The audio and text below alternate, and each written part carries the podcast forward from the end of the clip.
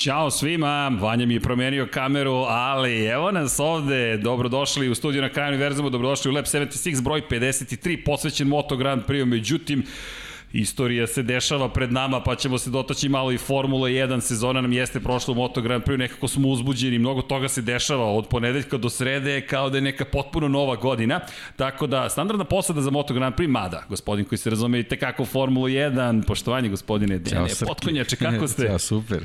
Dobro, Ti dobro. Jesam, malo, ja se izvinjam za kašljenje, da. ali moj uh, bratanac Niko Mezojević danima, Da, da igramo Fortnite i rekao, ok Niko, skidam Fortnite, nemam predstavu šta želiš od mene, ali, ljudi, preživjeli smo Oluju, u duetu ostali samo nas dvojicu, oni sve eliminisaju, ništa nisam uradio, kao hvala striče, pobedili smo. Neplanirano. Uh, ok, mogao bi da plešem kao Fortnite uz ovu našu muziku, tako da nadam se da razumete otkud kašnjenje, ali eto nas, inače mesec novembar je prošao, deki ne zameri, ostavit ću tebi da nosiš da, bradu i, i brkove ponosno, mesec Molembar malo se produžio, još ove nedelje se družimo sa kompanijom Molna nadamo se da će se i to nastaviti u budućnosti, ali ne zaboravite u mesecu Molembru koji se eto produžio u decembar, sipamo gorivo samo isključivo na benzinskim stanicama kompanije MOL i naravno vodimo računa jedni o drugima, dakle decembar još ne znamo čemu je posvećen, ali ljudi, volite se, mazite se, pazite se, uživajte u automotosportu i vidim ovde komentare od sinoć za Igora. Igora smo pobedili, ne u Fortniteu, ali nemojte da brinete, ne rvemo se Igor ja, mi smo svi drugari, dakle to je samo diskusija i uživali smo, pozdrav onima koji slušaju ovo na podcast platformama, danas ćemo pokušati nekako dva i po sata, tri možda, šalim se, dva i po, da ljudi prežive, dakle da, da sve ispričamo, a imamo puno toga.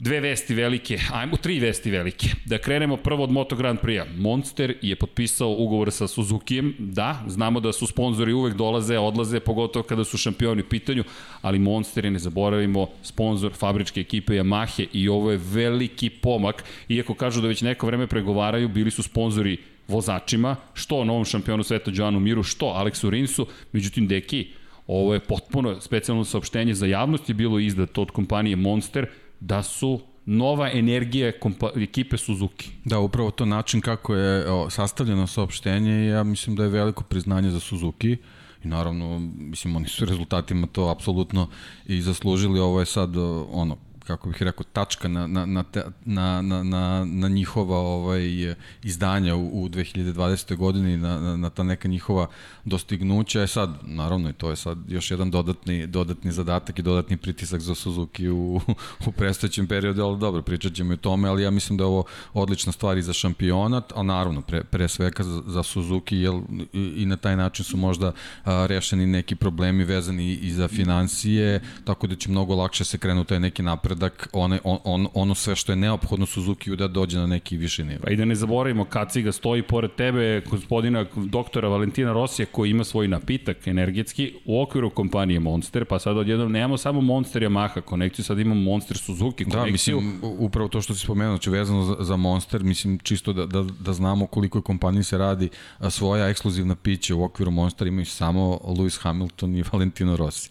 Da, A je... kad neko izda neko posebno saopštenje u, kojima, u kojem se zaista vidi koliko im znači potpisivanje ugovorom sa Suzukijem, onda je to stvarno velika stvar za Velik tim. signal i jasan Tako signal. Je. Konačno Monster je sponsori na kacigama i spominjemo ovo ne slučajno, Red Bull je kompanija koja je proizvođač Formula 1, zapravo konstruktor u Formula 1, tako je to velika vest. Druga velika vest, ne znam koja je veća, George Russell je dobio priliku, to je dobit će priliku da vozi e, v, to je W11 Mercedes Luisa Hamiltona na predstojećoj trci za veliku nagradu Sahira u Formuli 1 i Mick Schumacher je potpisao zvanični ugovor da dođe u Formulu 1 kao vozač Hasa. Evo je fotografija Schumachera mlađeg ovde u bojama preme i mislim da smo dobili da ćemo dobiti i fotografiju u kojoj vidjet ćete to nešto kasnije ulazi i u bolid u bojama Hasa.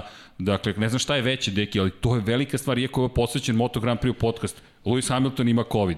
Valentino Rossi je preživeo COVID, dakle pregurao ga je. Malo pre smo spomenjali tu njihovu vezu kao sedmostrukog šampiona Formula 1 i devetostrukog Moto Grand Prix-a i kompanije, hajde u ovom slučaju Monster, dakle velikani iz te perspektive spojeni. George Russell sada će zauzeti bolid koji je domina, ultra dominantan i stiže Mick Schumacher. Pa ajde krenemo od Rasela prvo. O, o, meni je drago što se to desilo, pre svega što o, videli smo svih ovih e, meseci unazad koliko je ta neka zajednica oko Formule 1 želela da George Russell dobije neko dobro mesto. Ako se sećaš, sve, sve je krenulo, on je, on je u neku žižu javnosti došao sa onim video igricama na, na početku sezone. Ovaj, inače, Russell je već nekoliko godina nazad test vozač Mercedes i on vrlo dobro poznaje taj bolid. Naravno, to je, to je jedan od razloga zašto je, zašto je ta odluka, odluka donešena, ali vidim da je, da je tu bilo, bilo je malo onako nekih strahova ko će doći na, na, na to Hamiltonovo mesto. Mnogo ljudi je navijelo da, da to bude Russell, malo ona, onaj kik su imali, malo to ovaj, možda i kod njega ovaj neku nesigurnost izazvao ovaj kako će to sve da bude, ali on je stvarno ovaj zaslužio tu tu tu poziciju verovatno svojim izdanjima vezanim za testiranje Mercedesa ko zna koliko stotina hiljada kilometara je je je prevezao ovaj tako da ovo, ovo će biti veliki ispit za njega i upravo to što si rekao uopšte neće biti lako naći se na na na mestu Luisa Hamiltona. Znači I, sve oči će biti uprto tebe. Je. E sad tu ima milion nekih pitanja. pitanja Tako je, da li kako sada, će to sve da bude. Da. vidi, taj rezultat svi ćemo gledati. Ako bude to što, jer mnogo se priča o bolidu, dakle i do nekle umanjuje čak ono što je postigao Lewis Hamilton. Niko ovde ne umanjuje, znamo koliko je teško odvesti jednu trku, kamoli biti, Hamilton je vozio od 2007. od početka svoje karijere do sada sve trke, kamoli biti sedmostruki svetski šampion, ali ostaje i činjenica da je to najdominantniji bolid koji smo ikada videli. Upravo to i, i imamo onu, onu priču, mislim, to će stvarno biti veliki pritisak na Georgea Russella. Uh, Max Verstappen Verstappen izjavio da bi 90% vozača sa današnjeg grida pobedilo u tom bolidu. Ok, da znači, vidimo znači, jedan hajde od da vidimo tih. jedan od tih. Uh, ako se dobro sećam, George Russell na 36 kvalifikacija nije izgubio svog timskog kolegu. I to je rekord u Formuli 1, pritisak. takođe. Znači, ako on uspe da, da, da pobedi Bottasa, da pobedi Bottasa, to je onda pritisak na Bottasa. Na, na, mnogo zanimljivih stvari se ovaj dešava uh, dolaskom ovaj George Russell na tu poziciju, ali mislim da ni on sam u tom trenutku kad su mu saopštili nije bio ovaj svestan svega toga, ali ali mislim da da da vezano za, za tu poziciju u ovaj u tom uh, Mercedesu sada broj 63, ovaj mislim da da da će stvarno biti jako zanimljivo. Da vidi sad broj 63 dolazi tamo gde je bio broj 44. Da li da. ćemo morati da spravimo specijal za za 63 da. posvećen George Russellu? Ja bih voleo, zašto da ne? Bilo, bilo ali, bi više bih voleo da da sve krenu tu pozitivniju stvaru ne, stranu nego da dobijemo nešto nešto negativnije. Da. I da spomenemo Mika Schumachera, s obzirom či, pa ajmo ajmo ovako, ovo je sve povezano. Dakle George Russell u Mercedesu, Charles Leclerc u Ferrariju, Lando Norris u McLarenu. Lando Norris koji se opet fenomenalno šalio i tweetovao nekoliko stvari. Prvo je rekao, e, ljudi, da vam saopštim, ja ću voziti naredne dve trke za ekipu McLarena u Formuli 1, što je fenomenalno. Onda je direktno poslo Russellu tweet, rekao je, e, George, sada, sada ću morati da branim poziciju protiv tebe. Na, De, Carlos Sainz se uključuje na celu priču i kaže, misliš, da li smeš to da radiš kada dobijemo plave zastave, što implicira da, da. će ih za ceo krug preteći zapravo George Russell, što ne bi bilo ni čudno na oni su, Oni su i ranije mnogo puta govorili da George Russell u toj generaciji britanskih vozača je verovatno najbolji. A, ajde, je, sad da vidimo. To je takav balas na, na, na Đorđovim plećima, koliko god da mu je drago što će se I naći Britanac, tu gde je. Da. Pazi, Britanac umesto Britanca. Pričali smo, uh, kad britanska javnost nekog uzme u svoj fokus, to uopšte nije, nije isto. na isti način kao ostali mediji kad uzimaju. Sky Tako da- Sport, da, BBC da. News i svi ostali, kak, Channel 4, kako će sada da prenose ovu trku, ljudi. Dovoljno je, mislim, znaš i sam, uh, svaka britanska televizija, bilo koji mediji, koji, koji prenosi bilo šta vezano za automotosport, on ima nekog bivšeg gasa u svojim redovima. E, kad, kad te oni uzmu svoje usta, Tako je. to je onda... I sad doda, izvini na sve to, Mika Šumahera u Hasu. Mik Schumacher, evo ga taj evo moment da. kada ulazi u boli. Pogledaj samo taj potpis, M. Schumacher. Dakle, za one koji nas slušaju, morate da pogledate na YouTube, ovo je da se naježite. E, nevažno je da li uh, poštujete, ne poštujete Mihaela Šumahira, navijeli ste za njega ili ne to je jedan od velikana Formule 1. Upravo to što rekao, ovo je da se naježete, ja, ja, meni je danas, uh, ovaj, bio, ne znam, pretpostavljam da si video, uh, on je podelio na, na, na svojim društvenim mrežama snimak, trenutak, kada ga je otac navodi i prvi put u životu hvata Jeste. volan kartinga. Znači, to možda može da bude neki istorijski snimak za budućnost. Znači, 20 godina kasnije, posle zabeleženog trenutka njegovog prvog kontakta s nekom trkačkom spravom, ovaj, on, je, on je došao u priliku da, da se zvanično nađe u bolidu Formule 1. Naravno, vozio on, znamo da je bio, ali ovo, ovo je taj neki trenutak, ovo je stvarno neki vrhunac i mnogo mi drago zbog njega, pre svega zbog cele te situacije u kojoj se kompletna porodica Šumahe našla. Mislim, mi, mi ne smemo to da zaboravimo, on je, on je jedini svedok nesreće koji, koji je ovaj, njegov otac preživeo ovaj, i, i sa kakvim se sve pritiskom i sa kakvim stvarima se, se susreta u, u svom u, u, u, ra, ra, ra, rastu, razvoju, u svom pubertetu. To su formativne godine. Tako je. To, to tako su je. godine kada se mnogo toga događa tako u životu a, bilo kog mladog jeste, čoveka. A prema svemu što smo videli u, u ovim, ovim sezonama dok ga pratimo, on se zaista formirao jednu sjajnu ličnost, što je, što je neverovatan plus za njega, ovaj, a ovo je samo eto, neka nadogradnja svega Ali, toga i možda vrhunac cele te priče i, i tog toka događa. Ali vidi simboliku. Prva stvar, želimo Lewisu Hamiltonu brzo poravak. Naravno. Dakle, naravno. mi govorimo o sedmostrukom svetskom šampionu Formula 1. Tačka. To je zauvek. Dakle, osporavan, neosporavan, sedam titula šampiona sveta. Da to ovaj, Pričat imamo, imamo taj specijal, spremamo, dakle, da znate. Dolazi zima, dolazi zima, tako je, zagrejaćemo da. atmosferu. da, da. Ali ako Don Pablo mi se tu nešto mršti, ali sve je okej. Okay. Imamo priču i o Schumacheru, i o Hamiltonu, i o Seni, i o velikanima, i kako posmatramo te stvari, da ne otvaramo to sada, Moto Grand Prix ćemo se baviti, ali činjenice, toliko vesti o automoto sportu, da nismo mogli da preskočimo prosto priliku da to spomenemo. Jednostavno se radi o nekoj novoj istoriji. Simbolika je Lewis Hamilton koji je dobio onu kacigu Mihaela Schumachera kada je zabeležio Dakle, pobedu koja je pre, zapravo izjednačila za početak rekord Mihaela Schumachera 91. triumfa, potom ga je preoborio, sada već ima 95, je Mick Schumacher je doneo kacigu i predao mu je i rekao, čestite na rekordu, želja mi je da ja oborim tvoje rekorde.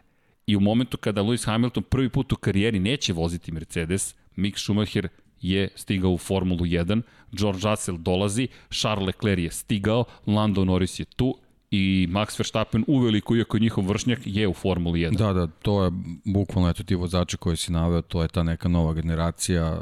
Mislim, nam, nama generalno predstoji nova era Formule 1, a ovi momci su već polako ušli tu i eto, u, u, ovoj, u ovoj ludoj godini s ludom sezonom dobili smo nešto... Ludu završnicu. Lu, luda završnica, mislim, stvarno niko nije očekivao, znači, sve je krenulo sa, sa, sa onim, onim neverovatnom stvari vezanom za, za Romana Grožana. Ovaj, eto, možda i tu dobijemo neku novu eru vezano za neku, neku bezbednost, možda je baš ta nesreća a, koja, se, koja se desila ovaj, u prvom krugu, možda, možda sad u nekom trenutku neki, neki inženjer razmišlja o nekim inovacijama koje ćemo u budućnosti dobiti upravo zbog toga. Citiran si, citiran si da Bahrein uvek donosi nešto da specifično da. za pamćenje. Mislim da nisi očekivao da. ovo za pamćenje, ali... Nisam stvarno, očekivao sam da može da bude zanimljivo, jednostavno ta konfiguracija tih prvih nekoliko krivina kad su svi automobili na, na, na, ovaj, na gomili, da tako kažemo, ovaj, mora da dovede do nečega, ali zaista ni, nisam očekivao da takva neka situacija, može taj neki neverovatan splet okolnosti dovede preživeo. do toga. Preživeo i to ono da, što je to, najvažnije. To je, to je najvažnije, ovaj, juče ste ovaj pričali o tome, ja ja samo ću kratko mislim uh, deli mišljenje trebali smo da vidimo sve ono sve ok, znači znali smo da je da je sve super u trenutku kad smo ga videli da je, da je seo automobil na svojim nogama, da je bio svestan sve to super, moramo da pratimo te situacije, da smo kroz istoriju Formule 1 imali mnogo takvih sličnih uh, situacija koje su pre svega pokazali koliko je taj sport opasan. Znači to ljudi nikad ne smeju da zaborave nikad na te ljude ne smeju da gledaju kao neke šar, šarlatane, cirkuzante i, i tako dalje. Ne, znači Nisu. oni su, oni su super heroji, mislim, Roman Grožan je te hiljadu.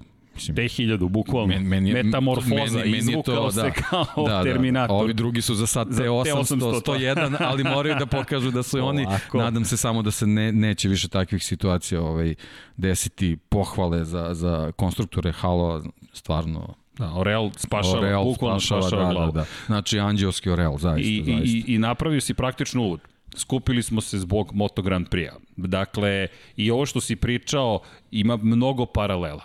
Lewis Hamilton nije na stazi. Mi od prve trke sezone Moto Grand Prix-a, druge, kada je reč o Moto dvojkama i trojkama, nemamo jednog Marka Markeza. I ta čuvena priča, to je zbog Honda i ove godine kako pala u vodu. Vidjet ćemo da li će se nešto slično desiti s Mercedesom, ali je fascinantno. Poređenje ima mnogo. S druge strane, stiže nova generacija u Formuli 1. Već je stigla, sada je pitanje da li mogu da se sklope sve kockice, uključujući i bolid koji mora da bude na adekvatnom nivou u Formuli 1 više nego u motociklizmu, ali i u motociklizmu, da biste bili šampion. I time bih krenuo, pazi, u noći u pustinji smo započeli sezonu ove godine, u noći u pustinji se odigrala prethodna trka Formula 1, sledeća trka Formula 1 je u noći u pustinji, blizu smo, dakle tu smo. Pa i poslednja. Poslednja, da, da, da tako je u Abu Dhabi. Sve nešto pod reflektorima. pod reflektorima. Da, Počinje da, da, uz da. sumrak, ali i da. po danu, dakle završava se u pola noći, to isto lep taj tajming kako je Formula 1 izabrala Bajkovit je čarobne noći u pustinji. Mi nismo možda dobili čarobnu noć i rekli smo da ćemo analizirati trke jednu po jednu, možda preskačem jedan deo, hajde pre nego možda što krenemo, to si ti predložio, da li da kažemo ko su nam pobednici i da kažem tragičari ili junaci i tragičari ove sezone, Da li bi da izdvojimo na taj način možda? Što pa, ekipe, što možemo pojedince? da, da izdvajamo ili možda da krenemo ovaj, po tim Kako trkama pa da vidimo. Ali, ali, pa da, može, ali jednostavno ono što smo već pričali tokom podcasta, znači, Joana Mira moramo jednostavno da, da izdvojimo ovaj, u čitavoj priči zato što eto uspeo je uspeo je u, u toj nekoj nekoj godini prepunoj konfuzije da jednostavno bude naj, najhladnije glave pošto i on ima neke situacije koje koje mu nisu išle na ruku uspeo ovaj jednostavno da, da, da najbolje reši sve to i da i da predbrodi i da i da stigne do do tog konačnog cilja. Možemo da spomenemo Frankija Frankija Morbidelija jednostavno znamo ovaj uh, koliko je bio hendikepiran u odnosu na, na neke druge vozače zbog neke neke, neke ovaj, svoje, svoje tehničke podrške koje je imao. I naravno moramo spomenuti Marka Markeza. To je jednostavno nešto ovaj, o, o čemu moramo, moramo da pričamo i, da, i, i da, da jednostavno te stvari povežemo kao plusevi i minuse ove sezone vezano za vozače. I još jedna stvar, Deki, ne znam da li ovo znaš, ali tu su naši dragi gledalci. Pozdrav svima koji ste na četu. Dakle, Deki i ja, moram priznati sam igrao Fortnite, dakle, i onda Jurca da dođem. Niko je imao, da. moj Niko, ne Niko Hulkenberg ili Niko Rosberg, nego moj bratanac Niko je imao prednost, ali Nezirić.t, BMW se povlači iz Formule E takođe nakon Audija. Da, da, da, to ima ima ovaj Volkswagen obustavlja sve svoje aktivnosti vezane za da. motorsport. Mislim mnogo mnogo ti sad neki stvari ima koje koje jednostavno možemo u ovom trenutku nazovemo turbulencijama, ali jednostavno takva je takva je godina. Izvinjam se kao da. Moto Grand Prix, ali da, da, ljudi. Takva je godina, da. Tek bombastično. Da, da, da, da, da. Audi se povukao iz Formule E, vraća se u Le Mans seriju, odlazi dakle jedan od važnijih proizvođača BMW se sada povlači A s druge strane, BMW, ali s druge strane BMW najavljuje titulu Superbajku.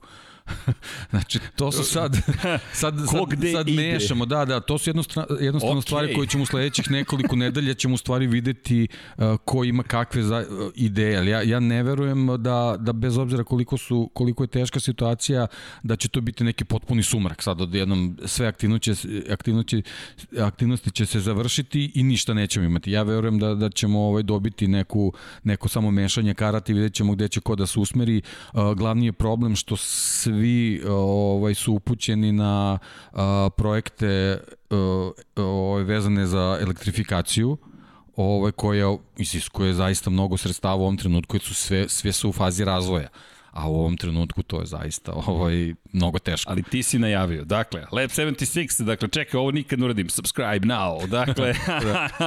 e da, hvala ovde, za pohvale. Ovde. Boško nam je čestito. Da ljudi pređu smo 4000 subscribera. Odmah da znate, da ih imamo 4, mi ćemo isto ovako da se ponašamo i isto ovo da radimo. Ali nam je drago da ima 4000 ljudi koji žele da dobiju informaciju o tome da mi nešto radimo. Tako da, živeli. Ali kada već četvorku spominjemo, eto 4000, može, Boško 4 miliona, nema problema, nisam baš siguran, ali okej. Okay.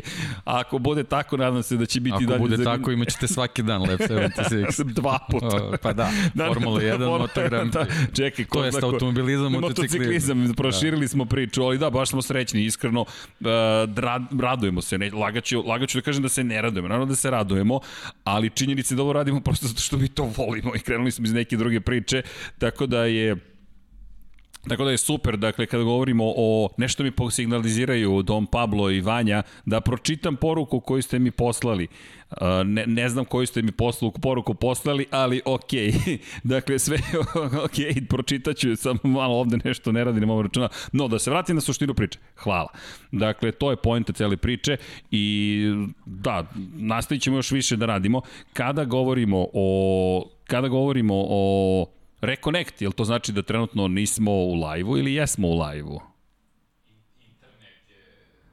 Dakle, nismo u live-u trenutno, puko stream, dakle,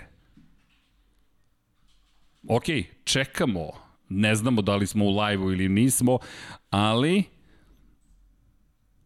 čini se da smo se vratili u igru. Ovo je prvi put da, da evo nas nazad, dakle, ok, Vanja je sredio, čujte, i mi zavisimo od tehnologije. Mislim da je Vanja upravo otišao po tercijalnu vezu. Imamo tri veze u pokušaju da stream uvek funkcioniše. Mislim da je... Dakle, Vanja je sve to sredio. Hvala Vanja. Evo, ne znam šta ste poslednje čuli, ali Veliki pozdrav od cele ekipe. Dakle, negde smo bili na 4000, dakle, sada radi i šta smo hteli da kažemo? Hvala još jednom da se vratimo Moto Grand Prix, to jest ne znam gde da se vratimo, evo, i Fernando Alonso je dobio dozvolu Međunarodne automobilske federacije da testira na, u Abu Dhabiju. O, u najmanju ruku kontroverzno. Mladi test najmanju, mladih vozača. Sećamo se kad se Schumacher vraćao koliko je bio, bio problem, na kraju završio sa GP2 automobilom, jednostavno pravila su pravila. Pravila su pravila. Da, Ali znaš da... kako to meni govori, izvini. To znači da smo i mi mladi. Da. To znači da smo i mi mladi i mi bismo mogli u mladi test, tako da moguće, je sve okej. Okay. Moguće, da, da. Mislim, generalno, dakle, ok, to sad nekako Alonso, ali možda Renault izvuče neke benefiti, jednostavno nije baš pošteno. Eto, nije, to je. pa nije. da, pa, da, da, onako budemo... Da budemo ovaj, vrlo da, e, da. direktni. Da. Dakle, kada govorimo, evo jedno od pitanja, e, obeleži ove sezone, rekao si, Joan Mir i svakako Mark Marquez. Ajmo da odgovorimo na jedno od ključnih pitanja u ovom momentu, jeste šta je s Markom Marquezom. Ok, ovo je jedna od tužnijih scena koje smo imali ove godine. I namerno smo izabrali ovu fotografiju zato što verujemo da je ovo savršenstvo fotografije. Ista stolica kao naša. Da. ok, deki, vidi, morat ćemo 76 da ispletemo. Moram da saznam, da, dakle, identične stolice, inače, čekaj, svetski šampioni ovo koriste, molim te. Ali da, morat ćemo da nabijemo 76, ali, htio reći, dakle, deki, ti si se skroz opustio čak ni ovako ozbiljnoj situaciji. Pa morao sam da šala, da primetim. Šalu stiže, ok, i ovako veliki 76 i ovoliko sponzora da imamo. Da. Može? Zašto da ne? Dogovoreno. Da ok. Dakle, i ovaj zid iza da bude pun potpisa i dalje. Ali, da se vratimo fotografiji. Ljudi, ja obožavam fotografiju. Obožavam očigledno pokretnu sliku, ali meni je umetnost kada čovjek može jednim kadrom da prikaže nešto. Ovde verujem da je prikazana u velikoj meri sezona Moto Grand Prix prazna stolica i garaža Marka Markeza. Čoveka koji branio titulu sedmostrukog svetskog šampiona, osmostrukog, izvinjam se, Dakle, šest titula u Moto Grand Prix, jedna u Moto dvojkama, jedna u 125 kubika. Juri je tu devetu, nije, nije osvojio ove godine. Vidjet ćemo da li će sledeće. Kada je reč o samoj operaciji, ima oprečnih informacija. Dakle, jedna od informacija je navodno da je ruka dobro, da neće biti treća operacija. Druga je informacija od pre 7 dana, GP1 je pisao o tome da će zapravo ove nedelje biti odlučeno da li ide na operaciju ili ne ide na operaciju. Estrelja Galicija u okviru svojih promotivnih aktivnosti izbacila intervju između Aleksa Mar sa Aleksom Markezom i Markom Markezom u kojem se ne priča previše o povredi. Više se priča o njihovom bratskom odnosu i o tome kako je Mark kao navijač posmatra trke Aleksa Markeza, koji zaista odveze jednu veoma dobru sezonu. Izuzetna završna, ne, sredina. Aragon je bio zaista izuzetan i Francuska, ali generalno je priča o njima dvojici kao braći nemamo toliko jasnih informacija šta se zbio da. sa Markom Markezom. Mark je ovaj ima je neku objavu vezanu za, za predstavljanje novog dizajna kacige za sledeću sezonu i tako dalje, Jeste. ali nekih konkretnih informacija i dalje nemam. I to je, to je činjenica. To je ono, ono što u stvari može da nas zabrinjava. Da, i, i mi čekamo, mi se nadamo iskreno, ali proverenih informacija, pouzdanih informacija, iz pouzdanih izvora, da kažemo, iz ovoga može da se stane ili da imamo potvrdu nekog od ljudi kojima mi verujemo u padoku i koji ne objavljuju tek tako saopštenja je nešto što u ovom momentu izostaje. Iskreno se nadam da će ih uskoro biti.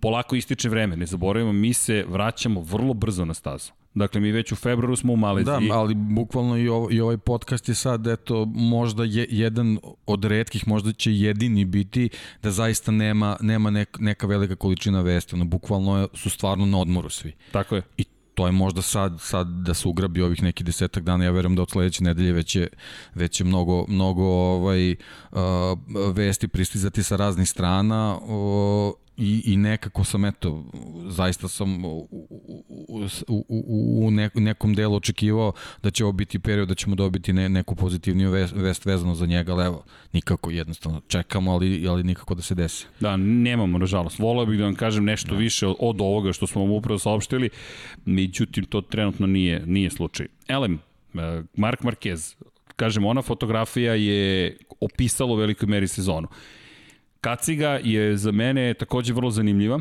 Kaciga je saopštio da će te tu kacigu trebalo da koristi ove godine, da nije. Međutim, meni je fascinantno da on rekao koristit ćemo je. Zato što mi delo je kao da briše ovu sezonu.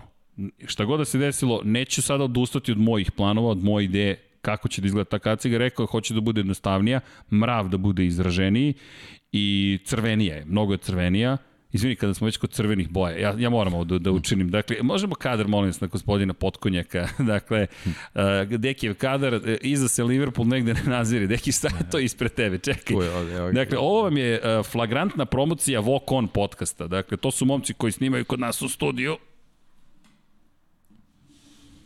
Evo, stigo im je poklon, dakle i oni su našli neke sponzore, tako da eto, koristim priliku kad si već ti pogledajte Walk On podcast ko voli Liverpool. Dakle, volio bih da vam kažem da sam ja zainteresovana strana, ali nisam, subscriber sam čisto zato što poštujem rad kolega, ali ti si Sediš taj. u crvenoj stolici, da, sve, vidiš se nekim Liverpoolovac, da, da, da, kad sam spomenuo Markeza, da, vidi, da. već me prozivali, da. već su me prozivali neki glumci ovde, dakle, da, da sam Markezovac, to je ta čuvena diskusija. Ja sam MotoGP-evac, dakle, evo ga moj kačket tu, Asen MotoGP. U svakom slučaju, dakle, Marquez jeste jedna od najvećih tema, pratit ćemo to i pratit ćemo vesti. Međutim, ajmo mi trku po trku predsezona, hoćemo da krenemo možda i odatle čak. U predsezoni smo već imali vrlo zanimljive momente, pogotovo kada je reč o Yamahi, koja je delovala kao da ulazi u godinu spremnija nego ikada. Novi motor, M jedinica je bila moćnija, rekli su posle testova u Sepangu da mogu najzad na pravcima da prate konkurenciju, ne mogu još uvek da je pretiču, ali da sam izlaz iz krivine je bolji, to su reči Maverika Vinjanaca. Inače možete da pogledate Lab 76 broj 5, imate baš u tom intervjuu njegove izjave posle testiranja pre prve trke, dakle bio nam je gost u studiju na kraju univerzuma, pogledajte Lab 76 broj 5, Maverick Vinales koji govori upravo to kako je mogao da bude u zavetrni i prati druge vozače. Meni je to bila jedna od interesantnih izjava, jer to je to impliciralo da, da M jedinica ove godine može biti šampionska.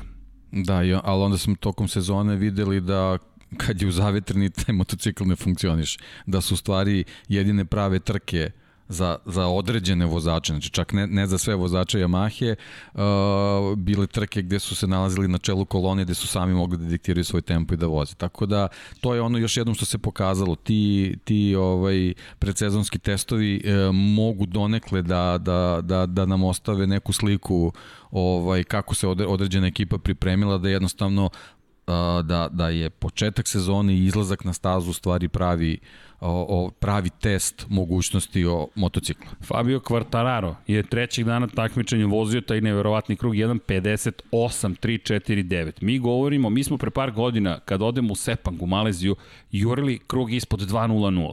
Onda se to desilo. I kao i sa svim tim magičnim brojevima ili možemo reći iracionalnim barijerama, kada padne barijera. Odjednom svi probijaju tu barijeru i manje više skoro svi vozači su vozili brže 1.59, zaključno sa 15. plasiranim Joanom Zarkom. Debitant Alex Marquez na Repsol Honda 1.59.042. Međutim, prvo mesto Quartararo, drugo mesto Cal Crutchlow na Lučiće Kinal Racing Hondi za 2020. Treće mesto Alex Rins na Suzuki-u i kako se odjednom naslučuju stvari, Francesco Banjaja, četvrta pozicija na pramak Ducatiju, Peta pozicija, ovo je treći dan testa, Valentino Rossi na fabričkoj Yamahi. Danilo Petrući na fabričkom Ducatiju šesti, pa Pole Spargaro na fabričkom KTM-u, pa Jack Miller, pa Aleš Espargaro na Aprili, pa Joan Mir deseta pozicija, pa Miguel Oliveira i tek onda 11. mesto, 12. mesto izvinja se za Marka Markeza, koji je delovao kao da se polako sprema samo za trki, da je, da je, nema potrebe za brzim krugom i onda Franco Morbidelli, Andrea Dovizioso, Joan Zarko, Alex Marquez, Brad Binder, Maverick Vinales je bio uprkos pohvalama za Yamahu 18. pa Tito Rabat, Jorge Lorenzo testirao u tom periodu, Bradley Smith, Takaki Nakagami, Iker Lekona, Silvan Gintoli na Suzuki-u, Mika Kalio na KTM-u i imali smo E, tako i Cudu smo imali, imali smo još jednog od vozača, ne sećam se tačno ko je bio Yamahin testni vozač i tu su bili prisutni i Dani Pedrosa, i Lorenzo Savadori, i Michele Piro. Bukvalno kompletna ekipa je bila. Da, svi su bili naoštreni za, za dobru sezonu, mislim na ekipe. Tako je. Ali ono što to je period pre nego što je krenulo sa pratio, prilično su izmešane karte bile. Jesu. I ono što je zanimljivo, da. Kvartararo je bio najbrži u drugom danu testiranja, ispred Jacka Millera i Danija Pedrosa. Dani Pedrosa je bio treći na KTM-u. Slutim, dakle, da će da pobedim. Fabio Kvartararo ispred Franka Morbidelija prvog dana, Petronas 1 i 2, Alex Rins na Suzuki, Karl Crutchlow, Jack Miller. Pazi Karl Crutchlow koliko je bio izuzetno brz u predsezoni. Pa vidimo u stvari Quartararo, Crutchlow, Jack Miller, to je bila neka ekipa Konstant. koja je bila o, u dobroj formi za, za početak sezona. Jeste.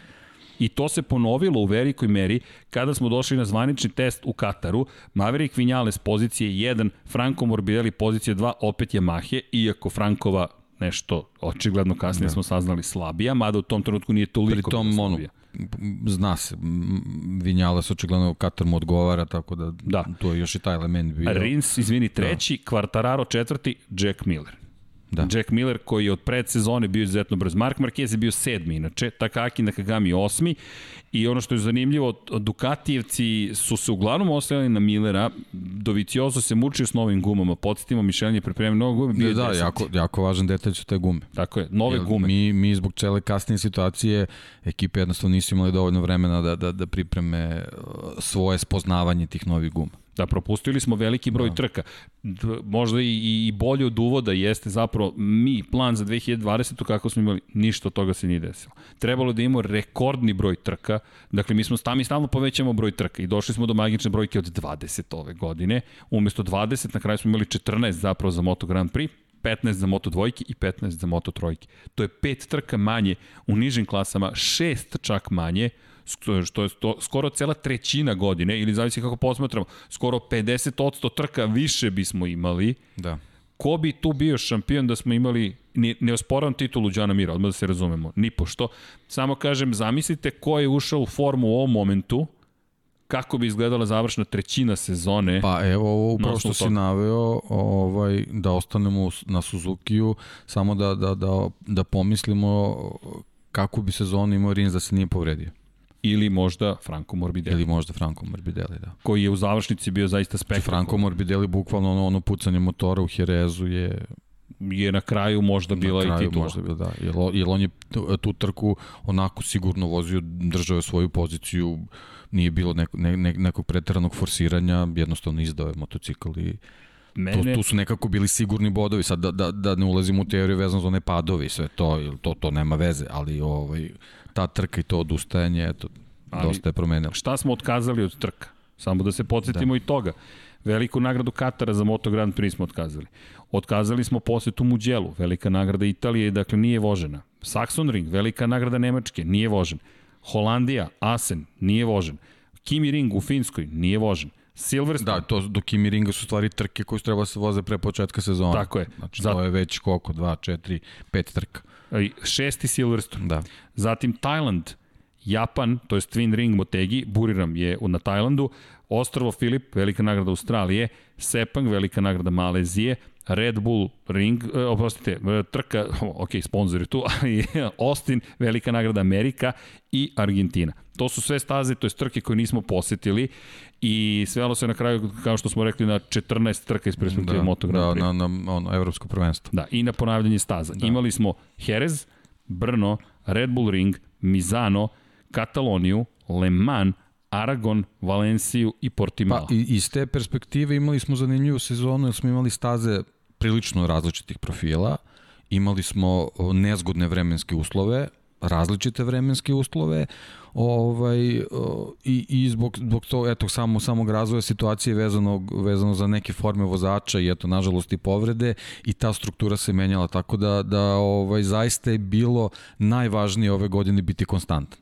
to je to je i, i trebalo je stvarno kako bih to nazvao to je to je bila mala umetnost biti spreman da iz vikenda u vikend e, imaš konkurentan motocikl posebno u danima kad si morao da se prebaciš na, na novu stazu koja se različ, razlikuje po konfiguraciji tako da ovaj e, iz tog razloga Suzuki treba treba odati poštovanje. Da, i to je devet staza na kraju. Samo da, da je to isto da, konstatujemo. Da. To dosta menja Tako i pristup je. trkanju, ali opet ne umanjujemo ništa, samo konstatujemo kako izgledala ova sezona. Gde smo bili i šta se zapravo sve događalo. Dakle, kao neka vrsta uvoda. Ali meni, podsjetnik, kada sam prošao kroz, kroz Sepang pre svega, i gledam šta se događalo, razmišljam, čekaj, ovo je sezona koja je trebalo da bude. Fabio Quartararo koji dominira, dominira i on je u Kataru bio izuzetno brzo. Dakle, prvi dan takmičenja, inače, Rins Mir, Suzuki Suzuki, Monster Yamaha Maverick Vinales, Danilo Petrucci, Franco Morbidelli, Mark Marquez, Valentino Rossi, Fabio Quartararo. Opet je Quartararo tu. Sledeći dan Quartararo pozicija broj 1. Morbidelli je tu, Banja je tu, Zarko je bio zanimljiv, bio na šestoj poziciji u tom momentu. Rossi inače konstantno među vodećih 10 i onda to ono što smo već rekli trećeg dana takmičenja Katar. Inače, ovo je 24. februar.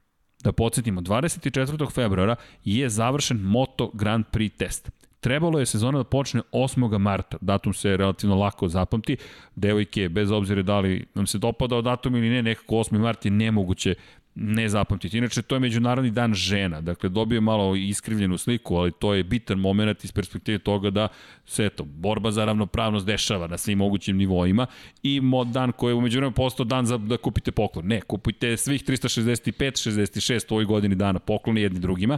Dakle, pogotovo da vodimo računa, eto, onima koje volimo, koga god da volite, ali 8. marta trebalo da bude prva trka sezone odlaze kući. 25. i 26. su već bili u avionu, međutim kriza već se polako valja. Dvojke i trojke voze. Da, dvojke i trojke, da ne zaboravimo to. Eto, imali smo testove, da ne analiziramo Jerez toliko koliko test u Kateru Moto dvojki, najbrži na prvoj, na poslednjem testu je bio Jorge Navarro na speed-upu ispred Remija Gardnera. Inače, zanimljiv je Remi Gardner. Uz ne samo pobedu na kraju sezone, Remi je ove godine koristio prošlogodišnju šasiju inače Kaleksa, ali Kalex se strašno naljutio kada su mediji to preneli. Ne samo Kalex, već i sponzori. Dakle, sponzor Stop and Go Racinga rekao, ali to je bio izbor Remije Gardnera. Mi plaćamo istu cenu za šanse od prošle godine za ovu. Ali čisto da napomenemo, njemu je više odgovarala i to je bio njegov izbor. Fabio Di Antonio, treća pozicija na speed-upu. Marcel Schrotter, Enea Bastianini, budući šampion, Aron Kane, Kanovajlija, Luka Marini, Čavi Vjerhe, Lorenzo Baldassari, Nikolo Bulega. Dakle, to je pogled na, na, na, na moto dvojke. Inače, Diđa i Navarro su konstantno bili među najbržima. Dakle, kada pogledamo konstantno su bili naj... Zašto smo toliko pričali o Jorge Navarro? Prosto nije bilo treninga u kojem on nije bio među najbržima. U moto trojkama Filip Salač je bio brži od Alberta Arenasa na kraju, Filip Salač. Toni Arbolino je bio treći, John McPhee, Raul Fernandez, Kaito Toba, Gabriel Rodrigo, Jeremy Alcoba, Ajo Gura i Denis Fođa. Kada pogledamo... Dobro, da, generalno to su imena koji su se kasnije kroz dakle, sezonu i, i, i provlačili. Dakle, ipak uvrku. možda treba da vodimo da. računa, da. malo više da, nego dobro, što ja predem drugačije, Da, drugačije su, drugačije su kategorije ovaj, od, od Moto Grand Prix i definitivno ovaj, ti testovi već pokazuju koje, koje je pre svega ekipa u kakvoj formi. Jeste, i mi onda dolazimo, dakle, oni dolaze u Katar, koji su to datumi, to isto napomenuti, važno, 1. mart. Oni su u nedelju tu, prisutni su. Moto Grand Prix vozači su otišli. Njihovi motocikli su ostali u Kataru. Mi umeđu vremenu imamo opšti haos. Imamo opšti haos i imamo situaciju u kojoj se ne zna hoće li se voziti, neće li se voziti. Šta se događa? Vlada Katara donosi odluku da zabrani ulazak bez karantina svima, svim strancima. Što i direktno znači da mi zapravo ne možemo da vratimo Moto Grand Prix. Većina mehaničara je tu kompletno osoblje praktično tu, nemojte zaboraviti, to su zvezde. Dakle, te zvezde ne sedaju, ponekad sednu u komercijalne avione, ali one najveće su u svojim privatnim avionima i povezuju svoje drugare kuće. Često ćete vidjeti Maxa Verstappena, Daniela Ricarda, bez obzira što vode za suparnički timove, da su zajedno sa Georgeom Russellom u avionu. Zašto? Pa, kad imate privatni avion, pa kažete, aj pa da zovem drugare i bukvalno većina se vratila u Evropu. Neki vozači su ostali jer nisu još uvek na tom nivou, ali ne dovoljno da bi se održala trka prosto šampionata sveta Formula, oprostite, Moto Grand Prix. Formula 1 inače trebalo da počne 7 dana kasnije, 15. marta. I šta se događa? Katar kaže ne, nema ulaska. Dorna kaže mi održamo trke Moto dvojki i Moto trojki. Meni danas deluje nestvarno, deki, da mi o tome pričamo, ali tako je izgledao početak sezone. Mi smo bukvalno prenosili samo dve trke, Moto 3 Moto 2. Moto Grand Prix pa, nije bilo. Ne samo to, u tom trenutku zašto nismo znali šta ćemo dalje imati uopšte. To, je, to, to su bukvalno bili ti dani gde jednostavno ono kao, ok, ja gledam ove trke, šta će biti dalje, nemamo pojma. Niko ne zna. Niko ne zna planetarno šta će se događati i mi se pitamo pogotovo kako to izgleda? Kada se pokrene točak, kada voz krene, on je krenuo. Kada ga zaustavite, teško ga je ponovo pokrenuti. Veoma teško. I zašto su i u Formula 1 pokušavali da dođu, ne opravdavam nikoga, samo objašnjavam, u Albert Park da održe trku po, na, po svaku cenu da se točkovi karavana ne bi zaustavili. Jer onoga momenta kada su stali, nama je bilo potrebno četiri meseca da to ponovo sve Ma, pokrene. To, to su ogromni troškovi, to je, mislim, iz, iz milion raznih uglova to je jednostavno u tom trenutku moralo da se održi i, i svakim čast na tome što su uspeli da, da, da, da istraju tim nekim stvarima, da se, što ti kažeš, da se, da se bar neki točkovi vrte, ako ne mogu svi. Da, i, i vrtali su se u Moto trojkama i Moto dvojkama, nekako tu trku moramo, iako se bavimo Moto Grand Prix, ali samo da spomenemo, jer ti momci jesu za otvorili sezonu, prva trka nam je bilo u Moto trojkama i znak, go, oz, oznaka godine, Albert Arenas pobedio ispred Johna McPhee i Ajo Gure. Ajo Gura koji odjednom, hej, Japanac na pobjedičkom postolju, prošle godine smo imali Kajte Tobu, sada na tom istom motociklu, u istim bojama, jedan drugi Japanac da, postolju. Da, ti si od početka ovaj, kako bi rekao, navijao, možemo tako da kažemo, za, pa, za, za nekog, simpatisao da. da, da oguru, ali eto, jednostavno kroz čitavu sezonu je pokazao da, da mu nedostaje ta neka, neka odlučnost, taj, taj poslednji korak, Nervo, taj poslednji stepen, pobednički. da, i ovaj, to je nešto što jednostavno za, za sledeću sezonu mora da mora, A otišao u da, moto dvojke. Da, da to će biti baš teško. Ali ti je, ali još... mora, jednostavno mora, to je mora. To je to. Da, da a ti si da. posle prve trke pošto smo imali podcast da. pre druge da, trke, da, da, da, pošto da. je prošlo dosta meseci. Da, da inače, e, to je bitan moment. U tom momentu, ja Vanja, nisam ti prosledio, mogli bismo da stavimo fotografije kako izgledala priprema studija na kraju univerzuma. Poslaću ti. Dakle, imali smo mi u tom momentu fotografije gde je sve prazno Dakle, ljudi studio nije postao, imali smo četiri zida, nismo imali ni mikrofone. Inače, mikrofone, ovo su mikrofoni koji su kupljeni, poslednji tu u playeru. Dakle, dolazimo i čekamo od zapravo neku drugu opremu, opremu koju smo platili, nismo dobili skoro tri meseca. Zašto? Sony su stizali iz Japana i nisu stigli. Kontingent ko, kojem je bio na, naša oprema koja je bila plaćena, pri čemu više novca nema, dakle to je bilo to. Dakle, ne stižu kamere, i mi imamo tri GoPro-a i jedan Sony i rekli smo ok, i mi ćemo krenuti 13. aprila, Vision Go su krenuli iz studija na kraju univerzuma, ali ovde je bio 100 bez jedne ruke ove i bez jednog mikrofona i mi smo rekli ok, mi idemo, po koji imate mikrofon? Imamo MX bez brige, dakle MXL, dakle Maršalovi oprema bez brige biće jedan dobro, ja vam preporučujem Zoki iz playera rekao, mi smo rekli vaši. Zoki uzimamo mikrofone i sećam se te scene Viško koji sedi prvi put sa maskom i čeka nas i mi donosimo kese mikrofona. E, sve ostalo je, nadam se, istorija. U svakom slučaju, U tom momentu nema sezone, nema ni studija, nema ničega, da. ali se ne predajemo. Ni oni, ni mi se nismo predali. Održane trke, pauza. Evo, Vanja, Vanja je legenda. Dakle, To je prvi studio na kraju. Kao Moto Grand Prix padok u Kataru. Sve je tu samo vozača nema. Samo nema vozača, nije bilo ničega. Evo stiglo je. Dakle, da, cela ekipa se organizovala. Ivan, Nebojša, cela ekipa I onda smo rekli šta ćemo sad, nemam pojma Vanja, a nešto ćemo da radimo, ali i srećom, eto, sve ostalo se izdešavalo nekako, sada to izgleda ovako, dakle, studio je pun, ti si tu, domaćin, Evo, u decembru da. smo, pa jeste, nije to bio neki plan. A i ne zamerite što malo skačem sa teme, sa, sa teme na temu, ali ovo je studio na kraju univerzuma. Dakle, u tom momentu niko ne zna šta će se zapravo dešavati. Zaista ne zna niko šta će se dešavati. I mi kažemo, ok, mi ćemo da, šta? Ni, tako, mislim, ja, ja sad ovaj, pokušam se setim, tad nije, niste bi imali najave ni za, za one prenosanih video igara, ali tako, ni, ni, ni to nije bilo, ništa se nije znalo virtualni šampionati još nisu postojali, kamoli ovi, ovi pravi fizički. Šta ti, mi smo stolicu ugurali sa planom da mi vozimo naše trke i onda jednom neko kaže, ej vidi, sad će da voze vozači Formula 1 i Moto Grand Prix će da vozi, šta će da voze ljudi, o čemu pričate? I onda kreće cela žurka i tako dalje i tako bliže. I da, imam dve stvari. Jedna stvar je kacige. Od sledeće nedelje ćete znati kako delimo kacige. Odmaho je ovde Dom Pavlo, ne dam kacige, ali obećali smo, dali smo reč, potpisana kaciga, možemo... Pr, da, Vanja, Vanja, daj četvorku.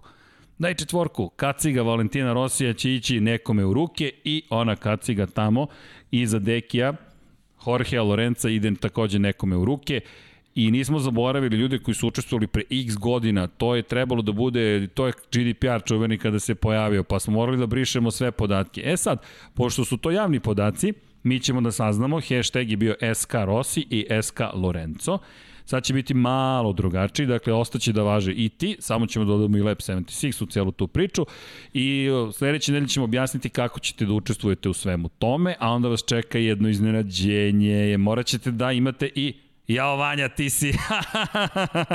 ne, Vanja je, opa, Vanja je na visokom nivou. A kao, inače, iza ove moje marame za skijanje se nalazi takođe maska za lice. Mi nemamo pojma šta treba da radimo, ne treba da radimo. Ove kese su kese s mikrofonima i rukama za mikrofone, tako da eto, to su vam delići istorije.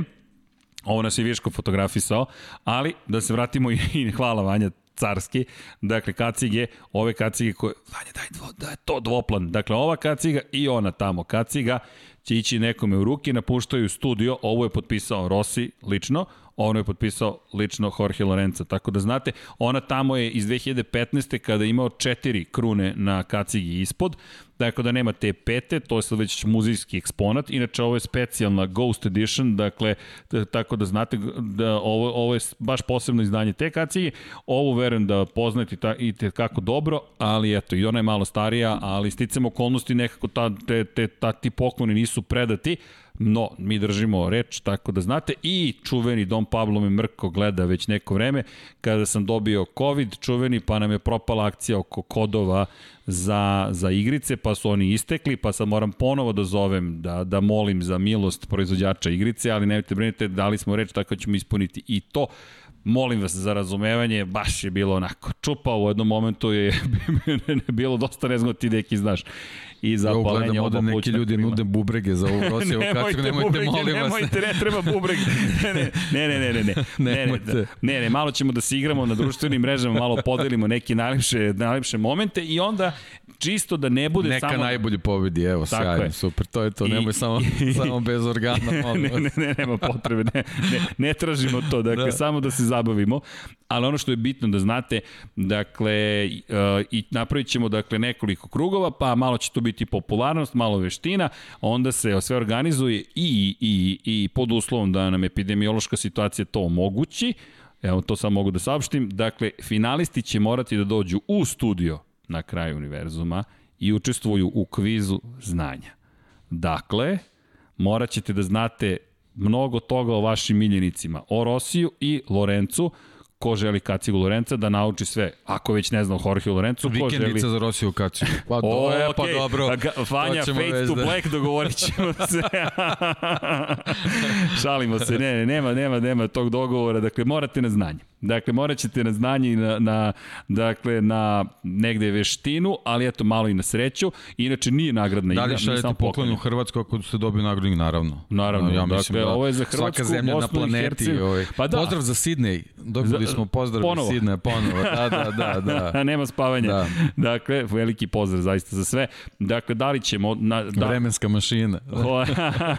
da, ali to moramo da vidimo za da. Zoom, da li kako da. možemo da organizujemo, ali, ali ali ako, ukoliko ste u mogućnosti, studio na kraju univerzuma je u jednoj ulici u Beogradu zapravo za sada, onda ćemo da ga lanciramo. E da, imaćemo i Starship Vanja Poleće 5. decembra, 15 km let, dakle ide atmosferski let, to ćemo da prenosimo i nadam se spuštanje kineski sonde, ali da sada da se vratim i na Moto Grand Prix. Dakle, nadamo se da ćete moći da nam dođete u studio i da se zabavite. Deki je, Deki je skeptičan da li se vraćamo na Moto Grand Prix. Vidjet ćemo da. Vidi, ti imaš da. Jimkana majicu, tako da... Da, da ko zna gde možemo... Hunigan, da, da, jesi, jesi doklizao do studija. Da, ba, dodriftovao sam. Ve, vidi, trke stolica oko stola. Da. Da, u svakom slučaju, e, tako da znate da ćemo deliti i, i, i stojimo pri tome, dakle, moći ćete dobiti kacige, a mi ćemo onda da krenemo da nabavljamo naše kacige kako bi smo u studiju imali ipak i dalje kacige, ali nećemo toga odustati, inače radimo na tome da dobijemo i Markezove neke stvari, pošto imate, ima mnogo gledalaca koji navijaju za Marka Markeza, možda i Joana Mira, ali korak potom, po korak, potom. korak po korak. Elem, da se vratimo mi motogram, pazi, nismo još ni prvu trku obradili. A rekao sam 2,5 do 3 sata. Bojim se da sam lagao. dakle, ne, nešto mi signaliziraju Don Pablo i Vanja, ne, nisam nas razumeo. Ne razumem tu gestikulaciju nasilja, ali pretnji, šalim se, bili su dobri. Ali, šalu na stranu, da, prva trka... Mišljamo da stižno, stignemo u Jerez polako. Da, da. stignemo da. polako u Jerez. Da, prva trka, inače, Moto dvojki. E, to je bila za mene divna trka. Ko je zaboravio, tu smo mi da vas podsjetimo, Tecuta Nagashima je zabeležio jednu divnu, divnu pobedu. Katar je staza na kojoj 2011. godine vožena prva trka u, u, i 2010. izvinjam se, u istoriji Moto2 kategorije i slavio je Shoya Tomizawa nekako ne možemo da ne budemo sentimentalni, namerno ne dam suze i bilo šta slično.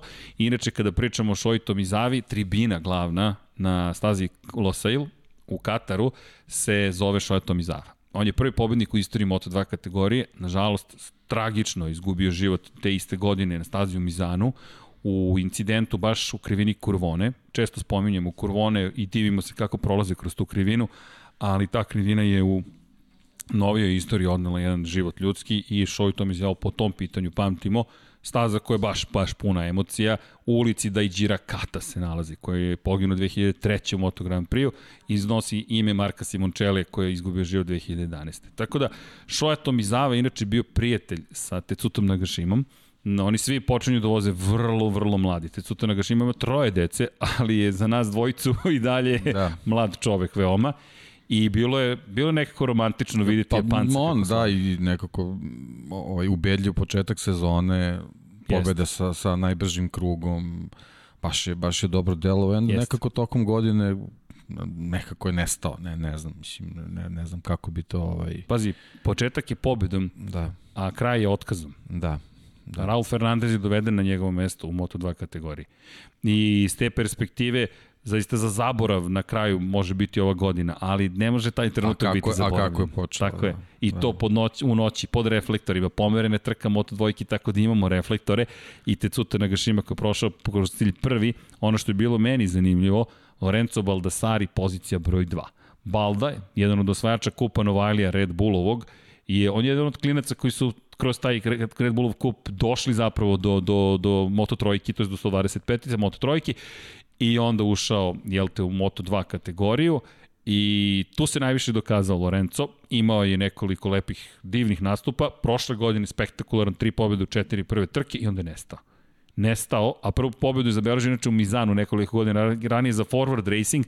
Šta je zanimljivo meni, makar Forward Racing je nastao Giovanni Kuzari ga je osnovao tako što je bio marketička agencija ekipi u motociklizmu I kada je shvatio da kao neko ko prodaje oglasni prostor na, to jest re, promotivni prostor na motociklima, da mu to do, toliko dobro ide, je kada je propala ekipa rešio da on postane šef motociklističkog tima. Tako da ko se dohvati motociklizma, automobilizma, nema mrdanja odatle. Da, da, da, nekako taj benzin, benzin utiče na, na, na rasuđivanje i Kuzari ostade čovek, napravi ozbiljnu ekipu, posle onaj skandal nastao gde je na kraju se ispostavio da je zapravo znao bolje zakone od Ministarstva financija Italije, da tako kažem. Pa kad se baviš marketingom moraš, moraš rupe dobro ne da poznaješ. Ne razumem o čemu pričate kolega, da. ali dobro. Na svakom slučaju, eto, iz marketinga se formirala jedna ekipa, negde inspiracija može biti. Tako da je za Kuzarija zabeležio tu pobedu, ali na poziciji broj 2 posle jedne teške godine i tako se završila ta prva trka. Inače, specifično i po tome što je Joe Roberts pokazao da je stigao u Moto2. Najavio, da. Da. da. Pol pozicije i četvrto mesto u trci. I nekako je to izgledalo baš romantično. Zadovoljavajuće. Da Tako je. E i onda kreće pauza. I virtualne trke, i virtualne trke, i podsjećam još jednom, Lab 76 broj 5, poslušajte intervju sa Maverickom Vinjalesom, ponosan sam Ozbiljno na... dostignuće, da. O, jeste, pazi, mi smo... Stvarno... Ba, ja sam sad odušen, pazite, to je Maverick Vinjales. Mi pričamo, znaš šta ćemo vanje da uradimo? E, ovde moment dovedemo cards, dakle, u YouTube, da naučimo i taj moment cards da stoji gore, uh, čekaj, čekaj, da li sam dobro odglumio ovde, odglumio u ovom ćošku, uh, Lab 76 broj 5, zašto?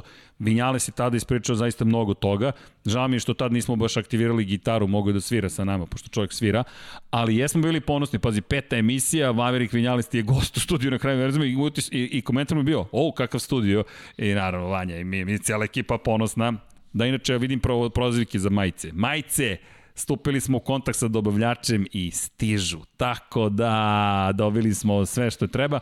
Tako da pratite, pratite. Obećao si. Obećao sam, vidim, kasnim. Ja sam, znaš kako kažu Die Hard 2? Ja sam kao britanska pošta. Kasnim, ali ću stići na kraju. Tom Pablo se smeje i čudno me gleda. Elem, dakle, mi završili smo tu trku, dođe Maverick Vinales u studiju na kraju univerzuma, virtualne trke, čak nam je davao trikove kako da vozimo MotoGP igrice. Dakle, to je ono što je bilo fascinantno koliko su se oni time bavili, da je on znao kako bolje da vozi i govorio nam je kako na ulazku u krivinu zapravo gasi kočnice da se koristi. Svakom čast za, za tu veštinu. Mislim da, znači, Moto Grand Prix igrica je ono stvar. Ima savet, da, bukvalno da. intervju daje savet šta da se radi.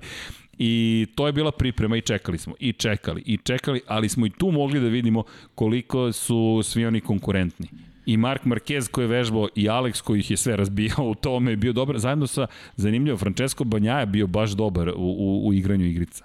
Meni je to bilo zaista fascinantno da ih gledam kako se takmiči na to. I Rossi koji za drugu trku bio spremniji i borio se za pobedničko posto i došao. Nigde nije bilo. nigde je bilo. Možeš da zamisliš koliko je, zamisliš koliko je vozio i radio. Bo ne, ništa, ovo se sad uzao Luka. E, a znaš da smo igrali, e da, hvala Jeleni Trajković Zvezdici, organizovala je, kad spomenuh Lorenza Baldasarija, Balda i Luka Marini, 2000, mislim, 15. ili 16. u Brnu, organizovalo je u Forward Racingu da igram stoni tenis sa Baldom, razbio me, razbio, deki razbio me, ali tad je stomak bio veći, šetao me levo, desno, levo, desno, rekao, važi Lorenzo, vratit ću ne, se. Ne, ma oni, oni su takmičari čime god da se bave. Tako čime da, god. To, to je ovaj, odmah si znao da će ti izgubiš. ne, nema šta da... Ne, ne, ja sam bio ubeđen da, da ću da. pobediti, Ma, veruj mi. bio sam spreman da... Protiv da... njih mislim da bi igrao, propustio bi trku dok te, dok te ne dobije. dok me ne dobije. Da, Ali me dobio da. lagano. To, to mi je žao što nisam česti stavio GoPro da se to vidi. I Luka Marini rekao, ajmo da igramo da vozimo. Rekao, ok, šta vozimo? Rossi se zvala igrica, to je 2016. verzija MotoGP-a. I ja kažem, važi, šta vozimo? Kao, šta, kako šta vozimo? Kao, pa Moto dvojke. Dobro, kako koga ćeš ti izabereš? Pa Luku Marinija.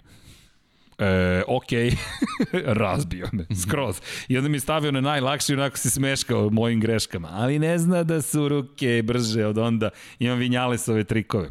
Tako da to će biti revanš. Ali tu tebe isto očekujem dubl da igramo jednog dana. Mada mislim da Marin nas neće više primiti da, na taj da će da reći, već... momci, ta igra je davno da, završena. Da, da.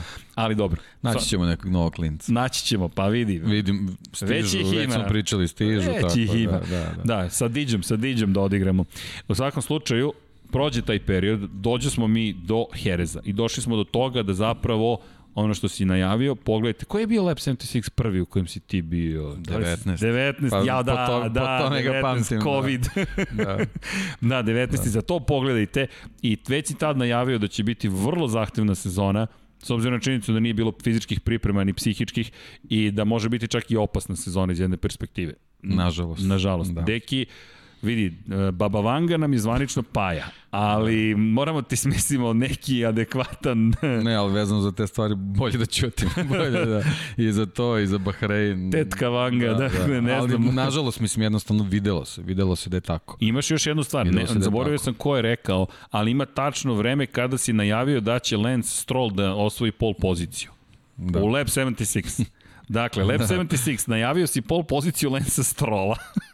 najavio si opasnu godinu, najavio si zanimljiv Bahrein, Pa je najavio da Sve Honda okay, odlazi... taj stroll, moram ja to da pogledam.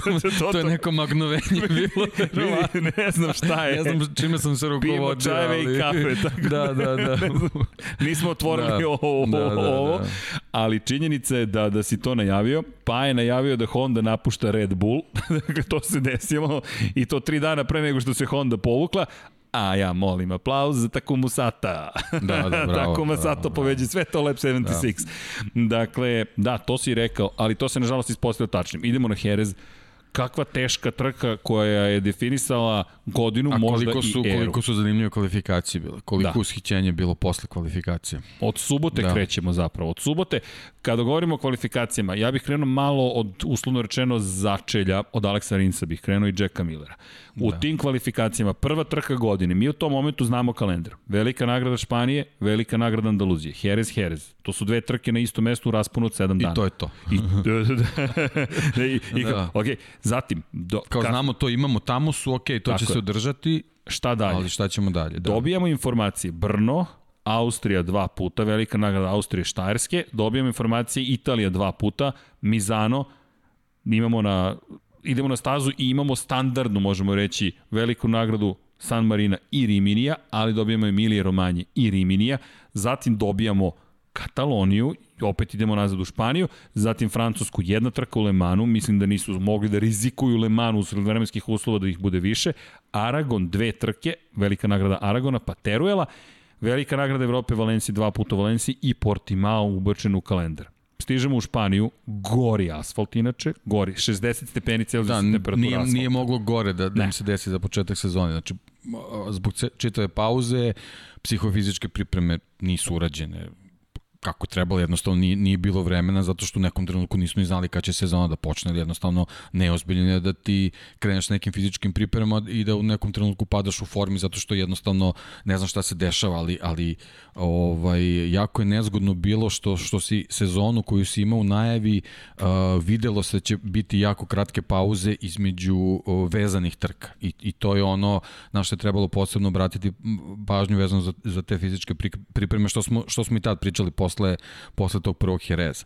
I, ovaj, I dolazimo tamo i dobijemo taj, taj neki, neku najavu spektakla ovaj, i kroz treninge, a kasnije u kvalifikacijama. Da, i kada govorimo o kvalifikacijama, kažem, krećemo negde od začelja. Šta se desilo? Jack Miller izleće sa staze u jednoj od najbržih krivina u Jerezu. Ko dolazi sledeći? Dolazi Alex Rins.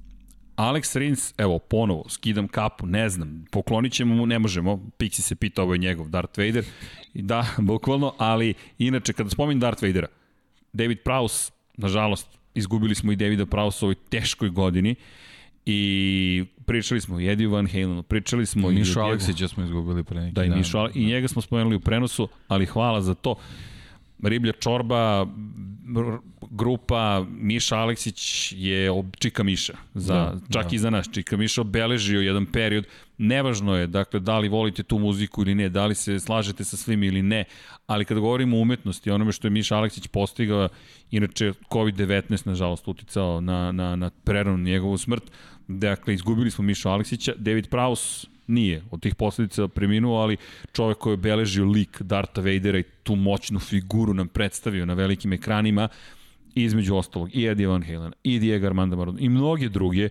Ljudi, još jednom čuvajte se, možemo da pričamo o da, da juče bio dan borbe protiv SIDE, ali e, nevažno je kako posmatrate ovu situaciju, svima je užasno. Dakle, svima je užasno, na dvojice smo preležali COVID-19, mi nemamo pojma da li imamo neke dugoročne posledice ili ne.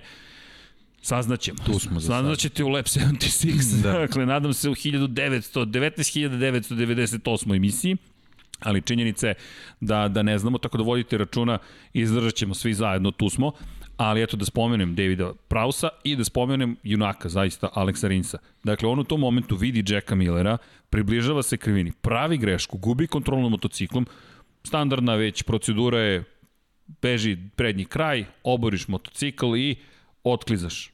Relativno si bezbedan, relativno si bezbedan. Međutim, pošto je Jack tamo, ne može da pusti motocikl. On pokušava da nekako zadrži motocikl u svojim rukama i nastavlja dovoljno u desno da izbegne Jacka Millera. Međutim, taj nastavak, to taj delić sekunde, je novih 30-50 metara, gde on već silazi sa staze i biva lansiran, lomi ključnu kost i to definiše u velikoj meri njegovu sezonu u kojoj na osnovu onih rezultata koje smo spomenuli u Sepangu i Kataru je mogao da bude i šampion sveta, što smo na kraju i videli da je bila malo drugačija godina, uprko s padovima, možda bi da, Alex Rins prema najavama u predsezoni u, i njegove formi da, da, da je taj Jerez prošao dobro za njega, očigledno da je mogao dobro da prođe, imali bismo na kraju sezone neku, neku sasvim drugačiju situaciju u tim poslednjim trkama.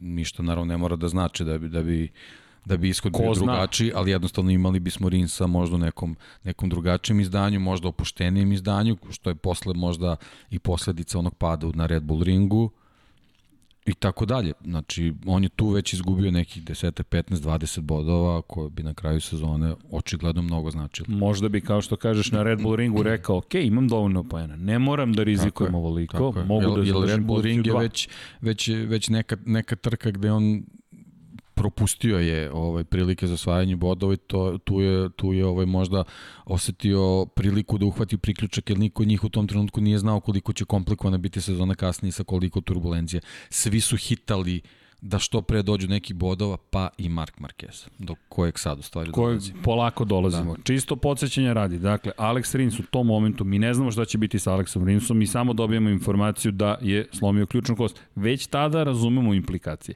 Već tada smo svesni, ok, ovo ne valja. Ovo ne valja, skraćena sezona i potvrđuju se ono što si ti rekao, koliko će biti možda nervozni, koliko će to biti napeto, koliko će biti dramatično. Međutim, Fabio Quartararo nastavlja tamo gde je stao u predsezoni. Pol pozicija. Maverick Vinales na drugoj Yamahi, pozicija broj 2. Mark Marquez više nije 8. 9. 10. 11. pozicija broj 3. Razlike su bile minimalne. Mi govorimo ovde o jednoj i po desetinki. Dakle, to, to nije malo za Jerez, ali znamo koliko je Quartararo munjevit bio, bio u tim kvalifikacijnim krugama. Ostavlja za desetinku i po skoro Mavericka Vinjalesa i izvinjam se Marka Markeza, ali opet to su ta, to su ta imena. Pozicija 4, Francesco Banjaja. Jack Miller pozicija broj 5, Karl Crutchlow pozicija broj 6. Pazi, potvrđuje se sezon, predsezona. To su, to su nekako bili vozači koji su u tom trenutku bili u najboljoj formi i to se videlo kasnije. E, nažalost, počeli smo da ih gubimo zbog povrede. Bukvalno jedan po jedan ovaj, koji su tu ovaj, pročitani, osim nekih koji nisu, ovaj, eh, koji se nisu povredili, bukvalno smo nekoliko vozača izgubili za kasnije zbog povrede. Poslušaj sad ovo, poslušaj treći startni red. Pole Spargaro na KTM-u, Alex, eh, Andrea Doviciozo na Ducatiju, dakle još nije sve izgubljeno, Alex Rins, uprko spadu, on je imao vreme za poziciju startnu broj 9. Četvrti startni red, meni ovo fascinantno, Franco Morbidelli, Valentino Rossi, Joan Mir ti kada pogledaš sezonu kasnije iz ove da. perspektive, ko, kako su se oni grupisali u Q2 deo kvalifikacija. I tu jedno samo što je indikativna stvar, vidiš da je opet fabrički Ducati iza Pramak. Jeste. I to je sad jedna isto priča, kao da li mi u stvari, da li smo ove sezone imali satelitske timove uopšte?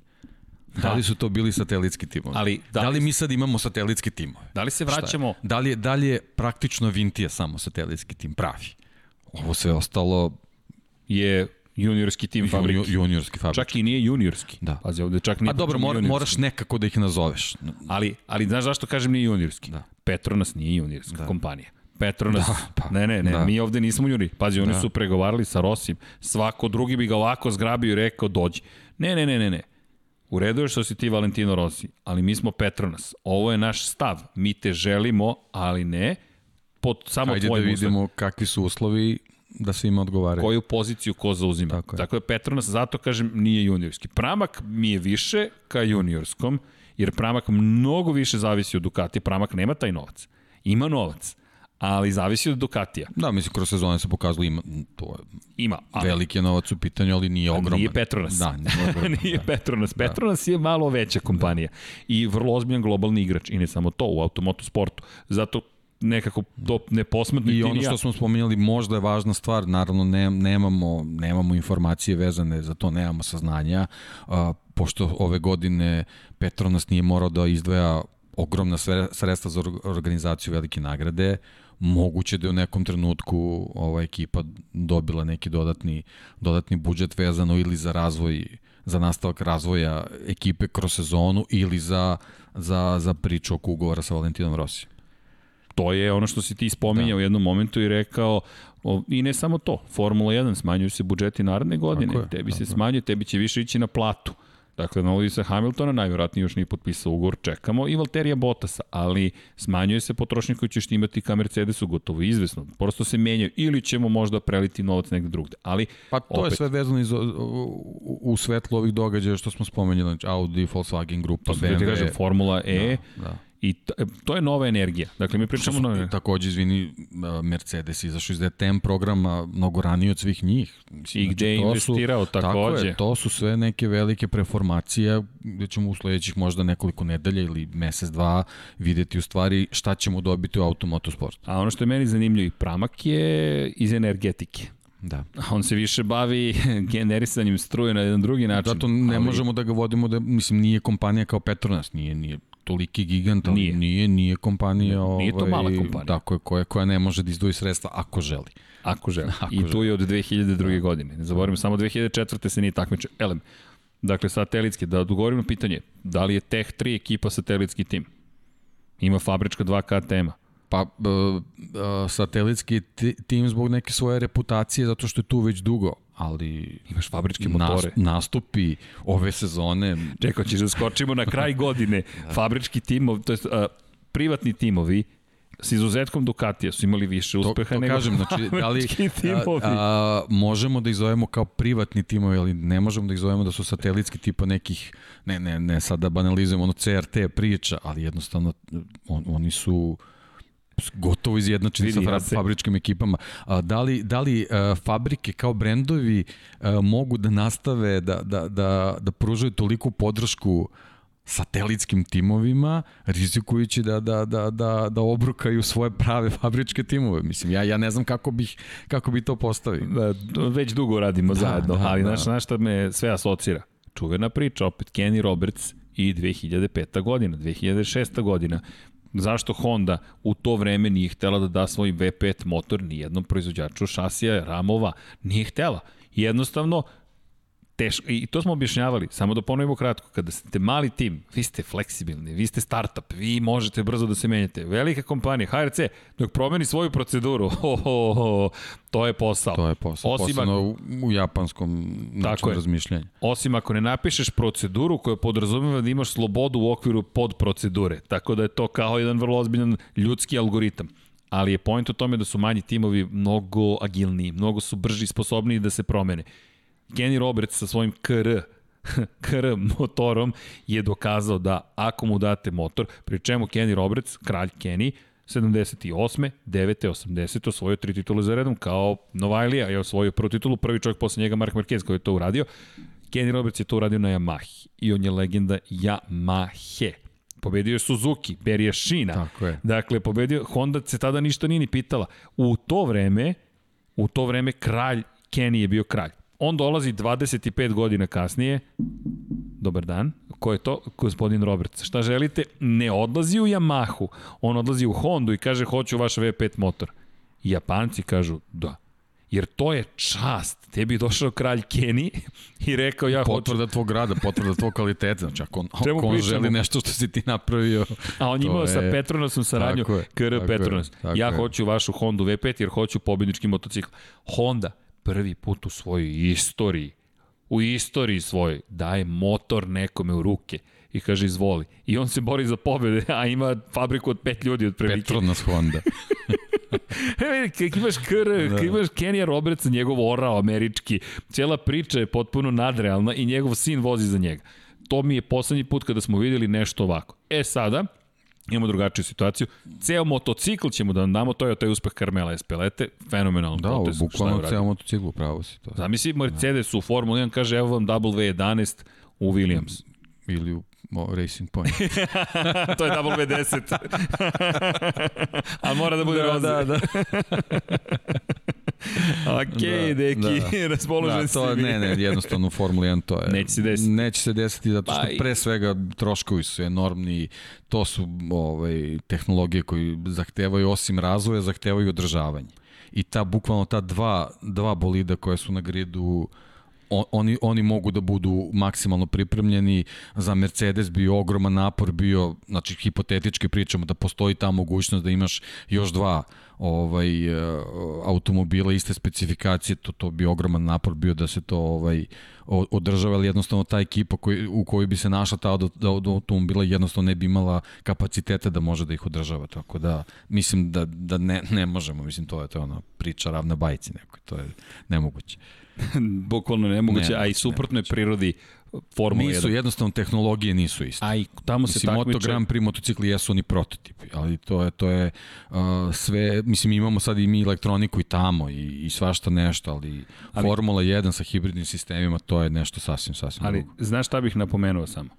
Tamo je šampionat konstruktora drugačiji. Ti si ponosni konstruktor, ti si McLaren, Williams, ti si, Ferrari je sve, i motora i, i, i kompletnog bolida, ali to su ti ponosni timovi koji su stvorili modernu, realno govoreći Formulu 1. Brabo, Dakle, da, da, da. Da, ali dobro, to je bilo neko vreme gde si bukvalno mogao sa, sa nekim, nekim rupama u propisima ili sa nekom inovacijom vezanom za aerodinamiku, ti si u toj sezoni mogao da budeš superioran. Ovo je sad, sad je već jednostavno sa, sa ovakvim tehničkim propisima, oni su praktično isključeni. Mislim, žao mi što to moram da kažem, ali to je jednostavno tako. Da, i kada pogledaš, dakle, kada pogledaš tu perspektivu danas, dakle, već smo imali prvu negde ideju da će se desiti zapravo nešto što smo sanjali. Da će, uslovno rečeno, manji timovi, pre svega predvođeni, budimo realni, Fabijom Kvartararom možda uspeti da napadnu velikog Marka Markeza. Da, Fabio Quartararo jeste ova sezona možda se nije završila onako kako je možda i on u nekom trenutku očekivao, ali vidim sad, sad već daje izjave malo kad se sve seglo jednostavno godinu koju on zabeležio svoju prvu pobedu, on je već sa time zadovoljan. Razvila se situacija da mogu da uradi nešto o čemu ni on nije sanjao, nije se desilo iz raznoraznih razloga, to je sad isto za analizu posebno, posebno njegov nastup u, ovaj, u drugom, drugom delu sezone, ali nešto što je, ovaj, što je obeležili prošlu sezonu i ovo je Fabio Quartararo na, to, na tom Petronasom, Petronas Yamahi koji, koji se bori sa Markom Markezom. Znači to, to je neka, ne, neka slika za koju on zaslužen i na osnovu čega je pokazao ovaj, da, da, da te ekipe mogu da se bore sa fabričkim ekipama i vrhunskim masovima u, u tim fabričkim timovima. Evo da iskoristim, pošto smo u takvom duhu večeras, da ti pokažem dve stvari. Jedna je, dakle, sad dođe onaj moment, pošto se vidim da su to izdvojili, ti si, mislim da si ti izdvojio to kao, to se ne radi kao izjavu, dakle, to što je rekao Fabio Quartararo zajedno s Maverickom citirat ću samog sebe, to se ne radi, a pokazat ćemo ti sada i cijelom auditorijumu šta ti je radosni rad gospodina Sivca, dakle, Viber sticker. da, inače, pozdrav za sve koji su se javili da nam pomognu. Nismo još stigli da odgovorimo Brkovi na to. Kovečeni, Tako to je, je bavio je bitno, sam se da. majicama. Dakle, sad su mi majice bile prioritet, ali i pozdrav za Šejlu koja nam je poslala, dakle, Inače, po, pozdrav za, i, za, i za celu ekipu, dakle i Aleksu i sve ostale. Dakle, kada govorimo o, o stikerima i svemu ostalom što spremamo, nemojte ništa da brinete, javit ćemo se, dakle, da sve zajedno završimo, ali činjenica je da eto, ne stižemo baš sve, ali eto, neko je bio vredan i napravio je stiker. Odlično. Hvala ti Vanja, ali da se, da se citiram s ove fotografije, to se ne radi. Šalu na stranu, ali da, to, to kvartararo, ali okej, okay, to je period učenja. Ne, donio je, donio neki čovjek. novi duh, neku no, novu nadu u publici. Vidi, on je nova zvezda. Jednostavno, Mark Marquez je bio nepobediv. Tako je. I... Imali smo one, one, one detalje vezanog za Rinsa, znaš, i sve to, ali, ali Rins je na fabričkom Suzuki bio, mislim, ne, ne omalovažavam njegov, njegov nastup prošle sezone i sve to, ali jednostavno ovaj, Quartararo je dono neki, neki novi duh, to, to je ono što je bitno. I osvojio pol poziciju, bio ispred Maverika Vinjalesa. U tom momentu mi znamo da je Fabio Quartararo potpisao ugovor da odlazi u fabrički tim Yamahe, umesto Valentina Rosija. I svi odobravaju to jednostavno. Čak to i Rossi. To, to je taj svi. potez. Da, to je da, to. Da. Morate da ga zadržite toliko puta ste pogrešili, niste doveli prave ljude. Sada imate ugovor sa pravim čovekom. I? I dajte mu Ma, fa, Pravi, fabričku specifikaciju. Je, da, Zapamtimo da. reč fabrička da, specifikacija. Da. Ovaj uvod je zapravo mnogo toga. Kasnije su se nanez, nanizale trke, ali ovaj uvod je tako važan. Dobio je ugovor u pred, pre predsezone. Rosija su obavestili da za njega više nema mesta u fabričkoj ekipi Yamahi. Mi smo znali da ovo poslednja njegova sezona u fabričkom timu, Rossi koji u tom momentu nema ugovor s Petronasom, mi spekulišemo. Emitujemo kadrove Lewis Hamilton i Valentino Rossi u Valenciji, Petronas se vidi na bolidu, već je vozio za Petronas, ha, ha, ha, promotivne aktivnosti, ali pričamo o tome da je to, da je to nešto što bi svako učinio. Na kraju se to i desilo. Da, i, i u tom trenutku Petronas nema takvu dimenziju Petronas Yamaha. Nema pobedu još uvijek. Da, mislim, da. Nema po, da, ima pobedu da. Johna McPhee iz Moto3 da, kategorije. Da, da, da. To je jedina Oni pobeda nemaju, Petronasa. Nemaju dimenziju kakva je nastala tokom sezone. Popularna dimenzija kao, X. Tako, i sad pričamo naš, o Rosiju koji treba da pređu neki SRT tim. Lepo, ali da, zašto da, bi to učinio? Kao, da, da. I opet tvoje da. pitanje u skladu sa celom pričom. Postoji li satelitski tim? U svakom slučaju, dakle, Inače, a evo, pozdrav Đo, Đo, Đorđa Krstića. Da, Đole, snimali smo intervju sa Joanom Mirom. Imamo taj intervju iz Brna, emitovanje na sport klubu, ali da, to bismo isto mogli da izvučemo negde iz arhiva. Pričali smo sa Mirom, pro, prošle godine smo, smo pričali sa Joanom Mirom u Brnu, Znam da se Đole mnogo iznervirao oko osvetljenja i što nema adekvatne rasvete tamo, ali Đole, evo, premljeni smo sada, idemo kao ekipa svi zajedno. Dakle, to je naš dragi kolega, prijatelj, poštovac sporta, čovek, neki fini ljudi, inače pogledajte tu kompaniju. U svakom slučaju, eto malo reklame.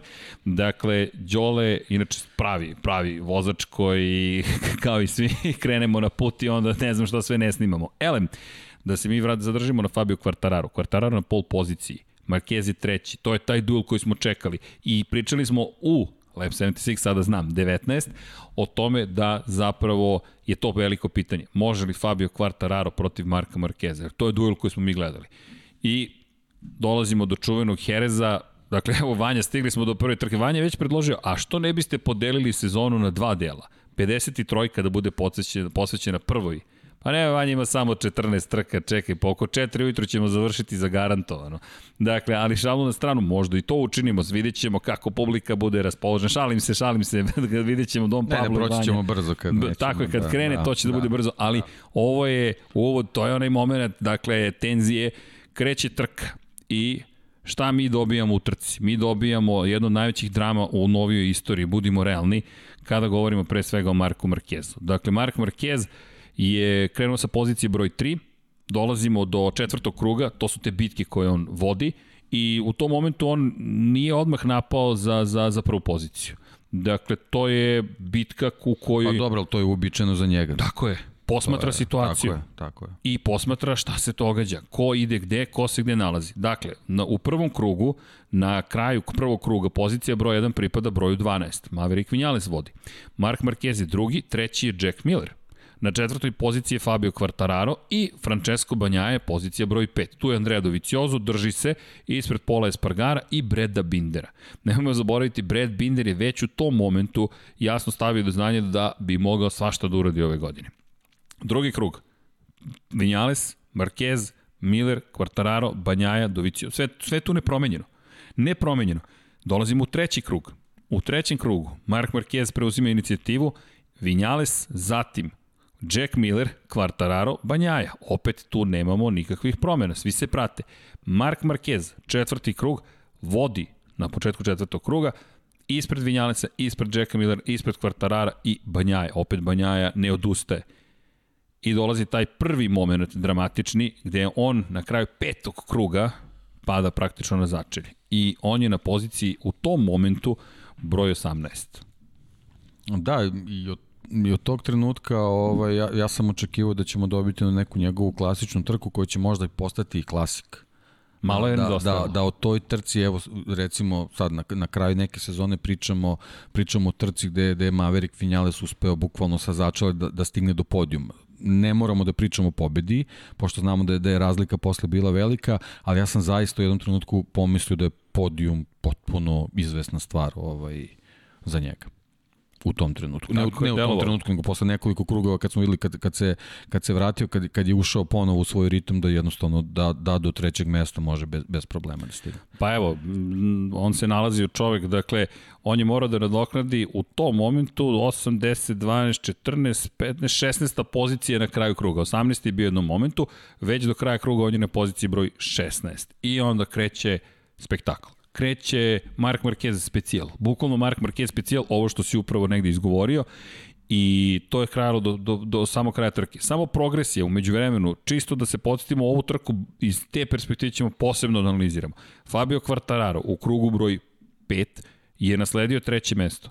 Zahvaljujući činjenici da je Marquez sišao sa staze, dakle to su videli ali on ništa ne napada. Ne napada Jacka Millera, ne pokušava Maverick Vinalesa. Uzmite obzir da je Jacka Millera teško preteći.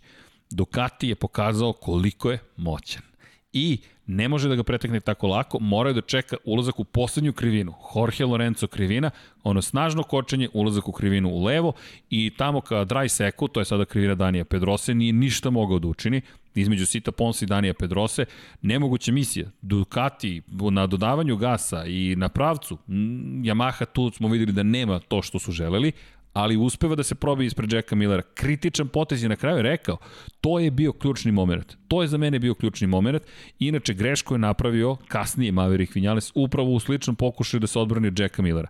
Prelazi na poziciju broj 2. Umeđu vremenu, Dva mesta je nadoknadio, na 14. mesto ide Mark Marquez. Dakle, dve pozicije... U bodovima. U, već, je, već je osvojio poene.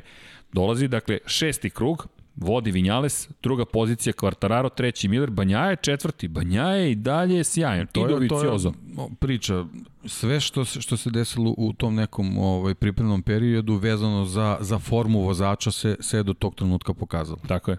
Bukvalno se, to je to. Da. Inače, tamo iza, četvorka, 4, 4, 4, 4, 4, Andrea Doviciozo drži svoju poziciju, 44 drži svoju poziciju, Pola Espargaro ne odustaje, Fran, Franco Morbidelli drži svoju poziciju i drži, drži, drži, drži, drži, drži. I iza Morbidelija je Valentino Rossi. Zapamtite taj moment Valentina Rosija i to je odigralo važnu ulogu iz perspektive Yamaha i Valentina Rosija. Međutim, osmi krug, dakle u osmom krugu, inače, Mark Marquez je tu već napredovao do 12. poziciju u sedmom krugu u osmom je ostao na 12. poziciji, manje više bez promjena. Deveti krug, Fabio Quartararo započenje kao vodeći. Već je napao Maverika Vinjalesa i tu kreće sada jedna ozbiljna vožnja Fabio Quartarara, međutim, mi svi gledamo poziciju broj 12. 11 je na kraju devetog kruga Mark Marquez, pa je 10. u naredna dva kruga, pa je 9. u 12. krugu, pa je 8. dakle nekoliko krugova za redom, dok je sustigao zapravo koga? Franka Morbidelija. Setimo se da je u direktnom duelu pretekao Valentina Rosija već u krugu broj 13. Dakle, on je sustigao. Bez ikakvih problema. Bez ikakvih problema. Rossi nije ni pravio ne, problem. Ne, ne. Samo je vozio svoju direktnu putanju i rekao, ok, ti si u svom filmu. I mene je to podsjetilo, o tome smo pričali u specijalu o Valentinu Rosiju, pogledajte, specijal broj 46, negde logično, Dakle, gde smo pričali o ostrovu Filip 2003. kada je on dobio tu kaznu 10 sekundi i vozio trku za pobedu 15 sekundi i završio ispred Lorisa Capirosija. Mene je ova trka Tako je, na to. to. Upravo to. Ja, ja sam očekivao da ćemo na kraju trke to dobiti. I pretiče, dakle, velikog rivala u 13. krugu, u 14. i dalje tu, u 15. 16. juri, juri, juri, juri i odjednom u 17. on je ispred Franka Morbidelija. Pa on je sad ispred Franka Morbidelija, zatim u 18. približava se Polo Espargaru i u 19. pretiče Pola Espargara na KTM-u i Andreu Dovicioza na Ducatiju. Zastrašujuć krug. I mi već u tom momentu više ne govorimo o pobedničkom postoju. Može on do Kvartarara koji je pobegao. Kvartarara ima veliku prednost. Ne, počinjemo, počinjemo da razmišljamo o pobedu iz jednostavnog razloga što je to Mark Marquez. Tako je. Znači da je neki drugi vozač to uradio, a dešavalo se u istoriji da, ne, da neko isto tako može se vrati jednostavno do, do nekih limita možeš da gledaš. Sve ostalo, ono, kao naučna je fantastika, ali jednostavno, pošto je Mark Marquez bio u pitanju, već je onako stidljivo kao da li moguće čovjek čovjek da pobedi. 20. Bukvalno, bukvalno su takva razmišljenja bilo. 20. krug, kada pogledaš, dva, kada pogledaš analizu njegovih krugova, dakle Mark Marquez, koji je... E sad, izvini samo, znači pogled, pogledamo uh, tu trku i onda sad pošto možemo da, da, da gledamo trke kasnije, samo pomislimo koliko su ostali vozači Honda imali problema s tim motociklom. S tim istim motociklom, osim Takaki Nakagami da, koji ima prošlogodišnju da, verziju. Koji je isto u Herezu bio odličan. Jeste. A Karl Kračov videli da. smo u predsezoni, da, da. nije bio da. lenčuga, naprotiv, bio je veoma brz. Da, da. A krugovi... I vredno radio. Da, jeste. Vredno je radio. A poslušaj krugove za Marka Markeza. Dakle, počela trka 38-4, 38-7, 38-4, mada su mu taj krug poništili, s obzirom činjenicu da si išao sa staze, pa je sivom bojom obeležen, 1.47-6. Dakle, 9 sekundi je izgubio u onom, 9 sekundi u Herezu. Pomnožite to sa 2 za bilo koju drugu stazu. 1.39.8, traži tempo, 38.6, 38.6, 39.5, 39.0, to su preticanja, 38, 3, 38, 5, 38, 6, 8, 5, 8, 5, 8, 4, 9, 0, 8, 6, 8, 9, 8, 8, 9, 0, to je 21. Pa, krug. Svaki će... krug sa, sa tih par desetinke za ostatka, to je neko preticanje bilo neko, neko možda drugačije kočenje, drugačije putanje, ali Jest. u principu prilično konstantno i veoma brzo. Vodeći, koji ima ogromnu prednost, čisto da, da, da se zna, na kraju trke je 4,5 sekunde prednosti imao Fabio Quartararo, vodeći Quartararo, 38, 9, 39, 1, pa 38, 5, to mu je najbrži krug trke je vozio u trećem krugu, pa 38, 8, 8, 7, 8, 7, 8, 7, 9, 0, 9, 0, 8, 8, 8, 7, 8, 7, 8, 8, 8, 8, 8, 7, 8, 8, 9, 0, 9, 0, 9, 3, 9, 2, 9, 3, 9, 6, 9, 6, 9, 9, 4, 0. Nijednom skoro nije bio brži od Marka Markeza. On u tim trenucima nije imao pritisak, to je jedna strana, a druga strana možda jednostavno nije mogao brže. Mislim, Ali pazi, on ima 4,5 da. sekunde prednosti u odnosu da. na pratioce. Tako je, i on nema, nema razloga da forsira, jednostavno samo čeka informacije gde je Marquez, jer Marquez drugi mu nisu rivali u tom trenutku. skoro 4,5 sekunde u Herezu u tim krugovima. Ja verujem da, da, da, da i kod, kod Fabija i kod njegove ekipe u tom trenutku bilo da li je moguće da ćemo morati da vodimo računa o Markezu. Deluje mi da. bukvalno da je, da je to bilo razmišljanje. Da, I ono fazonu čuvaj gume, šta znaš šta nas čeka u poslednje dva, tri kruga. Bukvalno. I onda da. dolazimo do kruga broj 20 i 20, 20, kada uspeva da pretekne Jacka Millera i zauzme treću poziciju. Do 19. kruga je pretekao, 20 je već započeo na poziciji 3. Pretezanje tako lako delovalo. Kao da nije tu. Da. Kao da nije tu. I pri čemu ti agresivni potezi, kako je vozio, treća pozicija, treća pozicija i dolazi 22. krug. I ima tu nekoliko stvari.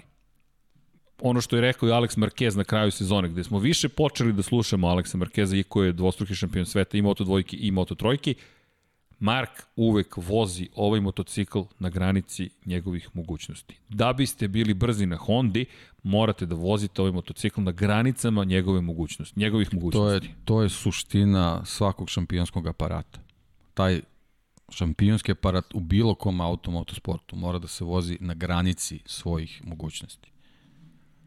Da bi bio šampionski. Tako je, tako je. To je ono uh, Suzuki ovu sezonu iskoristio, ali za sledeću godinu Ovo neće biti dovoljno. Mm, apsolutno. Neće biti dovoljno. Ne razmišljamo uopšte da ćemo imati sledeću godinu isto kao ovo daleko bilo. Naravno. Apsolutno. Znači, naravno. pričamo o normalnoj sledećoj sezoni. Ovo ni slučajno neće biti dovoljno. A ova vožnja Marka Markeza pokazuje kako trebaju da budu pripremljeni motocikli ako hoćeš da osvojiš šampionsku titulu na način kako se ona osvaja. Ali isto tako treba napomenuti da su uspeli da ga nateraju da dva puta pređe granicu u istoj trci. I to ono što mi ne znamo, nažalost taj pad je bio stravičan, prelom ruke, dakle točak ga je zapravo udario, točak ga je udario u ruku i tu dolazi čist prelom. Dakle, to je motor od 150 i više kilograma koji udara direktno, kinetička energija je vrlo jasna, vozači, videli smo sad u Formuli 1 koliko da su zaštićeni, opasno je, ali srećem su bili zaštićeni, vi ovde ste zbačeni odmah s motora, vi letite. I... Nije isto priča nikako. Tamo postoji ćelija za preživljavanje, ovde ne postoji ništa. Bukvalno ništa ne postoji. Imaš airbag u Mala, delu i mal, to, to. Mali sloj kengurove kože, to, mislim, to ti služi, to ti služi da, da ne izguliš kožu kad padneš, ali da, kad sklizaš. Kaciga, ali, čizme, rukavice da. i grba. Nažalost, videli smo i kaciga to, to. u mnogo situacija. Nije dovoljno. Nije dovoljno. Čak i ove Ne da ne pomaže, moderne. nego jednostavno nije, nije dovoljno. Da, i on dobija direktan udarac u ruku, prelom ruke, znali smo odmah da je problem, videli smo scene sa kojima se ne slažem. Slažem se, u pravu ste pa i ti.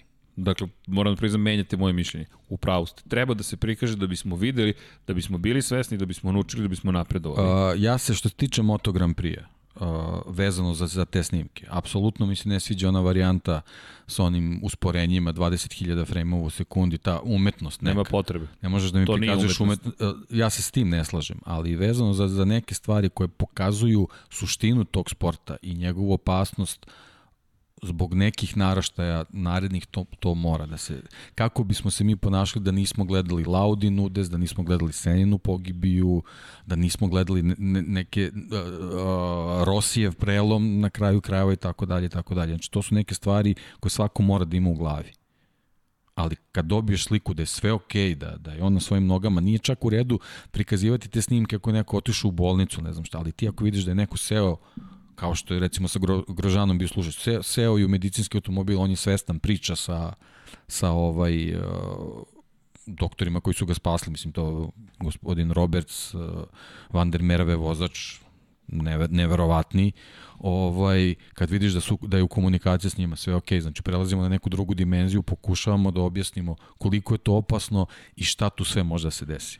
I, i dolazimo do, do scene koja, i za koju dalje stojim da ne treba da se prikazuje, to je moment kada on sedi sa redarima apsolutno, i vrišti. Apsolutno. I kada apsolutno. vi čujete, koliko god je to informativni kadar... Ne, ne, ne, to, to nije. To apsolutno To ne, ne. treba mi ja da vidimo. Ja sam apsolutno protiv to, toga. To, to, ne, tu imamo taj, konsenzus i pa i ti, ja, i Igor, ne, ne, svi, svi, ne, Jelena, svi, ne, svi, svi, Dom Pablo, Vanja. To smo imali posle kod Kvartarara vezano za Zašto ga prikazuje? Če... To, to je jednostavno njegova agonija, trauma. Nema potrebe nema, mi to da nema vidimo. potrebe to da Marquez koji vrišti. To da bismo čuli i da bi, a on je, verujem, svestan da on vrišti od bola, čovjek koji namerno ne pokazuje slabost. Kada mu je pukla ključna kost, on je sa, sa izbačenom ključnom kosti našao načine kasnije kako to na stazi da reši. Kad je osvojio sedmu titulu, mislim da je sedma bila kada ne, osmu kada je osvojio, iščupao mu je ruku zapravo Jack Miller kada mu je čestito, tako ga je povukao da mu je iščupao ruku i Alex mu je nameštao na stazi, polegao ga na asfalt i vratio mu ključnu kost nazad na mesto. To je ne ključnu kost, izvinjam se, dislokacija ramene kada je bila, kada je dislocirao rame ali mi vidimo čoveka koji u agoniji. Ne sviđa mi se, ali smo već tada znali da je ozbiljan problem. Međutim, trka se nastavila i na kraju smo videli da je Andrea Doviciozo spreman da se da, bori. Da, sjajan, sjajan termin, izvijam se, uh, reality. Ne treba nam reality. Tako je. Znači, ovo, ovo vezano za, za te neke snimke, tih nekih njihovih uh, grimasa vezanih za osjećanje, to nam zaista ne treba. Ne, ne, nema potrebe da, odla, da odlazimo u tu stranu. Rekao bih da ima ali, ali taj, taj jednostavno, taj, taj urlik je, uh, verovatno je bio vrisak vezan i za bol, ali možda i neka ljutnja na sebe ovaj, zašto, se, zašto se to dogodilo, da li u tom trenutku razmišljao da je možda mo, mogao neki slabiji tempo da bude, ali jednostavno to je Alex Marquez, o, to je Mark Marquez, znači mi jednostavno od njega nismo mogli drugo da očekujemo. Da, i ispravka, izvini, nije da. Jack Scott Redding, da, dakle, to je sedno. Znam da je neko bio, ali sličan, sličan, da. dakle, dakle, da li da, Scott Redding, to, ali to je ta ekipa, dakle, snažnih ljudi koji direktno pokazuju emocije, ali u svakom slučaju hvala. Dakle, ali, ali point suština jeste zapravo u tome kakvi su ti ljudi i čega su satkani i to ne treba da prikazujemo, slažem da. se s tom reality ne, ad acta što se nas ne, tiče. Ne, ne, kažem ti, ti, ti neki lepi usporeni snimci pada, mislim, potpuno suludo. A znaš da smo Junkie jednom bojkotovali emisiju svoje vremena? Pa ne, evo zamisli, evo, na primjer, eto konkretno imamo svoj primjer, ovaj Grožano ude sada da krenu da nam prikazuju s nekim... Usporenim. Usporenim, kako, mislim, kako izlazi, to neka je, hvala. To je suludo. To je suludo. Ne, to je surovo. Da. To je surovo, da. to je baš surovo. Ali da, imali smo Džankija, pozdrav za našeg dragog Aleksandra Džankića. Dakle, imaćemo oporavlja se, inače više nije, nema više COVID-19, ali ga sada čeka ozbiljna rehabilitacija, kao što ti i ja vrlo dobro znamo. Ozbiljna rehabilitacija, tako da mu držimo palčeve, ali nadamo se da ćemo uspeti. Inače, trenutno nam je onesposobljen jedan deo sistema sa Zoomom, ali to ćemo osposobiti. Dakle, za live-ove u ovom momentu i mi tehnički napređujemo studiju, pa znate kada napređujete nešto, pa onda onesposobite nešto drugo. Učimo. Ali je point u nečem drugom. Dakle, da, ali eto, koristim priliku prosto i da pozdravim našeg dragog Aleksandra.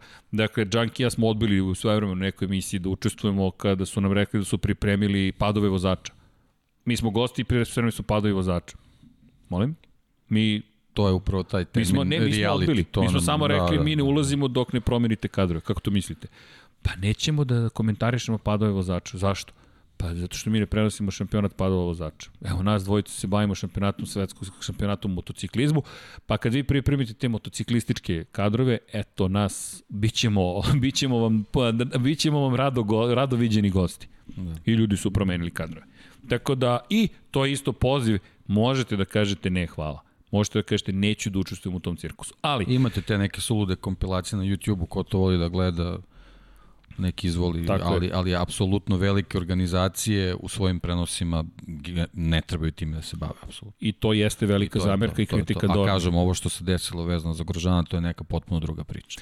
I ne slažem se s onim, ovaj, odmah da, da povežemo što je Ricardo ovaj, pričao, da to nije trebalo da se prikazuje zbog porodice, tako dalje, to, mislim, to je neka neka patetika priča, ovaj, oni su suviše dobro plaćeni i znaju šta se upuštaju i oni jednostavno služe za unapređivanje e, da, svega. I da, da, da pojasnim jedan od komentara Igorovih juče show biznis. Dakle, kada Igor kaže da je to show biznis, ljudi, nije samo show biznis, da. ali je i u velikoj meri show biznis. Sport odavno prestao da bude samo sport.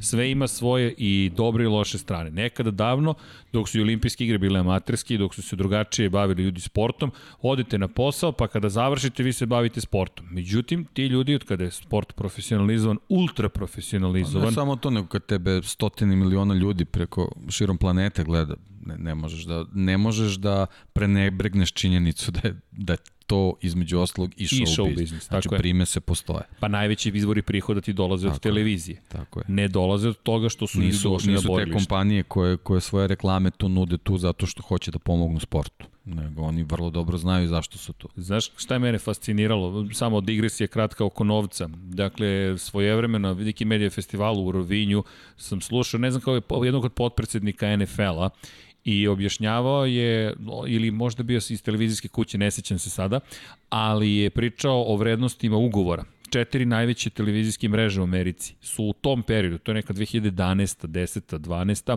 plaćale za osnovna prava prenosa milijardu dolara godišnje, po milijardu.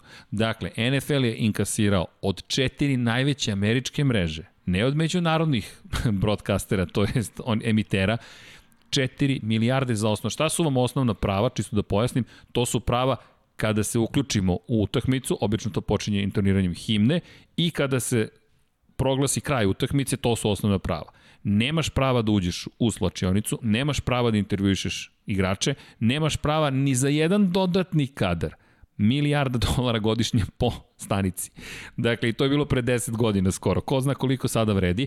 I zato kada pričamo o tome... Da, da postoji to jedna grupa tih vrhunskih sportova gde jednostavno mora da postoji ta, ta primesa show koja business. se zove show business. Tako je. To je I, to je I to. to je ono što i Dorna jeste unapredila svojim emitom. Inače, da znate, 4K trebalo je planirano da se testira ove godine u 4K prenosi Moto Grand Prix-a. Ne znamo kako je COVID-19 uticao na to, ali ćemo vas i o tome obavestiti. Pazi, ovo je najveća digresija koju smo imali posle duže vremena, ali u to ime evo malo kafe.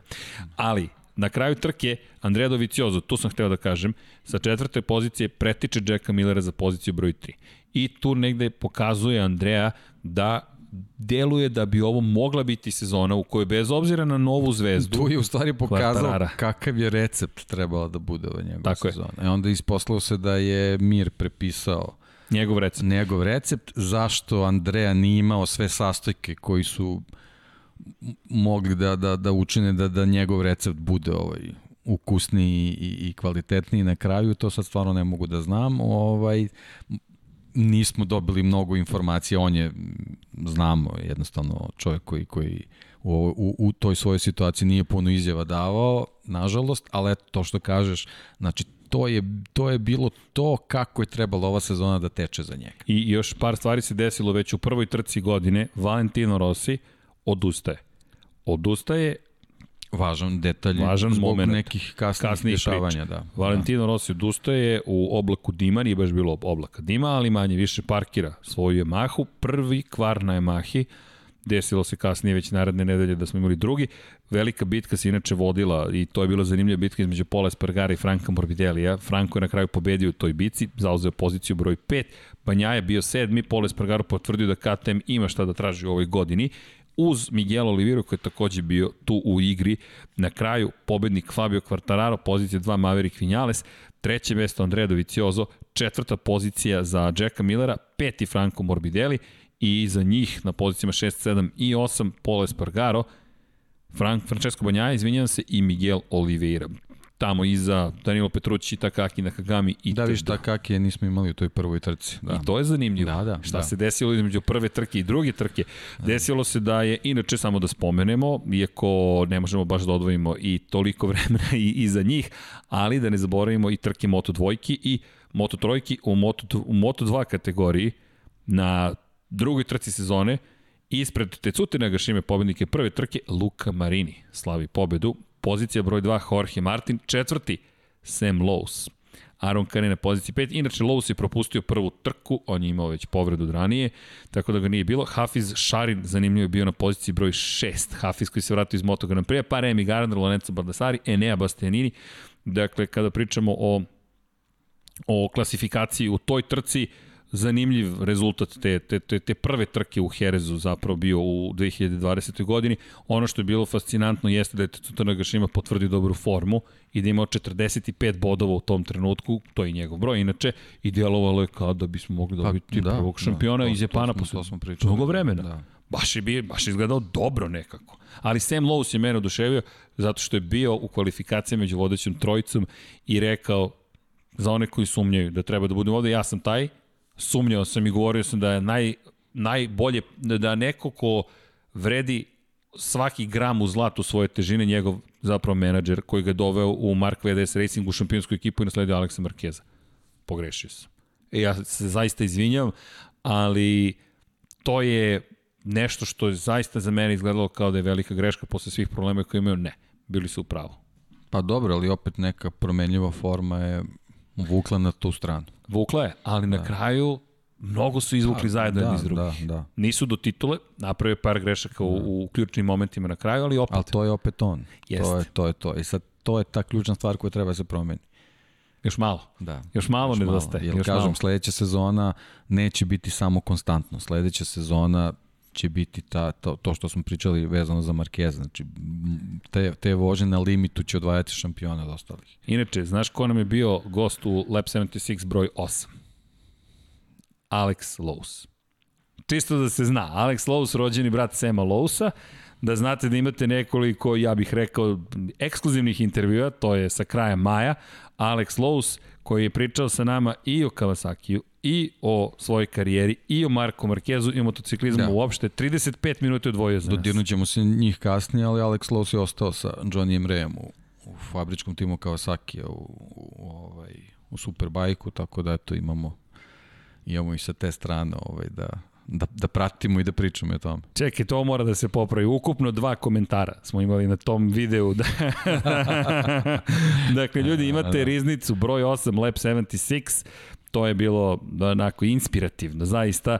I, i gledaš čoveka, pošto su braće bliznici, baš je bilo, baš je bilo onako interesantno, dakle Aleksa Lousa intervjuisati u tom momentu pričaš sa čovekom koji je na Kawasaki i kaže čekaj, to jest pričamo generalno o O čitam, izvini, čitam komentare, da. baš se zabavljam.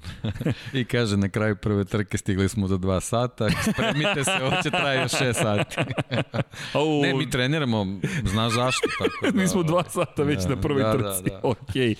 Da. Pa dobro, ja se nadam da vam je interesantno šta drugo da vam kažem mudro u celoj priči. Ali da, završili smo prvu trku.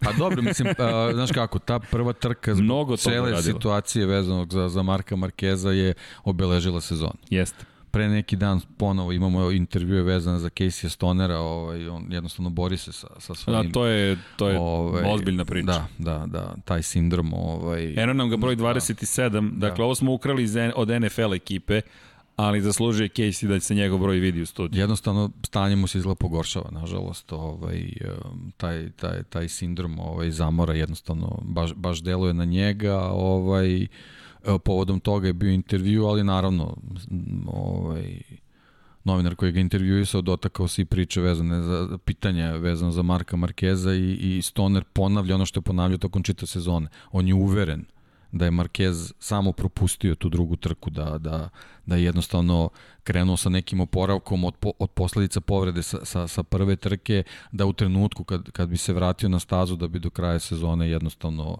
oduvao sve rivale i, i bio šampion u ovoj godini kako je bilo. Da, inače, ajde da iskoristimo tu priču. Yahoo Sports Australije je preneo intervju sa njim u kojem je rekao da, nažalost, ga jede, da ga uništava.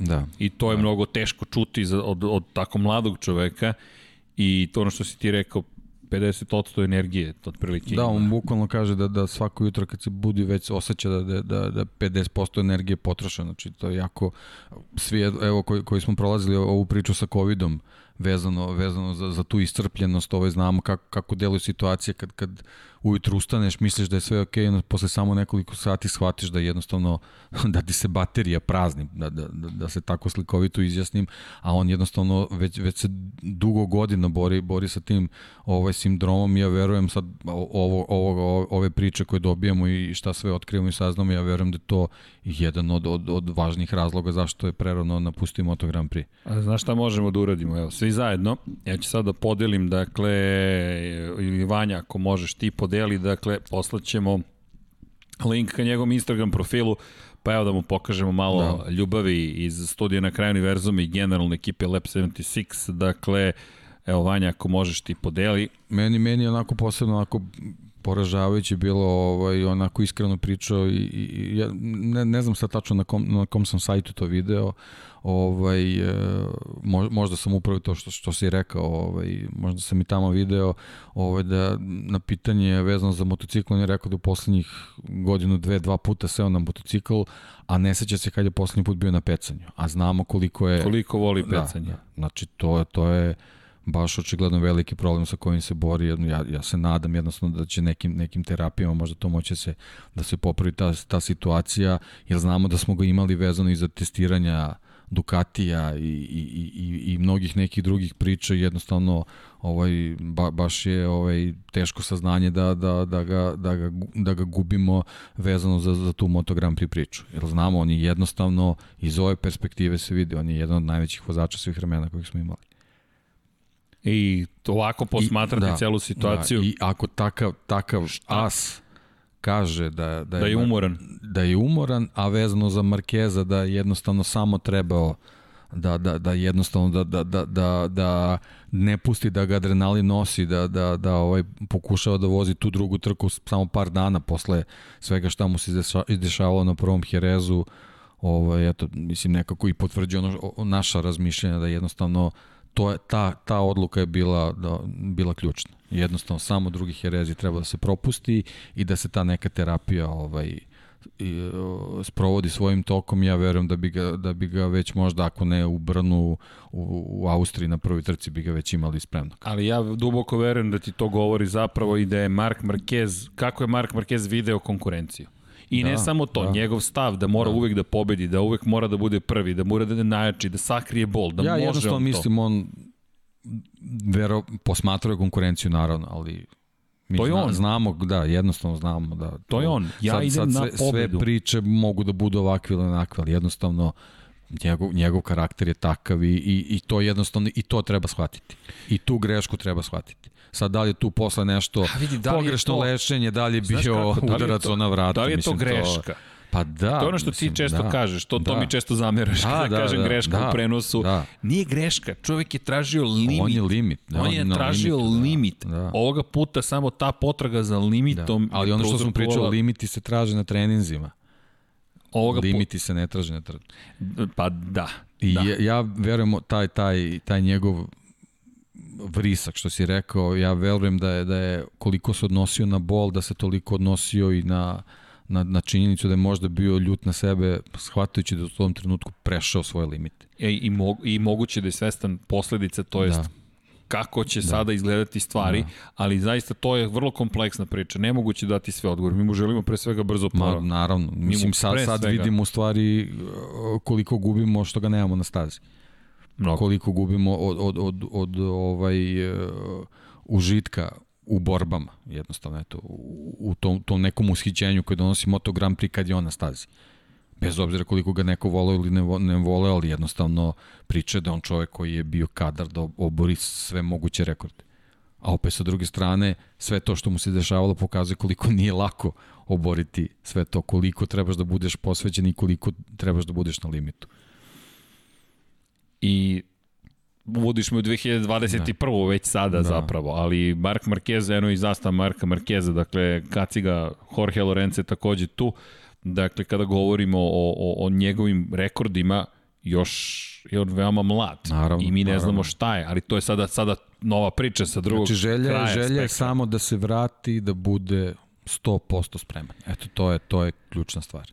Hoćemo da mi da pokušamo da završimo 100 od ove trke u Herezu. dakle, da, da napomenemo i, i kada je reč o pobednicima u Moto3 kategoriji i za one koji žele da dugo potre u Moto E kategoriji, pošto smo imali više trka, dakle električni motocikli su izašli na Albert Arenas, rekao bih očekivano, ispred Aja Ogune i Tonija Arbolina. Inače, Andrea Minjo je prošao četvrti kroz cilj, Celestino Vjeti, Raul Fernandez, Gabriel Rodrigo i tako dalje. Ono što je beležilo u velikoj meri trku, osim druge uzastopne pobede Alberta Arenasa, su dve, dve stvari. Da možda možemo tri da ih podelimo na tri a Ajo Gura ponovo na pobedničkom postolju, vrlo konstantan, to je teško u Moto trojkama, za Alberta Renasa samo aplauz i čestitke. John McPhee i njegovo izletanje sa staze u borbi da bude na pobedničkom postolju u poslednjoj krivini, gde ga ekipa pohvalila u tom momentu i rekla bravo za agresivnost, što si van svojeg karaktera nastupio da. i napao za poziciju koja nam je važna u šampionatu sveta kako bi došao do tog šampionskog, da kažemo, momenta, kasnije ga to mnogo koštalo, kao da je otišao na pogrešnu stranu, kao da ne može na taj način da pobeđe. I još dve stvari. podrške desilo se nešto sasvim drugo. Da, oduzeli su da. mu ugovor za Moto2 kategoriju. Da a obećan mu je bio ukoliko bude među vodećom trojicom na polovini sezone, što je bio da će ići u Moto2. Toni Arbolino se pojavio na pobedničkom postolju, Minjo Vietti Fernandez standardno već postava negde i dobar Nicolo Antonelli delovalo je kada će se nešto tu desiti pozitivno.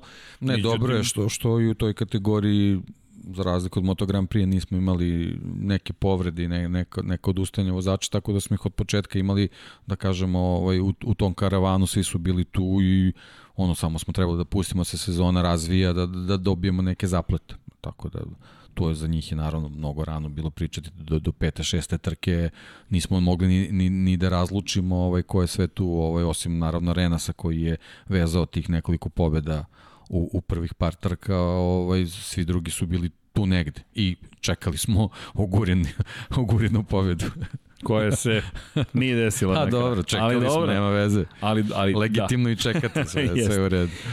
Hoćemo na veliku nagradu Andaluzije. Pa da, da, trka moramo, broj to 2 Moto Grand Prix-a, da, trka da. Moto, trka gde, 3 gde u stvari da, gde, gde i pre trke smo isto imali eto, vezano za Markeza taj moment. Opet kvalifikacije. Da. Pojavio se, vozio petak kratko, u subotu je pokušao u treningu broj 4, pa onda u kvalifikacijama odustao, međutim verujem da oni koji pomno prate Moto Grand Prix se sećaju njegove ruke. Ruka koja je bila normalna. Znači trenutak gde ti shvataš da Mark Marquez kaže ja ne mogu više, onda je to stvarno značilo da, da je ta povreda mnogo teža nego što možemo da pomislimo i mnogo toga se dešava da. u kvalifikacijama i u trci. Za početak kvalifikacije ponovo Fabio Quartararo najbrži, očekivano, impresivan zaista je bio u kvalifikacijama. Inače, Maverick Vinales se u prvoj trci izvukao sa lošim izborom guma, pa je rekao, vidimo se sledeće nedelje, znam koji izbor guma treba da napravim da bih se borio za pobedu. Pozicija broj 2 startna. ok, tvoj izraz lica. Maverick Vinales, da. Da, Maverick da. Vinales i izjave. Nekako su se ponavljali tokom čitave sezone. Jeste. Pa i iz prethodnih godina su preslikane u velikoj meri. Ali je bio na poziciji broj 2, na poziciji broj 3. Ono što je tu bilo sjajno videti jeste nastavak dobrih vožnji Francesca Banjaje. Banjaje na ne Ducatijevoj stazi, startna pozicija broj 3 i startna pozicija broj 4 Valentino Rossi. Dakle, nastavak nečeg što smo videli u predsezoni zapravo, pri čemu u tom momentu se slika u Moto Grand Prix promenila.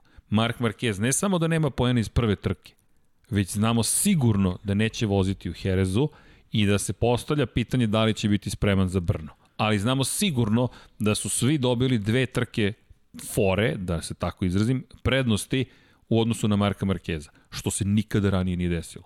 Dakle, da ga nema na stazi, to je redkost bila, To se sada događa i kada su svi spremni to da iskoriste, inače Miguel Oliveira bio odličan peti, ispred Franka Morbidelija i Jacka Millera ponovo, Takaki Nakagami stidljivo osmo mesto, ali smo videli po nekim rezultatima da će biti interesantna godina. Honda je počela da mu već pruža podršku mnogo veću. Videli smo Takea Yokoyamu, tehničkog menadžera ekipe HRC i Hondine, zapravo fabričke ekipe i trkačke korporacije, kako sve češće obitava u Lučić Kinelo Racingu. To je bilo vrlo, vrlo interesantno.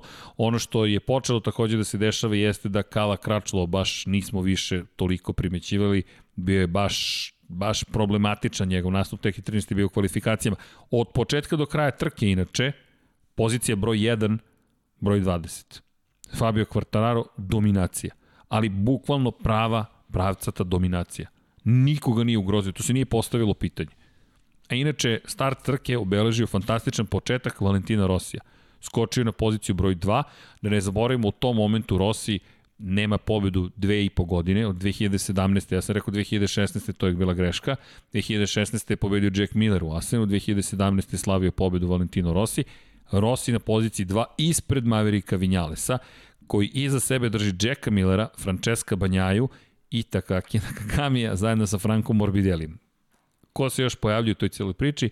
Joan Mir, koji je u tom momentu na poziciji broj 8. Da, po tome bi se zaključilo da ona priča da je Yamaha bila super u ovaj, predsezonskim pripremama, testovima, da, da je kao to to, da je kao tu su i, i deluje da će sezona biti njihova. Bukvalno je tako delovalo ovaj, kad se pogleda tih prvih par krugova te trke. I manje više se ništa ne menja, inače Andreja Doviciozo bio deseti iza Danila Petrućija, ali bukvalno ništa se praktično ne menja do kruga broj 6 kada Morbidelli napada, napada Takaki Nakagami. To je jedina promjena među vodećima, među vodećih možemo reći 8, mogu bih da dodam 9, mada je praktično u petom krugu već do Vicioza, u četvrtom pretekao Danila Petrućija. Zašto ističemo ovako po krugovima? Počinju da se dešavaju vrlo interesantne stvari malo posle toga. Dakle, Francesco Banjaja, kreće u osmom krugu, napada Jacka Millera. U devetom krugu napada Maverika Vinjalesa, ide na poziciju broj 3. U 11. krugu on drži tu poziciju, međutim Franco Morbidelli sustiže, Morbidelli koji dolazi na poziciju broj 4. Valentino Rossi iza sebe ima dva polena iz svoje akademije trkačke. Dva šampiona, jedan iz 2018. Moto dvojki i jedan iz 2017. Moto dvojki. Tu su Dakle, spremni da napadnu, Maverick Vinales je pao na poziciju broj 5, ispred Nakagamija i Mira. I onda kreće drama. I to ozbiljna drama u 17. krugu otkazivanje Yamahe. Drugo otkazivanje koje mi imamo praktično za redom.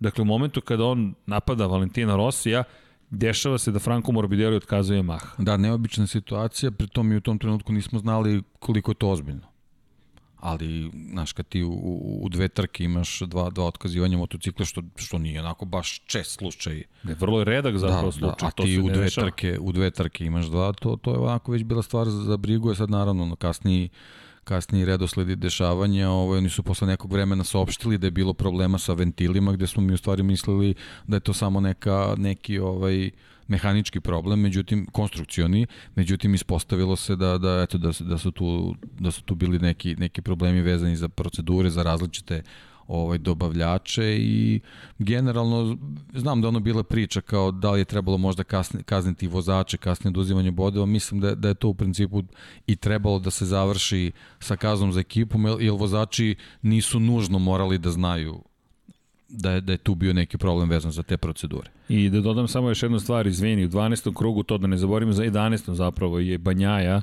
pretekao Rosija za poziciju broj 2 i počeo da, da. se polako li sigurno odvaja. A Rossi, inače, Juri u tom momentu 199. plasman na pobedničko postolje u najjačoj kategoriji. Da. Uh, te prve dve trke pokazale su da, da je Rossi u ne, boljoj formi nego prethodne sezone i da možemo od njega da očekujemo nešto više i o, ta trka je pokazala odličnu formu o, Fabija Kvartarara, koji je samo potvrdio dobro izdanje sa prve trke i odlično izdanje vezano za, za pramak, za obojicu vozača pramak. I oni su se tu nekako izdvojili ovaj, u, u, u toj nekoj priči gde, gde smo razmišljali o nekom vrhu, međutim, nažalost, oni su počeli da padaju. Uh, i ovaj, situacija se jako brzo promenila vezano za prama. I koliko je Banjaja bio brzo u tim da, trenucima, da, zajedno da, sa da, Jackom Millerom. Svi da. su bili brzi. Međutim, da. Banjaja, odsudni krug broj 20, prvo odustajanje.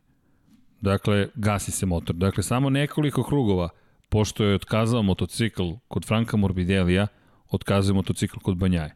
Da, imali smo, da, i, i, i sad, naravno, ja, ja mislim, gledamo, pričamo o jednoj trci, ali ja, međutim, gledam šta se kasnije dešavalo. Opis Imali smo, eto, nažalost, uh, pehove vezane za, za, za pramak, imali smo jedno odustajanje Jacka Millera i imali smo onu banalnu situaciju vezanu za, za, ne, za onu foliju s vizirom. Eto, I sad samo sabereš kolika je to količina bodova i shvatiš u stvari koliko su oni mnogo bolji mogli da budu uh, vezano samo za, za situacije na koje nisu mogli da utiču. To su tri trke. Folija uliće Tako kod je. Jacka Millera u Mizanu, Mizanu 2, da. dakle sa, sa, sa, sa Kacige. Koja je verovatnoć? Sa Kacige, pri čemu nije u tom krugu, ona je lebdela tu, prosto da. bila u vazduhu i on samo naleće nju direktno usisnik, To je to. Kraj. Bilo kojim drugim uglom da je bilo ili bi odletela okolo ili bi možda se zavukla, ne bi, mislim, neko, možda bi drugačije, neku bi performansu možda ovaj, izgubio, ali... Ne. ali ona, je, ona bukvalno gasi motor, gasi, pregrevanje da, motora, da, ono otkazuje. U Lemanu opet jedno otkazivanje, ovde je otkazao motor Frank Francesco Banjaj. Banjaj ostaje bez svog prvog pobjedničkog postolja u Moto Grand Prix klasi. Kasnije, ko zna kako bi to na njegovo samopouzdanje da. uticalo, ali Banjaje nema napreduje Rossi, Rossi ostaje na poziciji 2. Imamo one čuvene bitke između Vinjalesa i u predposlednjem krugu, zapravo dva kruga pre kraja, dakle dva i po praktično pre kraja, Vinjales uspeva na zadnjem pravcu da pretekne Rossi, mada je išao na zelenu površinu, pa je to bila žalba, čekaj, čekaj, zašto sad nije njemu oduzeta pobed, to je oduzeta drugo mesto, ali kako god, Quartararo nesta u daljini dominacija, Pozicija broj 2 za Vinjalesa, treće mesto za Rosija, tri Yamahe na pobedničkom postolju. Yamaha dobija potvrdu mnogih stvari, iako je to Jerez, drugačija staza, dobija potvrdu mnogih stvari. Nakagami je četvrti, Mir na poziciji broj 5. Inače, ako se pitate gde je šampion bio u prvoj trci sezone, šampion nije se baš proslavio u toj prvoj trci sezone. Generalno to je bio baš loš vikend za, za, za Suzuki. Mir na početku trke izletao sa staze i ostao bez bodova. Inače, tu prvu trku godine, pored Rosije kome je otkazao motor, nisu završili ni očigledno Mark Marquez, ni Kirle Kona, ni Aleš Espargaro. Pa kad pogledamo trke u Herezu, uh, one su mogle da budu ogledalo uh, uh, nekih uh, performansi vezano za, za te predsezonske pripreme, ali već od, od, od Brna, od, od, od sledeće trke sve je krenulo da se vrti i da, da, da oslikava sezonu kako smo imali. Znači, Jerez, Jerez može da bude neka tipična priča kako je trebala da krene sezona.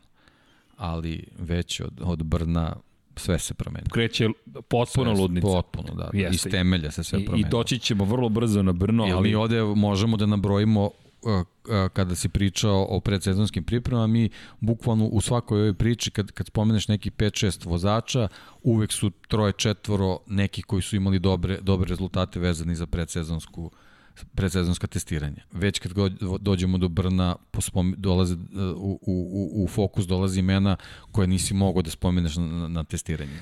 Mada smo ih hvalili, ali da. pohvalio da. bih Aleksa Markeza, Konovajli u ovoj da. trci broj 2 bio je osmi na kraju. Nakagami rekli smo došao do četvrtog mesta, da. sjajan uspeh Nakagami koji je zanimljivo rekao da je dobio više podataka od HRC nego ranije i da je mnogo toga naučio bukvalno 7 dana. Već se tu sve promenilo. Da, da, da, i... Da. Dobro, ko... to je njihova u stvari brza reakcija bila. Da, ali šta sve to nije moglo da vidi ranije. Što znači da su oni već tu u neku ruku znali da, da situacija s Markom neće tako da brzo da se reši. Da, da je dramatično. Da, da, da. U svakom slučaju... Sigurno su imali više informacije od nas, naravno. pa, bi...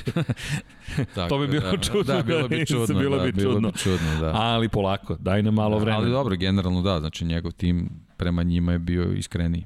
I ono što je tu, tu, tu zaista izgledalo kao nešto što donosi neku novu, novu priču jeste da je Yamaha uspela po vreloj stazi da zabeleži pobede. To je bio ozbiljan problem za Yamaha ranih godina i ono što su govorili i KTM, mada više Honda i Ducati, da nove Michelinove gume odgovaraju više Suzuki i Yamaha. I to smo dobili kao potvrdu, ali takođe smo imali u, u, uzeli u obzir da je Jerez relativno spora staza, da je kratak zadnji pravac i da nismo mogli da vidimo još uvek razliku, pravu razliku u snazi. Da, imali smo ekstremnu temperaturu. Da, to je to, 60 to je stepeni da, Celsijusa da, temperatura da, staze. Da. Michelin se ozbiljno mučio, ali ko se ne bi mučio 62 stepena Celsijusa u jednom momentu izmereno na startnom ciljnom pravcu. 62 stepena. Pa nema gume koja, da, koja se tu ne bi topila. Kako god, Yamaha odradila svoj deo posla, bila je zaista izuzetna. A... I ono, da zaključimo, znači taj, taj početak sezone je ono, ja, ja ne znam ko nije mogao da pomisle da će Fabio Quartararo iskoristiti čitavu situaciju. To su prve pobede u njegovoj da. karijeri. Prve da. pobede za Petronas. Ne što su prve pobede, nego što je to, pazi, on je u drugoj pobedi. Pol pozicija, najbrži krug pobeda. Apsolutna dominacija. I prednost koja znači, je opet on, bila... On je, on je drugu, po, drugu trku završio Marquez style. Da. On u fazonu šaljem poruku, ja, ja sam novi mrav. Da. Novi El Diablo je El stigao. Diablo, da. El, El Diablo je stigao, da. tako je. Ali se na kraju i tu toj trci opet našao preko 4 sekunde ispred konkurenata. Da. Ispred ljudi koji imaju identičnu specifikaciju. Jer ne zaboravimo, tri specifikacije fabričke Yamahe su završile na pobedničkom postolju tu trku. Moto dvojke, čisto da stignemo da prođemo sezonu da, da. večeras. Da, dobro, samo ćemo da, da, da proletimo da, da bismo mogli da analiziramo šta se kasnije dešavalo. Da. Bastianini, da. Marini, Peceki, plasman na pobjedničkom postoju. Sve jasno. Sve Više jasno. nego jasno. jasno da. Marko Beceki samo da pohvalim Sky Racing Team koji mu je dao ugovor u momentu kada se činilo da je Beceki potpuno izgubio kompas i da nema oporavka karijere. Valentino Rossi je rekao ne, ti ostaješ sa nama, evo ti ponuda, dolaziš u naš tim i sa Tech 3 KTM-a, KTM inače odustao od Moto2 kategorije u 2000, na kraju 2019. izašao iz klase, ne proizvodi više šasije, Tech 3 otišao u Moto3, prvi put u svojoj istoriji, dakle prvi put u najnižoj kategoriji krenuli su 250 sa Yamahom pre više od 20 godina, ali u tom momentu Beceki nema ugovor i nesiguran je, iako je bio treće plasiran u šampionatu sveta godinu ranije, 2018 pobedničko postolje potvrda da je i tekako ozbiljan.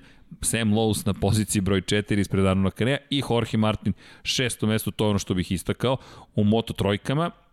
Inače, Tecuta Nagashima je ružan pad u kvalifikacijama i to je početak sunovrata da, Tecuta da. Nagashima. Mislim da to nekako, treba napomenuti. Nekako vidiš, sad, sad opet kad analiziramo sezonu, ovaj, teški padovi su povlačili velike promene ovaj, u, u, u formi vozača. Znači nije bilo samo dovoljno da se vozač fizički oporavi i, i da nastavi kao da ništa nije bilo. Ova sezona je baš psihofizički uticala na mnogi. Jeste.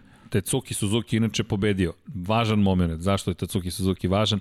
Na stazi u Herezu Marko Simoncelli je zabeležio prvu pobedu u svojoj karijeri. Tatsuki Suzuki vozi za Sić 58 ekipu i godinu ranije su imali dvostruku pobedu zahvaljujući Nikolu Antoneliju i Tatsuki Suzuki. Ovoga puta Suzuki je obradovao tim, a posle prve trke Paolo Simoncelli, otac Marka Simoncelli, koga smo tragično izgubili 2011. u Maleziji, je rekao mislim da treba manje da razmišlja Tatsuki u završnici trka, da isključi glavu i da vozi drugačije. I Tatsuki je rekao, rekao mi je Paolo da treba manje da razmišljam, ja sam isključio glavu i vozio i došao do pobede. Ne bukvalno, ali bio je baš agresivan. John McPhee se iskupio na poziciji 3 bio Celestino Vieti i Darren Binder dobro vožnje stigao do cilja ispred Gabriela Riga i opet Raula Fernandeza, to je zanimljivo, pojavljuje se ponovo Raul Fernandez u celoj priči, Jeremy Alcoba i tako dalje. Međutim, ono što takođe treba u, toj, u celoj priči napomenuti, Albert Arenas nije stigao do cilja, a i Ogura nije stigao do cilja. Dakle, to je iz perspektive šampionata veoma važno i spomenuo bih Jaume Masiju koji takođe nije stigao do cilja u toj trci, kasnije će to imati smisao. I da spomenemo Moto E, iako sam zaboravio prvu trku da spomenem, Dominik Egert je zabeležio pobedu, Novajlija inače ispred Jordija Torresa i Matije Kasadeja, Alex De Angelis, Nikolo Kanepa, Luka Stulović, njega volim da istaknem, poreklom je sa ovih prostora, šesto mesto, u prvoj trci, znači u Herezu, Moto E kategorije, smo imali pobedu Erika Granada, Mateo Ferrari, branilac titula bio drugi, Dominik Egirter u prvoj trci u karijeri, bio na poziciji broj 3, Moto E klasa koja je prosto isto se borila da dokaže legitimitet električni motocikli. Evo sad slušamo BMW izašao, Audi izašao iz Formule E, to su ozbiljni udarci. Ovdje je drugačija priča, Energica je jedini snabdevač i taj konzervat, konzervativni pristup Dorne bi mogao da se ispostavi da je na duge staze bolji, da su ili imali sreće ili bolje procenili situaciju, oni će nastaviti da razvijaju samo da napomenu za sledeću godinu motore. I ne samo motore, punjače, imaćemo po krug trk, u trci više, što je ozbiljan napredak, nove gume bi trebalo da stignu i Moto E izgleda da ima svetliju budućnost od Formule E koja je dobila ozbiljne udarce, ovo su baš ozbiljne udarci, ali Počela je i ta bila sezona, to verujem da, da vredi napomenuti. No, završene trke u Herezu. Prvi put u istoriji smo imali dve trke na istoj stazi u razpogonu od 7 dana. Videli smo da tu ima uspona padova. Bastianini, vrlo zanimljiva ta trka. Veoma jedna od važnijih njegovih trka u karijeri, na kraju bih rekao, ta u Herezu. I dođe smo mi deki u Brno. Ono što smo videli, još jedna je Maha došla do izražaja. Franco Morbidelli već u petak otključao tajne Yamahe, nismo baš znali kolika razlika u specifikacijama u tom momentu, ali delovao kao da bi mogao do svoje prve pobjede u karijeri. Na kraju, ja ću pročitati plasman trojice vodećih. Brad Binder na KTM-u 5,2 sekunde ispred Franka Morbidelli na Petronas Yamahi, Joan Zarko na Esponzorama Racing Ducatiju na poziciji broj 3, Alex Rins četvrti, Valentino Rossi peti, iako je to u tom momentu izgledalo kao loš plasman, da je vozio stalno i bio na petoj poziciji, na kraju bi osvojio, bio bi u borbi za titulu. Miguel Oliveira, Fabio Quartararo, pozicija broj 7, Takaki Nakagami 8, Jack Miller, koji je do tada sve dobro radio 9, Aleš Espargaro, Andrea Doviciozo, 11. Danilo Petrući, Kal Kračlu, Maverick Vinales, 14. Alex Marquez, 15. i iza njih Tito Rabat, Bradley Smith i Stefan Bradl. Do cilja nije stigao Paul Espargaro posle incidenta sa Joanom Zarkom, za koje kažem Zarko nezasluženo potpuno, dakle nema vozača koji je rekao o, o, o Zarko napravio grešku, vratio se na trkačku putanju Pola Espargaro, Mir zanimljivo nije završio trku i Iker Lekona i Iker Lekona zapravo izbacio Mira sa staze u pokušaju pretica. Pa Mir je generalno imao očajan početak sezone zaista. Ovo, ni, nismo ga nigde imali ni, ni u jednoj, ni jednoj priči, ni jednoj konstataciji. Ovaj, ovo je bila jednostavno Zarkova trka, to, to se videlo od, od, od početka, od kvalifikacija. Pol poziciju svoju. Pol poziciju, onda, onda ima je posle kaznu dugi krug koji odradio fenomenalno. Znači, on, ono je za, učbeni, ono je za učbenike kako trebaš da radiš, Nije, čekaj, si, da odrađuješ izvini, kaznu. Jesi u osnovnoj da. školi imao poligon za bicikle? Naravno, pa kako da ne, da, osmice, to, one i sve, da, da, da. to podsjetilo na poligon to, za da. bicikle. Da, da, da. Erceg, možeš ti da ostaneš u osmicima, da. a nema problema na bajsu, nikakav problem. Meni on izgledalo kao da čovek koji je seo na poligon koji je vozio milion puta i rekao, Samo polako. Ne, ne, ono je stvarno ovaj, jednostavno videlo se koliko mu to sve leži i koliko je u formi na, na toj stazi da ništa ne može da ga, da ga poremeti. Ovaj, Binder i, i, i ovaj, Morbidelli su onako Ja mislim kao, da je Morbidelli bio zbunjen. Znaš, kad je Bindera. situacija bilo, čekaj, dobijemo još neku dvojicu, ko su sad ovi, kako je ovo godina, šta nas sve čeka. Ali, čekaj. ali jednostavno, ono, Jack Miller, Quartararo su malo brzoplati bili tu. I Vinjales. I, ne, Vinjales je posebna priča vezana za onaj kiks izlaska, on nije vozio poslednji put, poslednji krug u kvalifikacijama. Su Promašili su za par sekundi. Kapiraš, znači tu, tu već kreće neka situacija koja ono, iz trke u trku je već ima neke kikseve. Nešto se dešava. Uh, zaboravili smo da je, da je promašio kočenje u Herezu. Jeste, u poslednjoj krivini. Ve, već imamo tri trke gde on u svakoj trci pravi, pravi neku grešku je opet nije on kriv, uvek je neko drugi kriv. A čekaj, šta ti je bio veći šok? Ajmo realno, šta ti je bio veći šok? To što Fabio Quartararo nije pobedio i što nije mogao ni do pobedničkog postolja i što nije na nivou kod njega čeka. Jer Quartararo ti gledaš 25-25 9 poena. Koja je razlika? Znaš kako, o, u odnosu na prethodnu trku, gde si na Markezu način izdominirao, ovo je bio veliki pad. Uzimaš Baš mi misli pad. iz glave. Baš veliki A pad. to je... Nije se vidio, ali, da. ali to sam htio ti kažem. Marquez tako ne vozi. Loša trka, bit ću treći. Mene su napali, ja sam već već tokom Red Bull trka na Red Bull ringu počeo da pričam da Quartararo očigledno nije baš taj kapacitet i tu je već glavina krenula, ali, pa ali, dobro, to, ali to Brno je pokazalo, jer ako si negde trebao ne da pobediš, da dođeš do podijuma, to je Brno bilo. To je, to je ta priča o velikim šampionima. Pritom, pritom a, a, ta trka nije mogla da se naslovi na priču da, da je njegova Yamaha bila u nekoj slaboj formi. Izvini, ko je bio na petoj poziciji? Da. 41-godišnji vozač. Pričamo konkretno o njegovom motociklu. Ne, ne, znači on u tom trenutku ima, ima motocikl koji funkcioniše savršeno. Ali da. ne, ne, o tom motoru da. pričam. Dakle, ako Morbidelija ističemo kao nekoga ko je na drugoj specifikaciji drugi, ko je na fabričkoj specifikaciji peti, izvini, da. u tom momentu Rossi, koji je bio na pobedničkom postoju trku ranije, je peti i to deluje kao pad forme, ali je on najbolje plasirani vozač fabričke specifikacije Mahe sa svojom 41 godinom. To je nedopustivo. Ako si ti nova nada Yamahe, ako si ti novi tom, Jedi... Rossi u tom trenutku veže dve dobre trke. Pazi, na kraju to za ovu sezonu ispade dobra trka. Znači i ti si to morao isto da uradiš. Tako je, ti osvoješ manje poena od jednog Valentina Rosija. To ne možeš sebi da dopustiš. To, pazi, to bizarno zvuči da, od jednog da, da Valentina da, Rosija. Da, da, da, Rossi da. koji je navodno u lošoj formi, koji je ali, ali za ta, starog ta vožđa, on te bolji od tebe. Ta konstatacija sledi posle te tvoje dve pobede, od kojih je jedna ono, nećemo da koristimo termin master, master class kao što smo koristili za neke smo, kasnije, ali... ali to je Marquez style. Jeste, to je potpuno dominacija. I, i ti onda dolaziš u Brno i... I sad, ko... šta ti je veći šok? Quartararo da. sedmi ili Brad Binder koji pobeđuje, ili Brad Binder koji ima 5 sekundi ne, prednosti na kraju. Ne, Brad Binder je šok, mislim, ne, ne, stvarno, on, ti, ti si ga ovaj, potencirao u nekoj priči, sve ali, to okej. Okay, ali, te, nisam ali, to da, očekivao. Da, on je mogo da pobedi u nekoj borbi, znaš, ne, neki, neki napon tipa Oliveira pobeda. Tako nešto, ali ovo, ovo je... Na, u Štajerskoj. Tako da, u Štajerskoj, da. Ovo je, ovo je nešto čisto, nešto ubedljivo, nešto onako baš moćno. Spektakularno. Da, da, Prva da, pobjeda da, u istoriji da. KTM-a. Pri tomu u istoj trci imaš e, situaciju gde, gde, gde Paul Espargaro postoje neki antiheroj zbog, zbog, te, zbog te cele situacije. Na istom Djeca će tom- sada me ubije. Ali, na istom ali tom kate.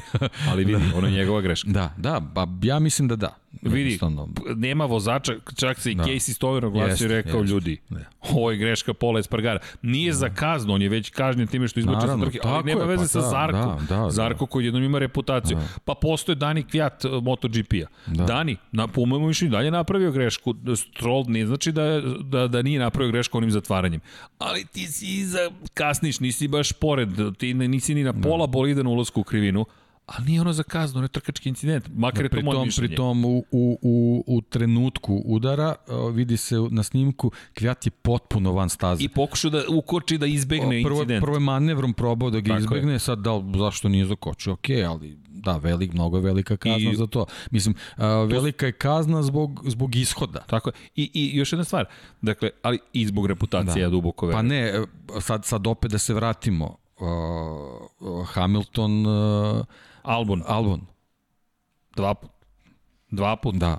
Dva put. Pri čemu ovo, i, i ako pogledaš kako je Stroll išao, išao je neprirodnom putanjom. Dakle, on zatvara teme krivine gde svi odlaze s polja. Da, da. Više ga jeđeš čelo Kažem, krivine u, nego u, teme. u, u, u, na snimku se vidi da je Kvijat potpuno van staze. Ali to ti je reputacija. Tako je. To je kad stekneš tako reputaciju tako tako opasnog vozača, kao što je Zarko stekao i dobio kaznu. Ali, da. završen na pobjedičkom postolju. Sad, šta je veći šok? Brad Binder, apsolutni šok. To je knockdown. Ja, ja sam ubeđen da se Franco Da, Morbidelli... ali pozitivni šok. To, Da, da, to, osim za Morbidelija. Da, da, da, mislim da, da, nije da. očekivao, čekaj, ja, Da. ja treba da pobedim, stani. Kako misliš da te uhvatim ako se stavnom krećeš? to, to otprilike ta. Da. Ali, on je, ali izgledao je impresivno Brad Binder i to je moment koji se pamti. KTM, koji je u Komšiluku u Austriji, u Češkoj beleži pobedu, u Češkoj republici i odlazi na svoj Red Bull Ne ring samo to, nego sad, pobednik. sad zamisli priču da, da, ovaj, da mi razmišljamo o tome kao čekaj, Petronas Yamaha treba da stigne do tri pobjede na početku sezone. E. Čekaj, ovo ne biva. I sad, kad pogledaš kako je tekla sezona, to, to je trebalo da bude potpuno okej. Okay. Opet misli, misli, Da, da, to je, da, da, uspostavili da. smo neuronsku mrežu ovde. Prva pobeda fabričkog tima te godine. Prva pobeda fabričkog tima, Kojeg? neki te, i to KTM-a. da. Dakle, prva pobeda fabričkog tima. A na trećem mestu ti je jedini privatnik u suštini, jedini koji plaća za prošlogodišnje motore i nikoga živ ne gleda. Niko se time ne bavi. Tim Pri tom je vozač kažnjen. dugim krugom. Da. Iako je krenuo s pol pozicije. Da, da. I inače pozdrav za, za, za dragog prijatelja Gorana. Goran koji me zvao i kaže Srki, Iblo, zlatom će da optoči Joana Zarka. Zašto? Iblo je platio preko porodice Rabat da Avintija angažuje Tita Rabata. I Blo nije očekivao tu reklamu. Verujem da sponzorski ugovor za, za, za Vintiju nije bio tako skup. Ti imaš čoveka na pol poziciji, još Francuza u francuskim medijama i tvoj brend i Blo stoji ovako na, kod jednog Zarka koji je, za, koji je u tom, koji pritom gleda motor koji je napustio kako pobeđuje. To je tek zanimljiva priča ali koji je rekao, ne, ne, neću više ovde, pa otišao, pa, te, pa je bio malo u Yamahi, u Hondi, prostite, kod Lučiće Kinela, menjao Takaki Nagami i onda završio je sponzorami, koja dobija odjednom ovoliko sponzorstvo i čoveka na pobedničkom postolju u trećoj trci sezone. Pri čemu, još jedna bitna napomena, tada već znamo da je ozbiljno s Markezom, Markeza i dalje nema na stazi. Čak ni to nije dovoljno Petronasu i Kvartararu da nešto učine, što je isto veliko pitanje. Da li si ti počeo da se plašiš uspeha? Tako je. Da li si počeo da se plašiš uspeha? Jer ti si jednom sedmi, ali okej. Okay. Da kažemo to je kiks. Takve stvari se dešavaju. Kiksnu si, desi se, nov si u ovoj Da, situaciji. Kickson si, ali si uzeo neke bodove. Nešto To si učinio. Da, zamisli sad svaki sledeći put kad je Kickson da je uzeo bodove. Pa vidi, na kraju se izdešavalo nešto, nešto slično tome. Da. Morat ću da uključim računar na struju, čisto da znate, sad ako čujete buku, svi oni koji slušaju, da znaju šta se događa, a Dom Pablo i e, Vanja planiraju da ugase struju. Deki pokazuju mi Aha. prstom da, da će uskoro da nas preseku. Kaže, vreme vam je, obećali ste dva i po sata, Dobro. ali vidi, a, mi prosto loše računamo vreme, za dva i po sata zavisi gde. Va, va, najbolje Vanja što je promenio kadar da se ne bi videlo kako vadim svu opremu. Deki, morat ćeš ti sada da pričaš da bi uh, ispoštovao Vanjin kadar. Da, aha, ja sam to dobro, možeš. Pa ništa, nema šta, ovaj, uh, ono što, što smo zaključili, uh, što, to je što smo, što smo tad nadali se uh, da ćemo u Brnu dobiti ovaj Marka Markeza, eto, nažalost, ispostavilo se da, da je to mnogo, mnogo komplikovanija situacija nego, nego što zaista jeste i onda ono, ono što sledi je, je bio, bio ovaj, taj Red Bull ring koji nam je doneo neke nove nove zaplete i neke, neke situacije koje pre svega nismo očekivali e, vezano za Udesa. Onda smo dobili uh, tu neku priču vezano, vezano za nove pobednike, neke koje smo očekivali, neke koje nismo. Uh, ali pre svega je uh, ono što smo dobili kao, kao pobednike, one koje smo dobili kao pobednike su vozači koji u, u, u nekim, na nekim početcima tih trka jednostavno nisu trebali da budu. Jer smo Imamo imali dve, dve jako, da, jako, jako ovaj, nezgodne situacije ovaj, i onda se, onda se tu vidi da već, već smo na tom, na tom ovaj, Red Bull ringu ja, ja to gledam kao, kao obe trke u stvari shvatili da smo dobili jednu sezonu koja nikako neće teći onako kako je bilo ko zamisli. Znaš kako bih ja opisao te trke? Trke za 2020. Dakle, ono je strava i užas. Mi smo gledali horor, mi smo dobili dva horora u dva najveća prvenstva sveta koje imamo na dva ili četiri točka ove godine. Mi smo dobili horor uživo. Pa dobro, da, sad imamo i Bahrein, ovaj, imamo ozbiljna, ovaj ozbiljna, Bahrein. ozbiljna je konkurencija. Ne, ne, ovo, ovo prošlo, a ova brža sad ne znam i toga se pribroja, mislim, posle svega ovoga... Znaš zašto mi je veći horor Roman Grožan? Zato što je to trajalo. Da. Kod Rosija i Vinjale, sezone koji su zaboravili, ono, ono proletanje, kao u nekoj lošoj igrici gde ti između dva e, sečiva moraš da prođeš dovoljno brzo. Da, da ti si u mili, milisekundi imao stravu i užac i u sledećoj milisekundi ti je bilo jasno da je sve okej. Okay. Da. To je, to, to je, je ta ovo. razlika, da, da. Toliko da, je trajalo. Da. Ali recimo Bastianini i ona cela situacija... Hafiz Šarin. Hafiz Šarin, to je trajalo. Leti. To je trajalo. To je, to je baš to je trajalo.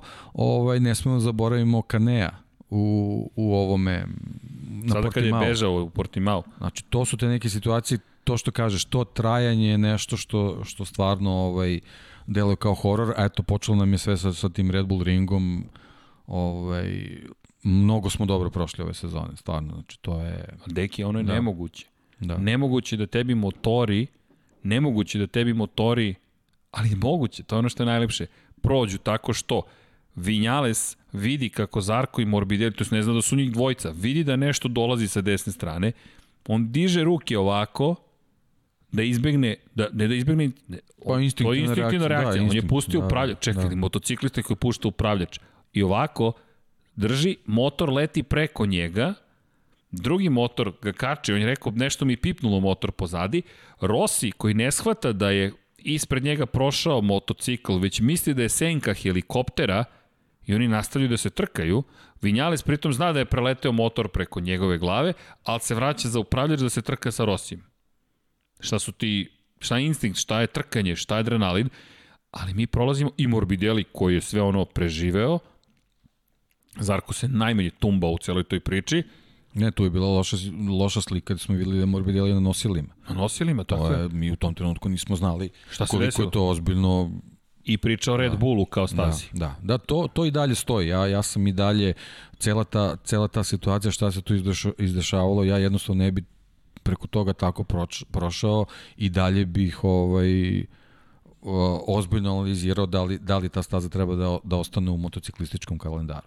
Automobilske trke su nešto sasvim drugo, ali i, i, i imali smo tu ovaj ne, ne, neke incidente, sve, ali generalno su trke jako zanimljive i moto trke su zanimljive, ali jednostavno ta krivina je nekako suviše opasna za motocikl. Jednostavno, to je to. Je to. Imali smo stvari i, i u prvoj krivini i u ovoj, kako god se ona sad zvala, ne znam, treća ili već koji je, koji je broj namenjen, ovaj, znači te dve, te dve krivine, prva pre svega zbog preglednosti, jer motocikli lako, la, lako se dešava high side tu i, i stvarno je nezgodno, a ova krivina jednostavno zbog tog ugla kako se staza nastavlja, tog, tog, tog zida koji je preblizu velike brzine na, na, na tačke kočenja, ja ne znam, to zaista bi trebalo da se da se zanalizira da li, da li takav Red Bull treba da ostane, Red Bull Ring treba da ostane u kalendaru. to je opet tema i kada je reč o vlasniku... Ne, te... Jednostavno ne bih tek tako prešao preko toga. Eto, to je to. Je to. Kada pričamo o kada pričamo o Red Bull ringu, moramo da istaknemo i to. Uticaj, dakle, Red Bulla kao kompanija je ogroman i to je sad opet priča koju mi nećemo izbegavati, daleko to mi, ono što volim kod Red Bulla je ogromna podrška koju daje automotosportu. Apsolutno, to, to nije sporno. Stvar, to, ali isto a, tako, ovo, ovo sve nema nikakve veze sa Red Bullom kao kompanijom. Je, ali... Već sa time da ta staza koju tako su je. preuzeli tako ima je. u sebi po prirodi stvari neke opasne delove. Ali to je moguće rešiti. Tako Možeš da promeniš stazu dovoljno da joj ne uništiš karakter, problematične, veoma je kratka, izuzetno brzo, mnogi iz ovu četiri piste spojene u krug. Dakle, da. tako je nazivaju prosto. I, i, i me, moram ti predstaviti, mi sad pada na pamet, moguće da su onu krivinu broj 2 počeli da broje da bi delovalo da ima više krivina u levo. Jer ti kada pogledaš, mi imamo dve krivine suštinski u levo, imamo i to krivinu broj 2 da si desio incident, ali ti od svih tih 10 zvaničnih krivina imaš dve krivine u levo, tamo gde izleteo Alex Rins. Međutim, kada pričamo o, o Red Bull ringu, dakle, s izuzetkom tog, te, te strave užasa koji smo, koji smo, kojim smo prisustvovali, jeste činjenica da smo videli da, dva zaustavljanja, dve crvene zastave, dve ozbiljne promene poredka i opet ozbiljne probleme za Yamahu.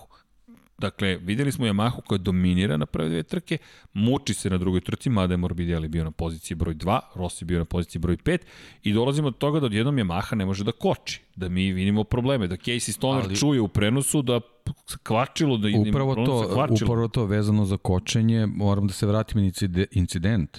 Opet je Zarko apsolutno okrivljen za, za incident, ali sa saznanjima kasnijim da je Yamaha imala problem s kočenjem, treba uzeti u obzir da, da se u tom incidentu da je drugi motocikl bio Yamaha.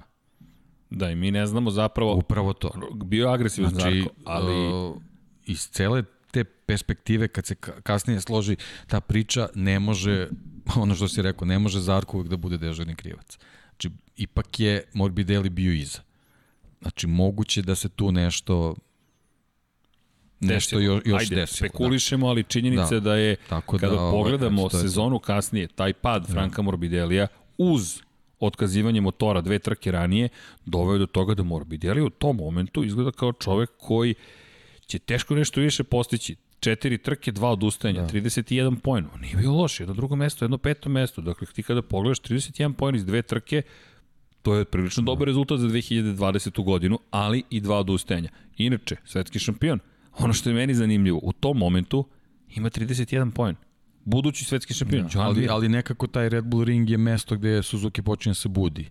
I, ne da se budi, ali jednostavno sve pre toga su bili neki pehovi, ali nekako im kreće. Ali od tog momenta da, da. nije izgostao bez bodova sve do poslednje trke. Nijednom da. više Joan Mir. I to je prvo plasma na pobedničko postolje. Pole Spargaro deluje kao čovek koji je trebalo da pobedi. Pri tom, izvini, u nekim najavama a, nismo ih na toj stazi etiketirali kao neke uh, ne, Suzuki neki ne. brend koji je kao favorit Suzuki ne. na Red Bull ringu. A, a to pokazalo a, se da, da i tu mogao da uradi A u borbi stvari. za poziciju broj 1 u toj drugoj trci, ne zaboravimo, Pole Spargaro dominirao prvom trkom. Da, nije bio primeren njegov njegova to stoji, to smo, da, ali, da, ne moramo da se vraćamo na to, to smo izanalizirali, tako je. Smatram da niko tu nije loš, prosto to Naravno, su, to su to je, ali to što kažeš adrenalin tu, tu proradi, proradi. Da, teško Lakše kontrolisati sve ovde to, da. komentarisati nego tako biti je. tamo. Na motoru konkretno. Pozicija broj 2, međutim za mir. Pobednik Andreja Doviciozo Pazi, to je pobeda Andreja Doviciozo u momentu kada onako mu je kako potrebna. Onako kako je trebalo da teče sve. Tako je, 16 poena, pa 10 poena, pa 5 poena, pa 25 da. poena i odjednom je... Ne briljantno, ali, ali zadovoljavajući. I imaš odjednom jednu vrlo zanimljivu situaciju. Ti kada se vratiš u Austriju, ti gledaš i kažeš, čekaj malo, u posle ove trke broj 2, mi sad imamo pobedu KTM-a, pobedu Ducatija, dve pobede Yamahe, pri čemu koga opet nije bilo u samom vrhu? Nije bilo Fabio Quartarara. Sada već drugu trku za redom Fabio Quartararo je u problemima. I od čoveka koji dominira smo došli do toga da ima 67 bodova, Andrea Dovizioso 11 poena manje, Maverick Vinales ima 19 manje, 26 Brad Binder, Valentino Rossi peti, u tom momentu 29 poena za ostatka. Rossi koji je peti prošao kroz cilj na Yamahi. Inače, u Austriji, u drugoj trci Austriji, Doviciozo, kao što smo rekli prvi, Mir je drugi, inače Mir je u tom momentu na poziciji broj 9. Da, samo da kažemo, druga trka, ono, onaj, sprint. Neverovatan udes prvo Vinjalesa. E, kada pre, to, je, da. to je druga trka. Da, da, da, druga, Šta, druga. Da. Za Štajersku da, da, da, da, da, da. Još, samo, samo još sam da. na Austriji, samo da to da. konstatujemo. Dakle, kada govorimo o, o plasmanima, Takaki Nakagami šesti, sada već Takaki Nakagami sve češće u tom samom vrhu i sve nekako, šta god da se desi, on uspeo da dođe do poena i meni ono što je bilo fascinantno, Brad Binder je bio četvrti u toj drugoj trci. I delovalo je da bi mogla biti sezona koju sam ja najavio, pogrešio sam, da će Brad Binder, iako tvrdim da će on biti prvi šampion KTM-a, da, da će Brad Binder zapravo na kraju ove godine osvojiti titul, ali to se nije desilo. Dobro, ali generalno tu je već bila najava, ono što smo, što smo mi pričali pre, pre ovaj trke, da, da te dve trke na Red Bull ringu jednostavno bi mogle da budu KTM-ove trke, zato što smo negde pretpostavili da su se ozbiljno pripremili za svoju trku. Tako, jel, jel to je da. nešto da. gde ti je 50 bodova bilo u igri. Oni u tom trenutku nisu ni, ni, ni ovaj, pucali na, na neke, neke veće ambicije. Bilo im je bitno da pobede. A gde ti najviše testiraš? Da na Red Bull Ring. Tako je, Dani pritom, pritom tamo... stižeš, stižeš sa već pobedom. Poznaje svako drvo. Tako ja je. mislim na Red Bull ma, Ringu, da, ma ne, to, to smo, to smo ono, absolvirali jednostavno. Bilo je sigurno da će to da se desi. I se sećaš svoje izjave iz tog perioda? Ja se sećam i citirao sam te često, često, često, često izjava je bila ne Juri Andreja Dovicioza titulu, titula Juri Andreju Dovicioza. U tom momentu to nismo videli još, mada tu je, tu, je, tu je dobio pozivnicu, ali očigledno ga nije, nije ga ovaj dotakla. Ali velika specijalno. nagrada Štajerske da. to pokazala. Da. Na velikoj nagradi Štajerske peti prošao kroz cilj. Izvini, samo, samo u tom trenutku ovaj vezano za, za njegovu pobedu ponovo moramo da se setimo Stonera koji tom isto intervju rekao da, da on jednostavno smatra da, da, da je bilo nedopustivo da Doviciozu u ovoj sezoni nema toliku da nema nikakvu podršku Ducatija. Dobro. Ako neko ko je to ako vozio, neko to zna. Tako, i ako neko to zna, to, to je on. Casey Stoner. Tako da, pa da, Ducati a, njega nije podržao. Sve to, sve to što je vezano za, za eto, i tu neku moju konstataciju da jednostavno da je on čovjek koji, koji neće grabiti da stigne do titula, on možda jednostavno nije imao mogućnost ali, da to uradi. Pa da, ali, ali da. mislim da je to kombinacija. To je kao... Kombinacija je sigurno. Ti, to, to je da. tandem, vi ste da, par, da, vi da. radite zajedno. Dakle, da. poenta jeste da vi zajedno morate da nastupite. Vi zajedno morate da budete ti koji uspevaju ili propadaju, ali onda zajedno se držite. Međutim, u tom momentu, svratimo se samo na trenutak na Andreju Dovicioza i tu pobedu. Andreja u petak pre podne, toga se vrlo dobro sećam. Trening je nezvanični trening, izlazi Kairon Dornin na globalnoj televiziji, dakle globalni feed takozvani, signal, Ducati je saopštio da će po završetku ovoga trkačkog vikenda izjaviti, dati saopštenje, to je izjavio da će dati saopštenje ko će voziti za njega naredne godine. Dovicioza ovako sedi i počinje da, i nasmeje se i pogleda ka svom menadžeru i kao, ok, sutra stiže saopštenje za javnost, Andrea Doviciozo neće voziti za Ducati dve, u 2021. godini koliko je to jasna poruka. Mi smo u prenosu na sport klubu rekli, ovo je udarac na Andreju Dovicioza. Dakle, ili Ducati ne zna šta radi, ili, ili, ili je ovo namerno, mi ćemo ti pokazati se mi pitamo i Dovi je rekao važi. Vi se pitate, pazi sad tu, to je možda i ishitrena, možda to je emotivna reakcija. E, neće. Pa ti čim si uveo tu devizu, tu taj emociju u svetsko prvenstvo, ti si da. se vratio na neki... Posebno ako bilo neočekivano, znaš, sediš, sediš u garaži, pripremaš se za trening. Za trening. Poenta u nekoj koncentraciji, razgovoru sa članovima ekipe i što ti kažeš, ti gledaš nekom ekranu koji ne pripada tvom timu. To je globalni ekran, svi to vide. Pa, deki, to je meni... I onda ti saznaješ nešto što ne znaš, a vezano je za tebe. Pa to je kup takmičenja osnovne škole, dakle u da. dvorištu se to ne radi. E, izlazi saopštenje, trener je rekao ili nastavnik je rekao da će se desiti ovo. Čemu vi pričate? Mi smo ovde na Red Bull ringu, ovo je svetsko prvenstvo u motociklizmu i VMV saopštavate preko javnih sredstava informisanja da, da ćete mi reći da li sam vozim za vas ili ne za, dve, za dva dana. Tri. Da. E pa neće moći. Pazi, ti si sad se svelo se na e neće moći, oći moći. Najgore svega što se iz ove perspektive vidi da je ta pobeda u stvari bila kraj njegove šampionskih Ali, ambicija. Ne samo On to. je pobedom se oprostio Čekaj, titule. Uh, da li, bu, do, Vanja, zapiši time kod, on se pobedom oprostio šampionske titule, ovo su Dekijeve one izjave. Nažalost, to je to. Da. Kako ćemo da ih potpišemo? Deki izmi Hashtag dekizmi. Ali zaista jesu. Da, titula Juri Dovija i, i pobedom se oprostio titule. Ali to jeste taj moment. I mislim da je zaista... Pogledajte koliko mi imamo emotivnih i nevjerovatnih trka. KTM koji stavili istorijsku pobedu u Brnu, Doviciozo i, i, i Ducati se opraštaju jednih od drugih na poprištu. Vanja, ti si genije i car. Izvuci, molim te, onaj moment znaš na koji mislim. Pazi, čitamo si misli jedan drugome. Dakle, kada je reč o, o Doviciozu, jednoj od njegovih najvećih pobeda, treba da se vratimo i ne zamerite, trajeće Dom Pablo, spremi tamo za spavanje, ne znam šta god da vam treba da odmorite i Vanja i ti, ali ovo će još malo da potre, suviše istoriju Moto Grand Prix i ne znam za vas, ali ja ovo suviše volim, deki, izvini, ako si planirao nešto drugo, ne, ne. to je to. Je to. Dakle, da, da mi odemo da spavamo iz sna, da, da, da radimo. Ne, ali zapravo sam se tek sad setio, vidi, Prošla je, prošla je nedelja bez trke, pa to, to, ne, to ne može to tako. Dakle, o čemu pričamo? Andrea Doviciozo, ako negde je ostavio znak, trag iza sebe, onda je to Red Bull Ring. I ne mogu, ja se zaista izvinjam, ako, ako ste očekivali da će ovo trajati kratko, ja ne mogu, deki, mislim da delimo tu emociju. Ljudi, ovo je Moto Grand Prix. Ne mogu da idem samo po spisku i pričam bla, bla, bla, bla, bla, bla, bla.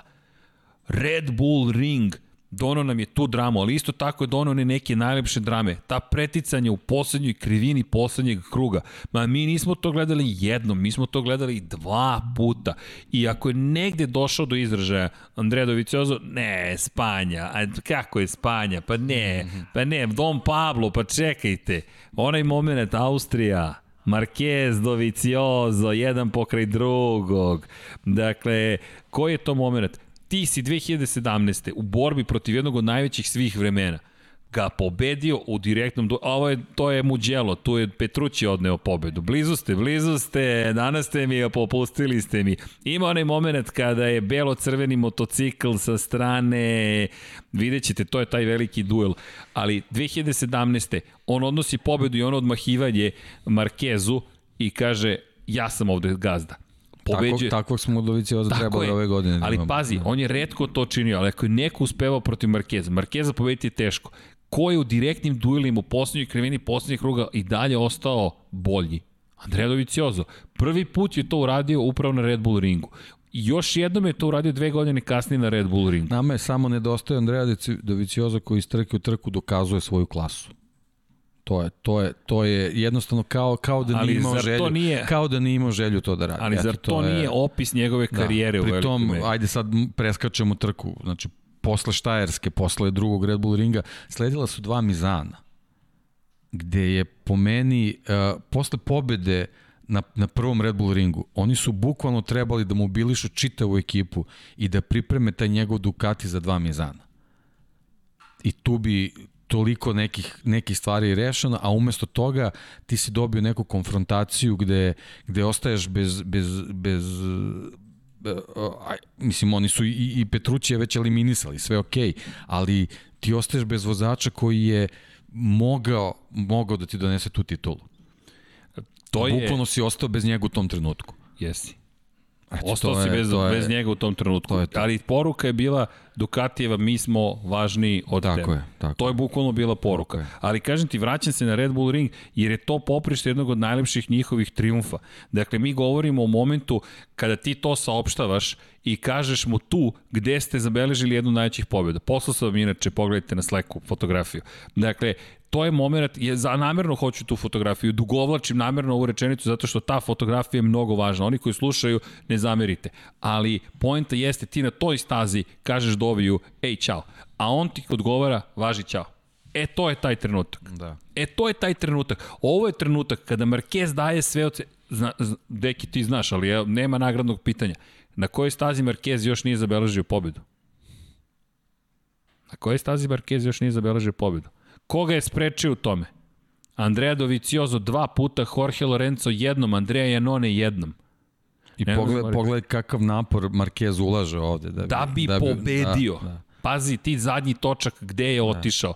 Marquez, pa zadnji, prednji, pred... njegov lakat. Gde, Sve pogledaj, pogledaj položaj glave gde je, znači jednostavno je potpuni ono, A, a pogled s druge strane Dovicioza. Pri čemu- Kakva lakoća pokret. Kako, da, elegancija u tom Elegancija, pokretu. da. Dakle, imaš, imaš jednu agresiju i opet ta priča o fotografijama, ali kako je Marquez došao do ove pozicije? Nije bio iza Dovicioza, on je prešao ispred broja 0.4 da bi se našao sa ove strane. Doviciozo je samo dovoljno pustio gas da pusti Markeza da ode ovamo i kada je dodao gas, odmahnuo i rekao šta god da je hteo time da kaže. I onda zabeležio jednu od najlepših pobjeda u svojoj karijeri, koja se i dan danas pamti, a rekao je za onu koju dve godine kasnije postigao na tom istom mestu, na istovetan način, manje više, da je njegova najbolja pobjeda ikada. I na tom mestu ti mu daš poruku, ne preuveličavam. I onda Dovi dođe i odveze svoj kalkulator trku. Rr, tr, tr, jedna po jedna, jedna po jedna, jedna po jedna, jedna po jedna. I pusti opet Rinsa u šestoj i sedmoj. Ok, idi, idi svojim putem i Rins spakuje prednji točak i izleti sa staze. I Dovicioz ostane na poziciji broj 1. I mi smo završili četvrtu trku sezone što se tiče Moto Grand Prix. Ali mnogo se dešavalo. Ljudi, u svakoj od tih trca, trka mi smo imali priču koja ima mnogo veću zapravo mnogo veću sliku u sebi. Ne, kol- koliko god je bilo nekih najava trka, uvek smo o, o, imali neko bojazan kao da ova sledeća što sledi verovatno će biti kao klasična Moto Grand Prix trka, neko će se izdvojiti. Ne.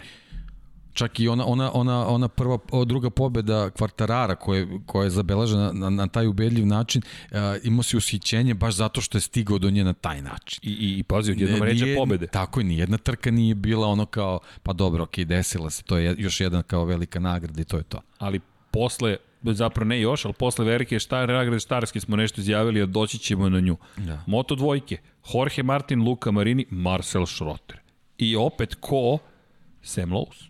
Sam Lowe's koji ne odustaje čovek, tu je, konstantno je tu. I u tom momentu, ne zaboravimo, Bastianini imao incident, Hafiz Šarin odleteo 50 metara, čovjek, čovjek je leteo 50 metara i naravno podigao se već za 7 dana, a idem Da, ja da vozim. pretpostavljam da, je- da je taj udes, ovaj, vidim da neko spomenja ove panele koje će se uvesti i u Moto Grand Prix vezane za oznake. To je, To je prava stvar. To je prava stvar i, i to je ono što, što, što sam rekao, znači taj Red Bull ring mora još, a, još da donese neke stvari vezano za po- poboljšanje bezbednosti. Tad smo isto pričali, to je neka, ne, neka moja, moja davna ideja, a, jednostavno a, imali smo sad je bio dan volontera pa je predstavljano ovaj, predstavljena FIA kroz, kroz razne akcije i pozdrave njima i tako dalje. Volonteri da, ali uh, šampionati uh, kao što su uh, Dornirni šampionati i Superbike i Moto Grand Prix i Formula 1 uh, pričali smo o, o show biznisu i o milijardama koji su to vrte. Oni jednostavno moraju uh, da imaju uh, vezano i za, i za te uh, redarske i sudijske službe moraju da imaju profesionalnu ekipu koja će ići od staze do staze. Ne može sve da se prepusti uh, volonterima da u takvim kriznim situacijama oni rešavaju ovaj probleme koji se dešavaju na stazi.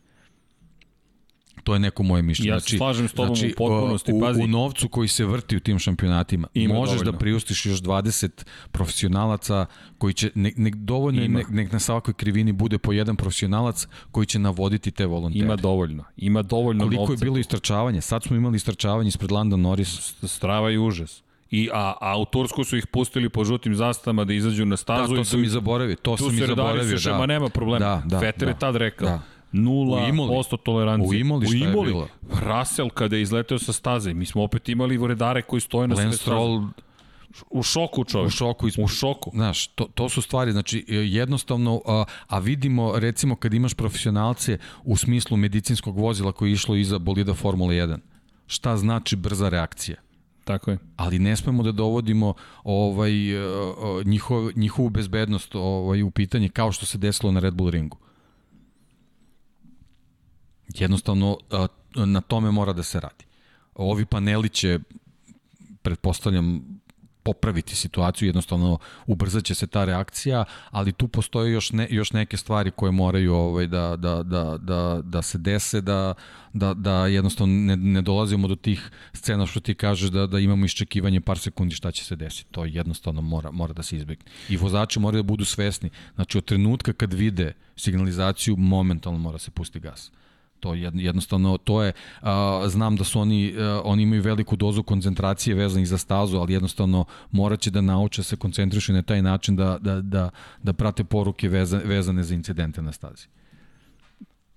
Nemam šta da dodam. Vidi, mora da se profesionalizuje od početka do kraja. Mi ovde govorimo o ljudskim životima. Znači jedina, jedina, jedina ovaj, jedini segment uh, ko, uh, koji je vezan za ovaj uh, za, za, za te vrhunske automoto trke, a, a da nije profesionalizovan su, su redari Kristaze. Što je dosta čudno naravno, u 2020. godini. Teško je da svi budu, ali jednostavno svaki, svaki segment dovoljno da ima jednog profesionalca i, i već, već se vidi neki napredak. Eto, to je to. Znaš, kao što znači, rekao, u, u, to, u tolikom novca nemam, koji se vrti, mislim da toliko mogu da. Nemam šta da dodam. Dakle, naš stav je vrlo jasan. Život, ljudski život je najvredniji. Tako je, tako Sve je. ostalo je minorno kada, kada pogledam. A svaka, svaki incident pokazuje kad je profesionalac uključen koliko se sve brzo reši. A, ima još jedna tu stvar. Nažalost, tek kada se desi incident se setimo tih stvari. Da. Ja ne bih da se to desi. Sad ovo sa Grožanom je prošlo mnogo dobro, pa i ovo sa Rosim i Vinjalesom je prošlo dobro, sa Išarinom je prošlo dobro, pa i konačno Aron Kane uteče čovek ispred motocikala, ali podsjetnik na ovoj odvratnoj godini, groznoj godini, da ok, imali smo i sreće u situacijama, da možemo da učinimo samo malo, što ti kažeš, da nam bude mnogo bolje. Svaki incident čini da se za neki stepen situacije popravi za kasnije. Eto, samim tim to uvođenje, uvođenje Oreola koliko je, koliko je života tu spaslo. I, i sad, je... sad, da vratimo unazad šta se sve dešavalo, koga bismo i dalje imali da, da, da je ranije bio taj Oreal. Ali to je, nažalost, opet ta priča. Kada se desi to. stvari, neki stvari tako naučimo. Je, Čuveni, je. ako se ne varam, Comet, avion britanski, je naučio avionsku industriju, nažalost, mnogi ljudi su izgubili život, da zapravo kada se kada se kada se pravi praktično avion, da vi ne možete da, da, da, da, da, da, da, da, da zakucate klinove tako što ih, to, za to radite sa, sa spoljne strane. Vi morate iznutra to da učinite s obzirom na činjenicu da je zapravo pod pritiskom cela unutrašnjost aviona i da oni moraju zapravo da se rašire, a ne da ih sa spoljne strane ukucaš i onda kad se rašire to će sve da poizleće napolje. Ne, ne, ukucaš sa unutrašnje strane da, da im daš još veću silinu da. kada, kada, kada se popneš i kada postoji ogromna razlika u pritisku pod pritisak sa spoljne strane. Pa nažalost ta, ta avionska industrija pokazala svaki udes služi da, ovaj, Tragično, da se ali neko istim. nauči za kasnije i naravno tu se posteže taj napred. Ali vidi, mi smo imali da. sreće, mi smo izbegli najgori ishod, tako da ajmo da to da iskoristimo. Tako ali ajmo i da završimo veliku da. nagradu da, Austrije. Da, Don da, Pablo me gleda. Da. Dakle, da. laser eyes. Ali, poenta je da, da, da, da smo se izvukli, Imali smo grozan incident, Pola Espargaro pobegla mu je potencijalno velika, važna pobeda, na kraju će se ispostaviti da nije više imao takvu šansu da zabeleži pobedu za KTM, ostao još uvek bez pobede, iako je rekao, dakle, ako sam mogao da uspem sa KTM-om, mogu i sa Hondom. U Moto2 kategoriji, rekao smo, situacija dosta dramatična za budućeg šampiona sveta, uticala na njega i na sledećoj trci. Ne, ne samo na sledećoj, nego on, je, on tri trke, on, trka. bukvalno, on, on do drugog mizana praktično nije bio ovaj, Do šampionske Kako vožnje, slobodno da, možemo da, da, da, do šampionske vožnje, Ono što bravo, si ti rekao, bravo, do da, šampion, da, to je, da. to citiram tebe. Da. Schroter, vrlo lepo za Liqui Moly Intact Grand Prix i Moto Trojke, Albert Arenas koji se vratio ispred Masije i Johna McPhee i rekao ja sam šampion ove godine, Ajo Gura to ispratio sa Ćelestinom Vijetim u toj borbi, nije došao do pomoćnog postolja, Ajo Gura, ali opet vredni poeni da. i Derin Binder, to je bilo interesantno, nastavio da vozi dobro, Toni Arbolino opet gore, dole, gore, dole. I zanimljivo za mene, Raul Fernandez koji završava sve trke i na poziciji broj 9. Ništa, Moto ta pobeda, ta pobeda se ispostavila vezano za Renasa, tri pobede u sezoni su mu bile dovoljne za titul poslednja njegova pobjeda da, u ovoj da, godini. Da. Držimo mnogo, palčevo mnogo, mnogo je davno bilo, da, ovaj, tako da nije, nije on baš tako lako došao do, do, do te titule, ovaj, ali eto, ovaj, ispostavi se da ono, tri pobjede puta 25 bodova, to je već neka zaliha sa kojom možeš da balansiraš kasnije. I dođe smo mi do velike nagrade Štajerske, to jest ostado smo mi u Štajerskoj, ostali smo mi u Špilbergu, dođe smo mi do velike nagrade Štajerske, Miguel Oliveira pobedio, čekaj, čekaj, čekaj, ne, ne, da se vratimo nas Miguel Oliveira je pobedio. Za teh 3 KT, moramo odatle da krenem. Finish, finish, sve ok. Miguel Oliveira je pobedio. Prvi Portugalac u istoriji koji beleži pobedu u Moto Grand Prix kategoriji i prva pobeda u istoriji za teh 3 ekipu koja 20 godina pokušava to da postigne. I sad tu opet pre, imamo pre priču. trke smo pričali, da, znači KTM, oni su favoriti, moraju nešto da urade, posebno zato što je Binder pobedio u Brnu, ali svi smo verovatno tipovali ono Binder Espargaro. To je to. To je to. Kaj, tek tri, pa kao dobro, bit će tu negde u vrhu. Miguel Oliveira, da ponovim, ali, je pobedio. Da. Ali, Uzdržano, pametno, disciplinovano, vidi, da. Šta je da. meni tu fenomenalno u celoj priči? Kažem, svaka trka imala svoju priču, svaka uvijek ima priču, ali ovo su neke veličanstvene istorijske priče. Teh 3 tim je tim koji je ušao u 250 kubika, francuski tim sa Yamahom, Olivijom Žakom, francuzom i jednim Japancem. Dakle, Japanci i Francuzi se našli, imate Japanca i Francuza. E sad, što je Olivier Žak svetski šampion postao, a Shinja Nakano bio vice šampion sa samo 5 pojena za ostatka u odnosu na Olivija Žaka i što je pobjeda u Australiji na poslednjoj trci sezone tonela Olivija Žaku u titulu je nešto što se pamti u analima ovog sporta.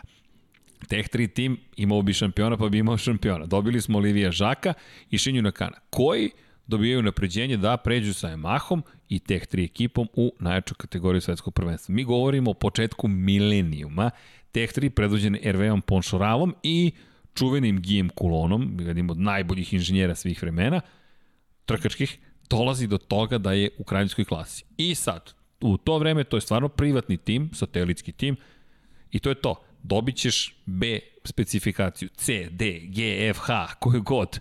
Nećeš dobiti fabričku ili A specifikaciju, što će se kasnije ispostaviti ključnim za ovu pobedu. Godinama je Tech 3 tim radio neverovatne stvari. Testirao Dunlopove gume, bio za uvođenje novih vozača tim, to, pogotovo u periodu kada je James Towsland stigao. Dakle, to je tim, Karl Kračlo je stigao kroz Tech 3. Oživjeli su karijeru Andreja Dovicioza, imali su nevjerojatne vozače. Imali su drugačije ugibljenje odnosno na fabričke Jeste. ekipe sa istim motorima. Svašta imali je bilo drugačije. Tako je. Pa da. Svašta je bilo drugačije i trebalo je to sve hendlovati u tim trenucima. I ti si to radio. Da. I radio, i radio. I onda je počeo da se menja Moto Grand Prix. Druga decenija, to je druga polovina prethodne decenije, stvari se menjaju, polako Ducati u otvorenoj kategoriji daje svoj softver, daje podršku Pramaku, daje neke motocikle koji su moćniji, pa jedan fabrički više, odjednom imamo tri fabrička Ducatija, pa onda gledaš ljubomorno ka tamo, pa kažeš čekaj, nama malo nedostaje, Zarko nam je osvajao pol pozicije, ali bio treći, drugi u trci, Andredović Jozo bio treći, drugi u trci, Karl Kračo je bio na pobedničkom postoju, ali nemamo pobedu, Pole Spargaro je bio tu uvek negde u igri, nije došao do te pobede, kada ćemo mi da pobedimo? Dođe ekipa iz Mattenhofena i kaže, dobar dan, mi smo KTM mi ćemo vam dati dva fabrička motocikla, ali da budete naš satelitski tim. Stvarno? Da. I to je bio deal breaker. To jest, to je bio moment kada je RV Ponšaral posle 20 godina... Da, verovatno je shvatio da, da ne postoji mogućnost igre sa Petronasom koji Do, postaje Yamahin. Ali to se čak nije ni znalo da, u tom da, trenutku. Da, da, da. Dakle, pa, Petronas... Da, nismo mi znali. ali, ali mogo je, je da se nasluti. On, pričali smo o njemu, suviše ozbiljan menadžer. Da, Pazi, on je da, organizovao da. aplauz Carmelo Espeleti. Da, da, da, suviše ozbiljan menadžer, da, da bi pretpostavili, znaš, da neke stvari unapred nije znao da bi se odlučio za nekog. Jel, znaš, ulaziš u KTM priču, to što su dva fabrička motocikla u tom trenutku ne znači ništa. Vidi, oni ali su, oni su, oni ali su fabrički po reputaciji, ali e, njih treba dovesti u neki tempo, ali, ali, ali on je znao ali, kako ekipa radi. Ali čekaj, to su ljudi, ja. Matik Hofen, malo sam sam rekao malo pre, Matik, Matik Hofen, to je mesto u kojem postoji ta jedna mala fabrika koja se zove KTM. Dakle, to je kompanija koja se bavi proizvodnjom pobedničkih trkačkih motocikala. Njima je trkanje, mi to stalno ponavljamo, bukvalno u krvi. To, to nije, pri čemu mi Mi ne govorimo o, o, o bilo kome. To je KTM. Oni su izdominirali svim prvenstvima kojima su, s kojih su se dohvatili i stalno smo ponavljali, ljudi, nije pitanje da li, pitanje je kada. Kada će ova kompanija doći do pobede. I mislim da se tu RV Ponšaral kladio. Mislim da nije očekivao ovo, nije očekivao u drugoj godini saradnje pobedu, ali lepo si rekao na početku, da li postoje satelitski timovi? Da li da, postoje? Da. Pazi, ovo je fabrički motocikl. Zašto je Oliveira to, ostao? Ne, ne samo to, nego tek 3 nije neko kod juče tu. Nije. Nije. To je ekipa koja... Koliko koja... ti donosiš znanja? Ajmo ovako, to smo možda Pri tom koji su vozači tu vozili, nije to tako ma, Hvala ti. mala stvar. Hvala ti. Je? Podsjetio si me na šta? Na to da zapravo nisam ni jednom ove godine rekao koliko podataka je Tech 3 tim doneo tom istom KTM-u i rekao ovo je ono što mi znamo o Yamahi. Nije to Pazi, slučajno i izbor. Znači, aha, njih Yamaha možda neće hteti. Šta mi njima možemo da ponudimo, šta do sad nisu imali? Pa nisu Tako je. imali fabrički motocikl.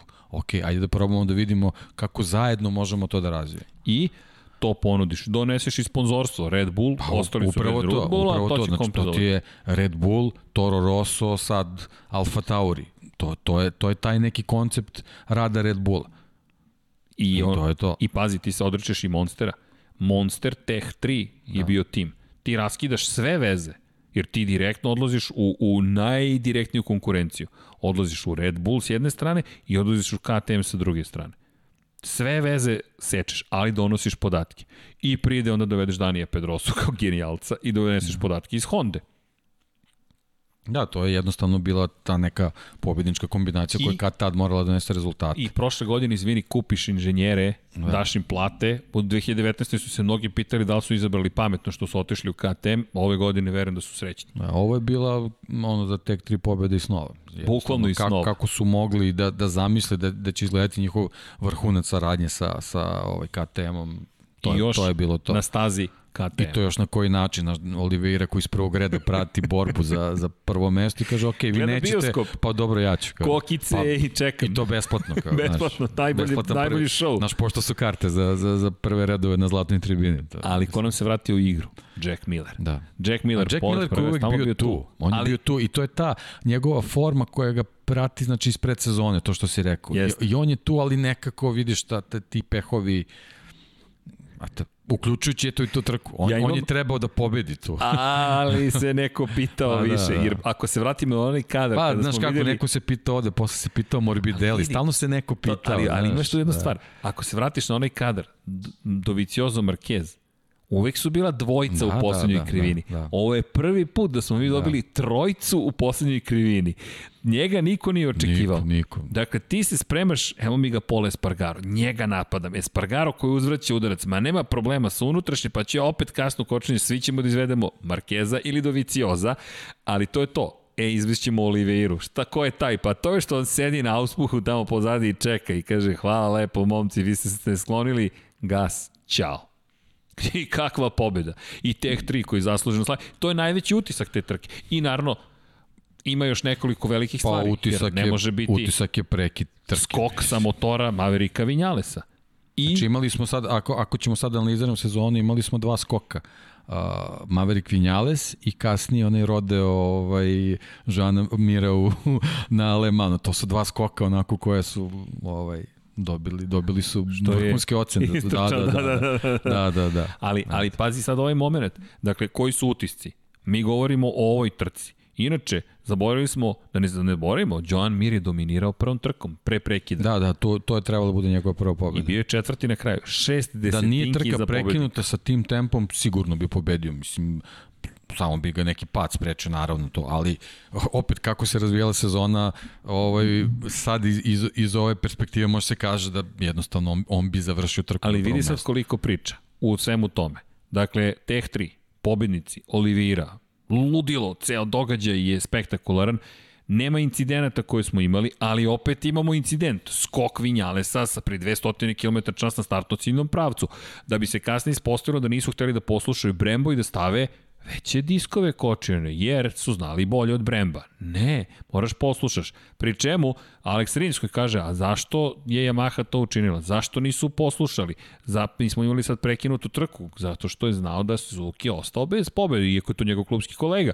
Ostaju bez pobede, suštinski su tako izgubili Tu pobedu. sad opet, opet uh, ulazimo u neku priču s Vinjalesom, znači on je pre te trke izjavio opet ćemo nešto da probamo pa ćemo vidjeti kako će da funkcioniše, onda sa druge strane opet imamo uh, o, o, ovaj, opet trebam da, da, da citiram Stonera koji je rekao da, da, da su oni znali uh, zašto, zašto Vinjales nije stao i otišao u boks kad je znao da će se desiti problem. On je već osjećao da, da postoji problem to su sad već sve neke stvari vezane za nesigurnost Maverika Vinjalesa, koji su ga očigledno odavno isključili iz, iz borbe za titulu, iako on bodovno o, bukvalno do kraja figurirao kao jedan od potencijalnih šampiona. Ali, ali, ali svi, svi ti postupci eto, pokazali su da on za sledeću sezonu ozbiljno mora da promeni pristup, posebno što dobija ambicioznog timskog kolegu. To, to će biti tek zanimljiva hemija da. između njih dvojice.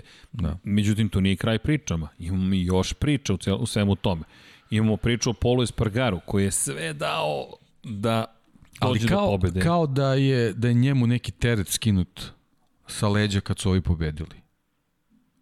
Nekako, znaš, e, nisam stekao utisak da se on sad tu nešto razočarao ili znaš, nekako o, kao, a što ja nisam taj. To je lepo Nego rečeno. neko kao, kao, e, dobro, Možda konačno je. smo pobedili, sad mogu da vozim ko čovjek, niko više ne gleda u mene da moram znaš da zabeležim tu pobedu. Ne kao olakšanje, koliko kao motiv. Da. Ali vi, znaš kako, da vidjet ćemo, vidjet ćemo sledeću godinu. Ali da, li, vidi. da, li je, da li je možda baš sra, sazreo a, a, pokušavajući da izdrži taj pritisak koji ima. Ali pogledaj celu godinu, kad ti pogledaš na kraju sezone, kada pogledaš njegovu formu tokom sezone, dakle, bilo je tu kikseva koji su ga sprečili. A da, ali, ali pogledaj, on je već od Mizana bio tu.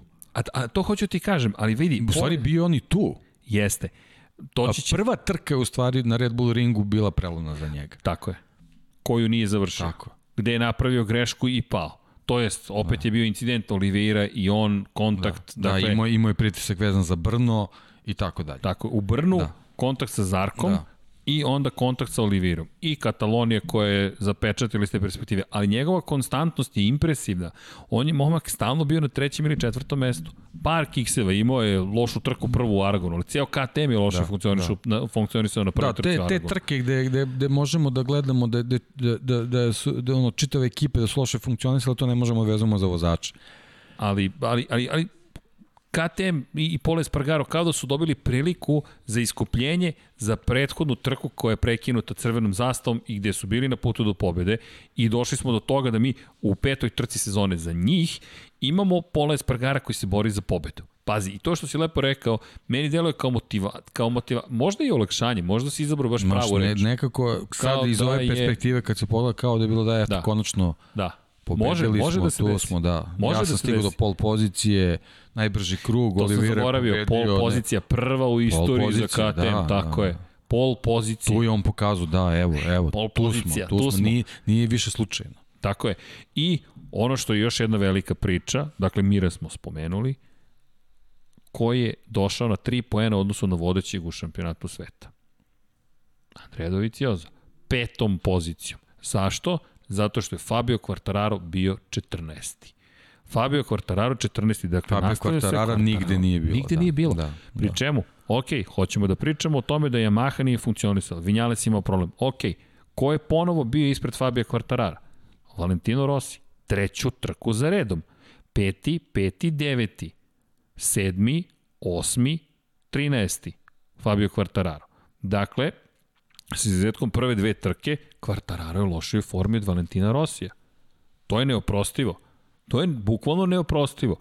I do, ako ti menjaš tog čoveka, ako si ti nova zvezda, ako si ti taj koji vodi, ako si ti taj koji se bori za titulu, ne možeš to sebi da dozvoliš. Ne možeš da budeš... Uh, jednostavno, ne, koncept sve ili ništa ne prolazi.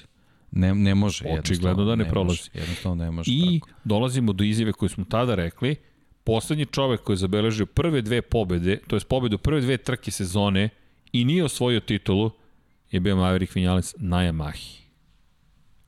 To se na kraju ispostavilo tačnim iza Fabio Quartarara. Ali zaokružili smo mi veliku nagradu Štajerske i tu smo napravili pauzu. to su bile tri trke za redom.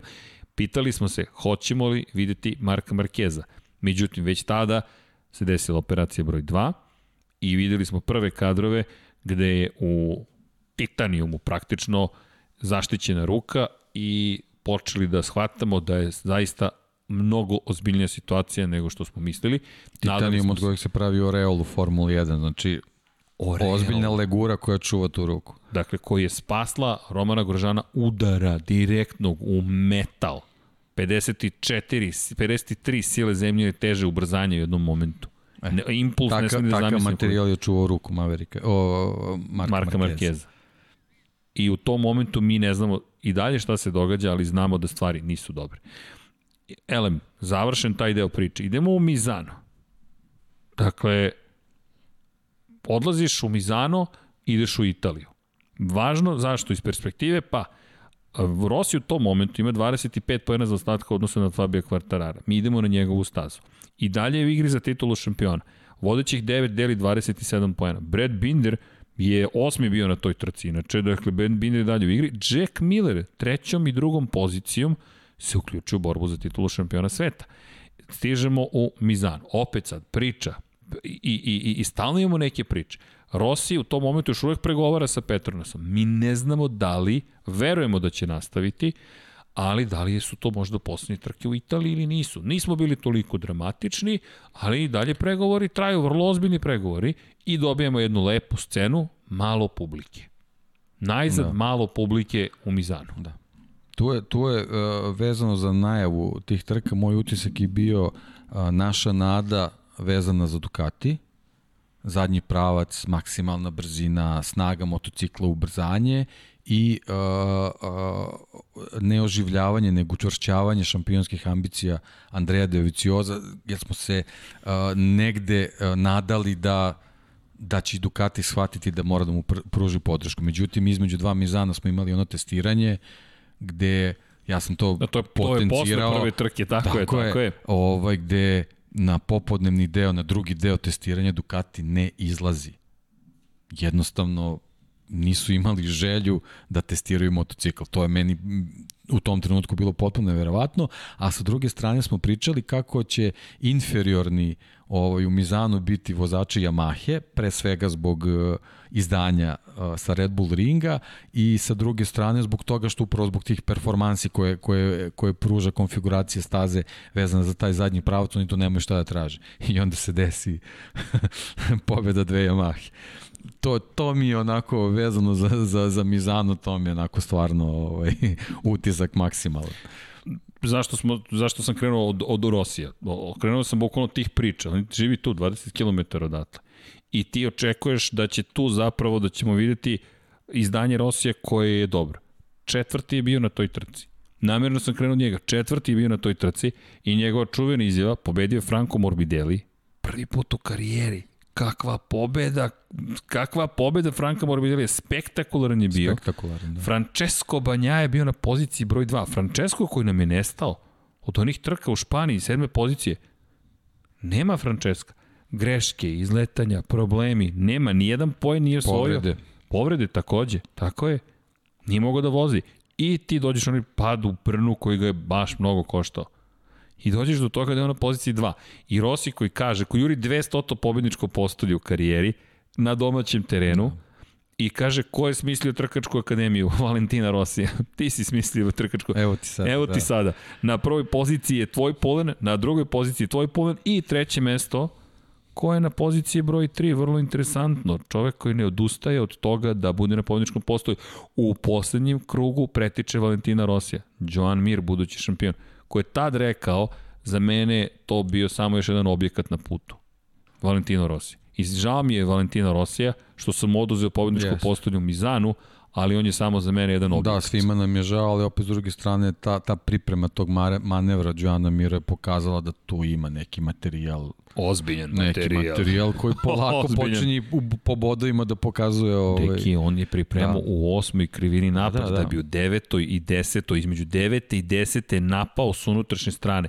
Da to izvedeš, moraš da veruješ prvo u sebe, moraš da veruješ u svoj motocikl. Način na koji je skretao te dve krivine Suzuki je nešto što se redko viđe. Kasnije smo to videli sa Hondom u Aragonu, to je bio šok, pa, svi tu smo, ovako Tu smo nekako počeli da obraćamo pažnju. Uh, pa, pa već je u Red Bull pad, ringu. Pad, to sam teo kažem, pad uh, Rinso, gde smo videli u stvari kakve, kakav je to potencijal. Kako skreće. I, I onda ovo obilaženje, to je ta završnica trke kao... Pazi, to je čekaj, poslednji krug, ti da, napadaš da, da. jednog Rosija. A, a u principu do tad nismo mogli da ih vidimo jer nisu završavali trke. Tako I nismo je. mogli da ih vidimo kako izgledaju finiš. Ali kakva bitka! Da, da. Morbidelli se odjavio, rekao da, da, to čao, je, to je bilo... I nestao. Ovaj, da. Banja je stigao, pretekao Rosija i onda Rossi koji malu grešku pravi u prvoj krivini. Na kraju ti ta desetinka je bila da, dovoljna dovoljno. da Mir bude blizu. Ali Mir se penje na pobjedničko postoje. I ti sad pogledaj, zašto smo i na uvodu pričali malo i o Formula 1 u budućnosti evo ti je budućnost Moto Grand Prix. Morbidelli, Banjaja, Mir. Ko je na četvrtom mestu? Valentino Rossi. ali 14 velikih poena. Rossi u tom momentu smanjuje razliku u odnosu na koga? Novog vodećeg u šampionatu sveta Andreju Dovicioza, koji je u silaznoj formi, formom i u silaznoj putanji, posle petog mesta u Štajerskoj, sedmi je na domaćem terenu, međutim, na njegovu sreću, i da te citiram ponovo, titula ga Juri, Fabio Quartararo prvi put u sezoni ne završava trku. Izleće u krivini broj 4. Da, gde, gde postaje ozbiljno uzdrman. I šest poena zaostaje za Andrejom Doviciozom. Andrej Doviciozo u tom momentu vodi u šampionatu sveta. Posle šest trka od 14 Dovi je vodići. Iako, iako je sve loši i loši. Da, iako ne stiže do te pobede koju je trebao da zabeleži u Mizanu. Jeste. A Jack Miller... Ne da ne, ne beleži pobedu, nego jednostavno on nije bio u konkurenciji nije. za taj vrh. Pri čemu? Šta Ducati ne radi? Kako? Evo ga Banjaje na poziciji broj 2. Ponovo pramak. Ponovo pramak. Jack Miller osmi, ali Miller na 12 pojena za ostatka u odnosu na Dovicioza. I Vinjales koji opet problemi, drame, Dobro, ali pol pozicije mesto. pa kao, aha, dobro, ipak to nešto funkcioniše, ali, šest ali u trci ne, glava ponovo. Jeste. Da. I gde dolazimo? Dolazimo do testova. Samo kratko, da. onaj čunak čuveni. Da. Koji dalje nismo videli nikad da, više u upotrebi. Da. Ja, ja sam i dalje ovaj, u nekom ubeđenju da on u stvari nešto sakrivao. Da. Znaš, to je ono, to je ono bila igra kao... On Evo vam, da, gledajte pa ovo. Pa da, gledajte ovo, ali nećete vidjeti šta se ovdje dešava. To je Akrap, da, to je da. Krapović, da, to je da, da ozbiljna da, da. kompanija. Tako je, Nisu tako napravili tek tako da. taj izduvni sistem. I ti si tad rekao, Srki, ko zna šta se ovde valja. Jel to jednostavno tako ne može da izgleda, mislim, nije. Nemoguće. Mislim, nemoguće. Mnogo puta se pokazalo ono što je lepo je i brzo, ne, ne, ne može da bude o, ne može da bude ovako. Ali mi, da, ali, da, ali ko zna šta smo dobili tu, ali ali jednostavno indikativno je da da smo ovaj one koji najviše se trudio na tim testiranjima, a to je očigledno bila Yamaha, ona je stigla i do pobede. To je sled, sad već sledeća da, da, trka, da. ali tu kada govorimo o Emiliji Romanji, kada govorimo o trci u Emiliji Romanji, za, Emiliji, za veliku nagradu Emilije Romanje, a i Rimini, a Rimini je inače obala, posetite, dakle, Rimini preporučujem toplo, ali naravno kada je trka u, u Mizanu, dolazimo do toga, pazi sad ovo, Andrea Doviciozo, krenut ću od njega, Italijan opet cijela priča, ili možda ne, krenuli smo od Rosija, ajmo da i ovde uđemo u tu priču. Valentino Rossi prvi put u sezoni pravi veliku grešku u trci. I kasnije je rekao, to je bila greška, to je baš bila greška, cijelog vikenda se osjećao loše. U krivini broj 4 na istom mestu na kojem je Quartararo pogrešio, izliće sa staze, ostaje bez bodova. I to je suštini početak kraja sezone za Valentina Rosija. Ironija da, prethodna da trka nakon verovatno njemu podigla ambicije. Ovaj i onda onda se to desilo ovaj da ga da ga vrati u neku realnost očigledno to je To je jednostavno, da, da, da se grubo izrazim tako. To a, je jednostavno to. A Andreja Doviciozo... U tom trenutku je možda pokušao nešto više nego što mu taj motocikl pruža, a sam je znao da, da je jako loša situacija. Ali rekao je da je to prosto da. loša bila da, trka, da. ceo vikend je bio da. loš, nije da. on bio na tom željenom nivou. Međutim, s druge strane, Andreja Doviciozo nastavlja da pada u formi, sa sedme pozicije pada na osmu poziciju, ali zadržava prednost u šampionatu sveta. Sada smo već na polovini godine. Dovi ima poen prednosti u odnosu na dve osobe. Fabije Kvartarara i Maverika Vinjalesa. Mi imamo sada poen koji deli njih trojicu, četiri poena deli njih četvoricu, Joan Mir je na poziciji četiri sada već. Kako? Pobedu je odneo Maverick Vinales. To je bio njegov masterclass. Svako je ove godine imao jedan masterclass. Dakle, posle pobeda u kojima smo videli uspeh Franka Morbidelija na privatnom motoru, na Yamahi, teh trojki koje slave na kraju velike nagrade Štajerske, dva je pobede fabričkih motora, Ducatija za Dovicioza i KTM-a za Breda Bindera, mi dolazimo do toga da se evo pojavljuje fabrička Yamaha, koja beleži pobedu. Posle koliko? Tri pobede Petronasa, fabrički ti ali, kaže, ali ne smemo, ne smemo samo zaboraviti čija to pobeda trebala da bude u toj trci. Okej, slažem se, doći ću i do njega, ali pobedio je. Ne, ne, sve je okej, naravno, samo, naravno samo ovaj, ali znamo da je to bilo sigurno drugo mesto. Ali u duhu, nažalost, da. svega što smo videli te sezone. Da. Ok, ajmo da ispoštujemo Francesca da. Banjaju. Dominacija do pada. Da, da. Potpuna dominacija do pada, međutim pad se desio, a onda se desio trajni pad forme, manje Tako više. Je. Taj, taj pad ga je koliko god je on pokušavao da, da nas uveri da kao to neće uticati na njega, ja mislim da je to. Znaš kako, to bi bila njegova prva pobeda, pobeda, U Italiji. pobeda posle te povrede, ne zaboravimo kako on sedao na motociklu, Jeste. on je ozbiljno povređen bio, prva pobeda za pramak. Jeste. A, trenuci kad, kad se lomi, ja sad ne mogu napamet U Italiji. da li on da li je već već se tu znalo da će voziti za Ne, nije. Ni, e, Ne. Znači, Ne, ne, tad- mnogo, tad mnogo se tu bitka. stvari dešavalo zbog koga on nije mogao mirno da spava sledeće noći, iako nas je ubeđa, ube, ube, ubeđivao da je sve okej. U tom momentu je Zarko pričao na osnovu ovoga treba motor da dobije neko da. drugi, a ne ja. Jer se vodila bitka između Zarka i Banjaje. Svi su imali ugovor s Ducatijem, to smo znali. Banjaja koji je vodio i vodio i vodio na kraju, ali nije stigao do cilja. To je, to je... I ono što je meni bilo problematično jeste što je bio neubeđen, nego što je ponavljao nisam ja pogrešio, nisam ja pogrešio, nisam ja pogrešio, nešto se desilo, nešto se desilo, nešto se desilo, možda sam ja naišao na foliju pa sam zato izgubio kontrolu motociklom. Deki, suviše dugo smo u ovom poslu. Da, da. Kada čuješ da vozač ta to govori, u sportu, u životu, ne uzima uopšte mogućnost da postoji da je pogrešio. Znači da se nešto krije za toga. Pa To nije da, dobro. To je jednostavno. To nije dobro. Ali I, i eto, situacije kasnije su pokazale da očigledno je to mnogo, mnogo uticalo vidi, za mene je to bio masterclass Mavericka Vinjalesa. Zreću zašto? Jeste, jeste. Zato što je nastavio da vozi i da vrši pritisak i nije odustao. A videli smo koliko, nije masterclass, to je, to je pogrešna reč. To je bila njegova najzrelija trka. To je bolji izraz. Jer u toj situaciji on nije upao u svoju psihološku da. Rupu, a opet sam loše startovao, a opet ovo ne valja, ja ću sad da razmišljam i ti, ti vidiš kako on overthinking, kako previše razmišlja jeste, jeste, tokom to, je- to je njegov problem. Da. I onda, aha, za, kao Panjaja što je previše, po mom mišljenju, razmišljao posle ove trke. Kako sad da se vratimo vamo, kako, kako, kako. To je čao, to je, tu ste već izgubili. Ne, jednostavno vidi se zato što su sve trke koje su sledile se završavale padovima. To je to je jednostavno I to. zbunjenim To je to, da. i da. kadrovima kojima je on zbunjen, da. Kao, kao da je, je, loša. kao da je potpuno izgubio kontakt s tim motociklom, kao, kao da ovaj, kao da više nisu funkcionisali. A, izgubio a, a, samopouzdanje. A do tog pada su delovali ta u te trka- dve trke. ta trka. Pa i znaš, početak sezone kada pogledaš, Da, da, on je da. stalno bio tu. Da. Jurio u predsezoni je bio Da, eto, dobar. nažalost, znači poremeti, poremetila ga je povreda i onda ga je taj pad dodatno uzdrmao. I, i Ali da se vratim, To je to. izvini, i na Rosije i na Markeza. Veliki šampioni.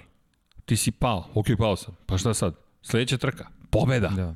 Ja sam šampion, ja idem na sada na pobedu. Kod njih dvojice si znao, u njih, u, za, za Markeza sad ne znamo kako će formi biti, ali zna, pao je. A, pa sledeća trka, da. to je dominacija. Da. Rossi, pao je.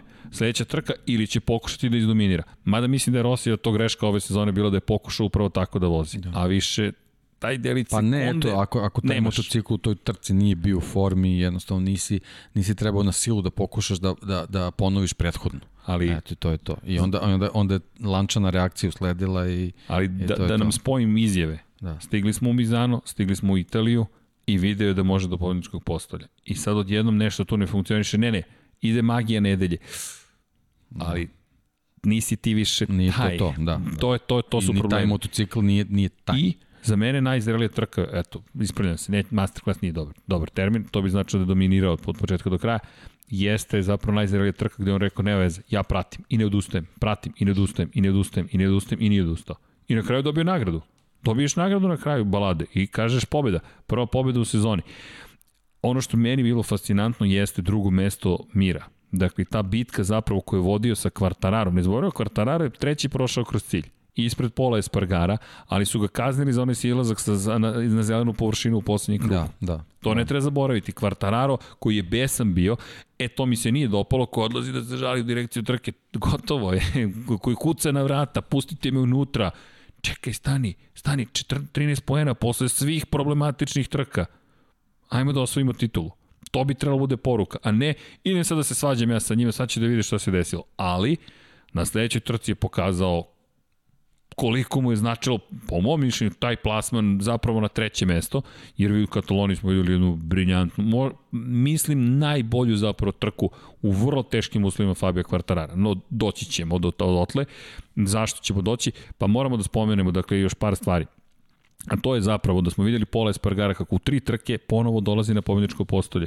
KTM kod jednom funkcioniše izvrsno. I opet Dani Pedrosa. U prvom Mizanu deseti, u drugom Mizanu treći. koliko ti znači nijanse, koliko ti znači nijanse koje ti donosi Dani Pedrosa. Aha, imate probleme, imamo test na ovoj stazi, nema problema. Ja ću vam dati Šta je to. problem, dajte da, da probam to. i to je to. A to je to malo, da. samo malo. To, to, to je ovo, Vanja. Stao internet, sad ću ja, magični prst. Pa, znaš kako, desetinka po krugu. To je to. Je to. Ne treba, ne, ne treba, treba ti ti više. više. Ne treba ti To je više. ta desetinka koju ti nedostaje, koji donose svetski šampioni, a Dani Pedrosa je veliki, veliki šampion. I videli smo nastavak dobrih vožnji Takaki na Kagami koji je nastavio da biva jedini koji osvaja poene u svim trkama. Ja sam tu, šesti, stalno sam tu, Oliveira malo usponi, malo je, to je neki recept koji treba recimo i Rossi da sledi i, i, i bila bi ta situacija drugačija. Da. Ali eto, on je ono, ok, njegova ambicija tu i super je što u 41. godini ovaj, on i dalje ima Pokušao je tu motivaciju i to je, to je Pokušao je. ono, ok, da. Pokušaj, ali šta je zanimljivo bilo na drugoj trci u Emili, mada nismo se dotakli prve trke za, za Moto dvojke i Moto trojke, neko sam ih neopravdano pa, preskočio. da, Samo brzo. Da, da, da, Sa- da. Samo brzo. Saberemo, da. Marini, pobjeda u Mizanu 1, drugo mesto za Marka Becekija, treći za Neo Bastianina. Italija, Italija, Italija.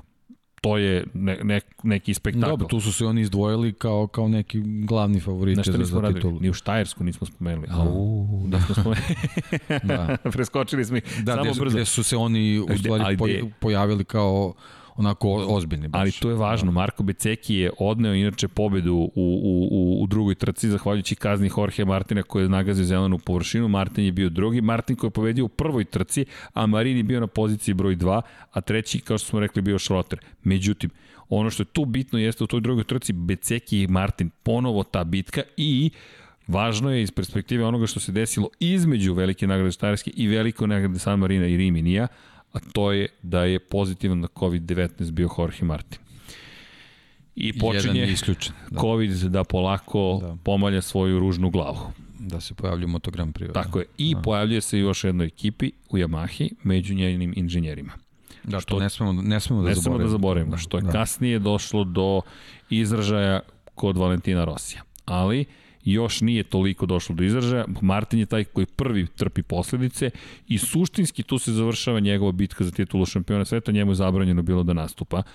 Tako da je, Becek je dobio pobedu na Jeste. Red Bull ringu i tako da. jeste, Da. jeste. A I u stvari dva, dva ovaj, vozača VR-a se pojavljuju i Vejeti koji Bastianinija koji, zabeležio- koji je još uzdrman ovaj, onom celom, celom Da situacijom. ne zaboravimo, izvini, Vijeti koji je pobedio da. u Štajerskoj, na Velikoj Štajerski, Toni Arbolino bio drugi, opet usponi padovi, vraća se, međutim na pobedničku postavlju prvi put od Velike nagrade Španije i Ajo Gura tradicionalno već da. nastavlja da... da, da... da i Arenas koji ne završava trku ne svojom krivicom. Da, a u Štajerskoj je bio peti, Da, to treba, treba spomenuti. ali da. u Štajerskoj je izgubio bitku direktno. To je, tu je počeo da, da čeka predugo. Da. Dok je bio savršen u prethodnim trkama, nekako je počeo da čeka predugo. I to je bukvalno ga, je- to mu je bilo odlika do kraja sezone.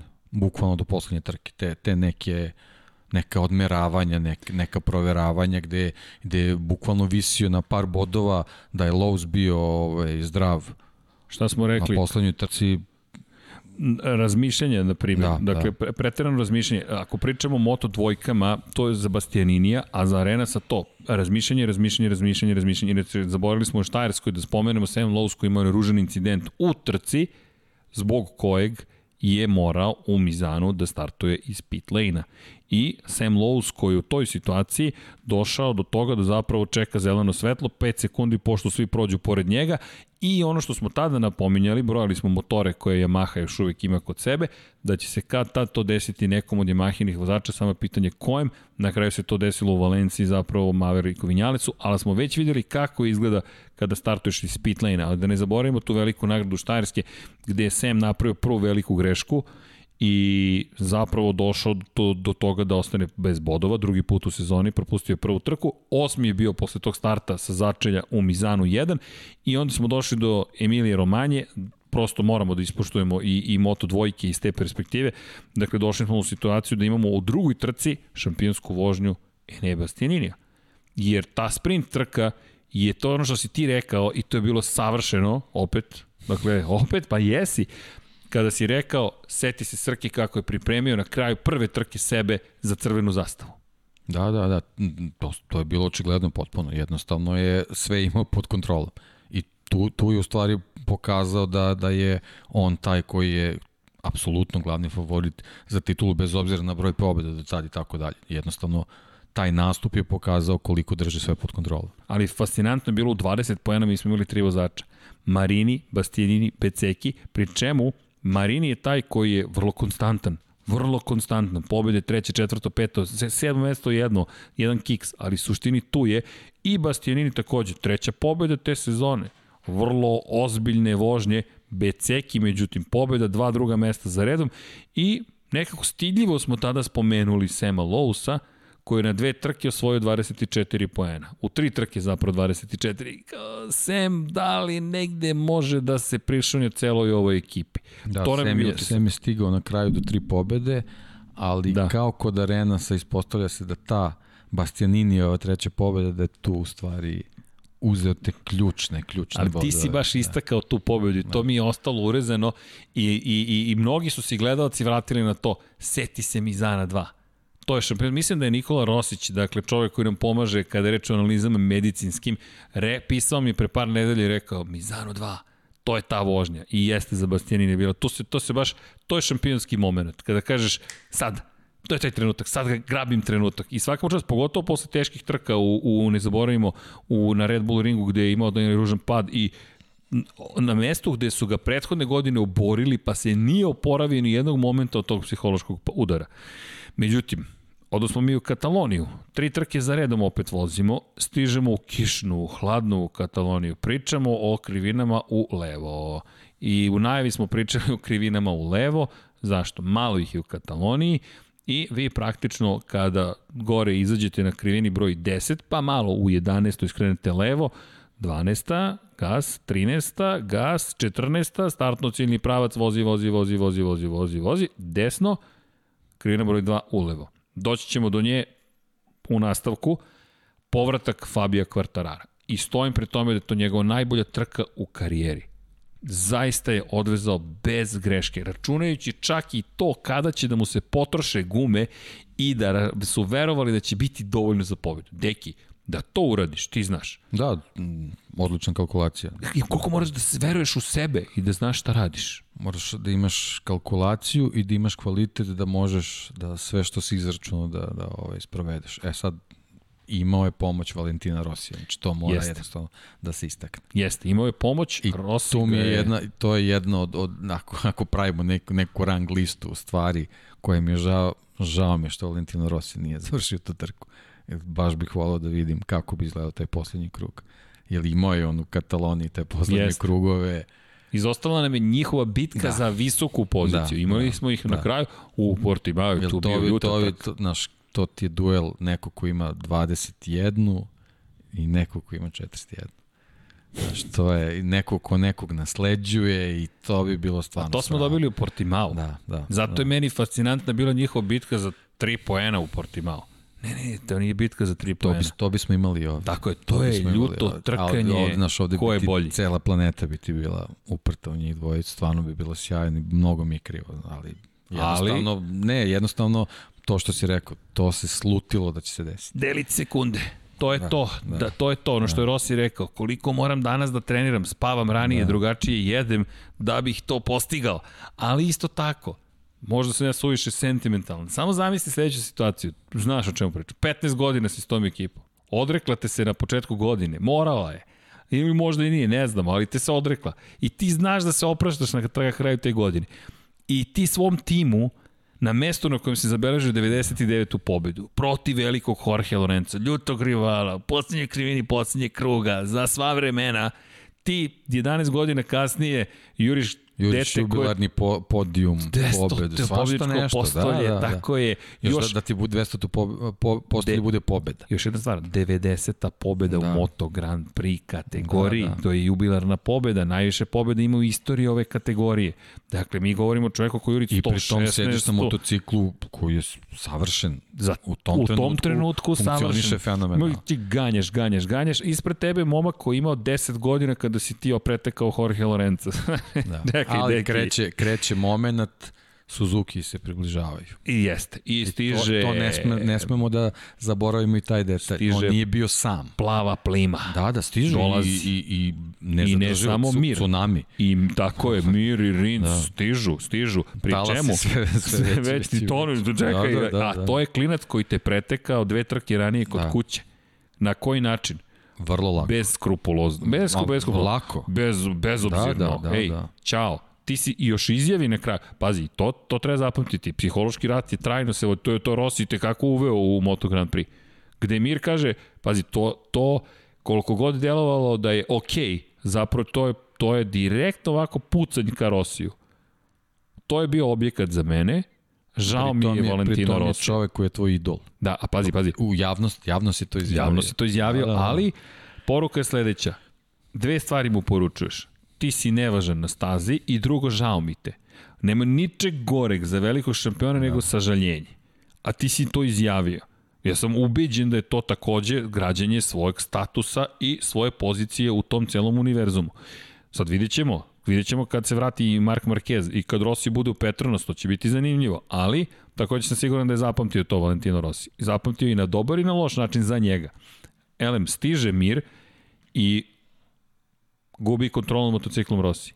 To je drugi pad sada već za redom. Sada zaostaješ 50 pojena na kraju trke. 25 pojena si izgubio, a pobedu beleži Fabio Quartararo i to pobedu broj 3.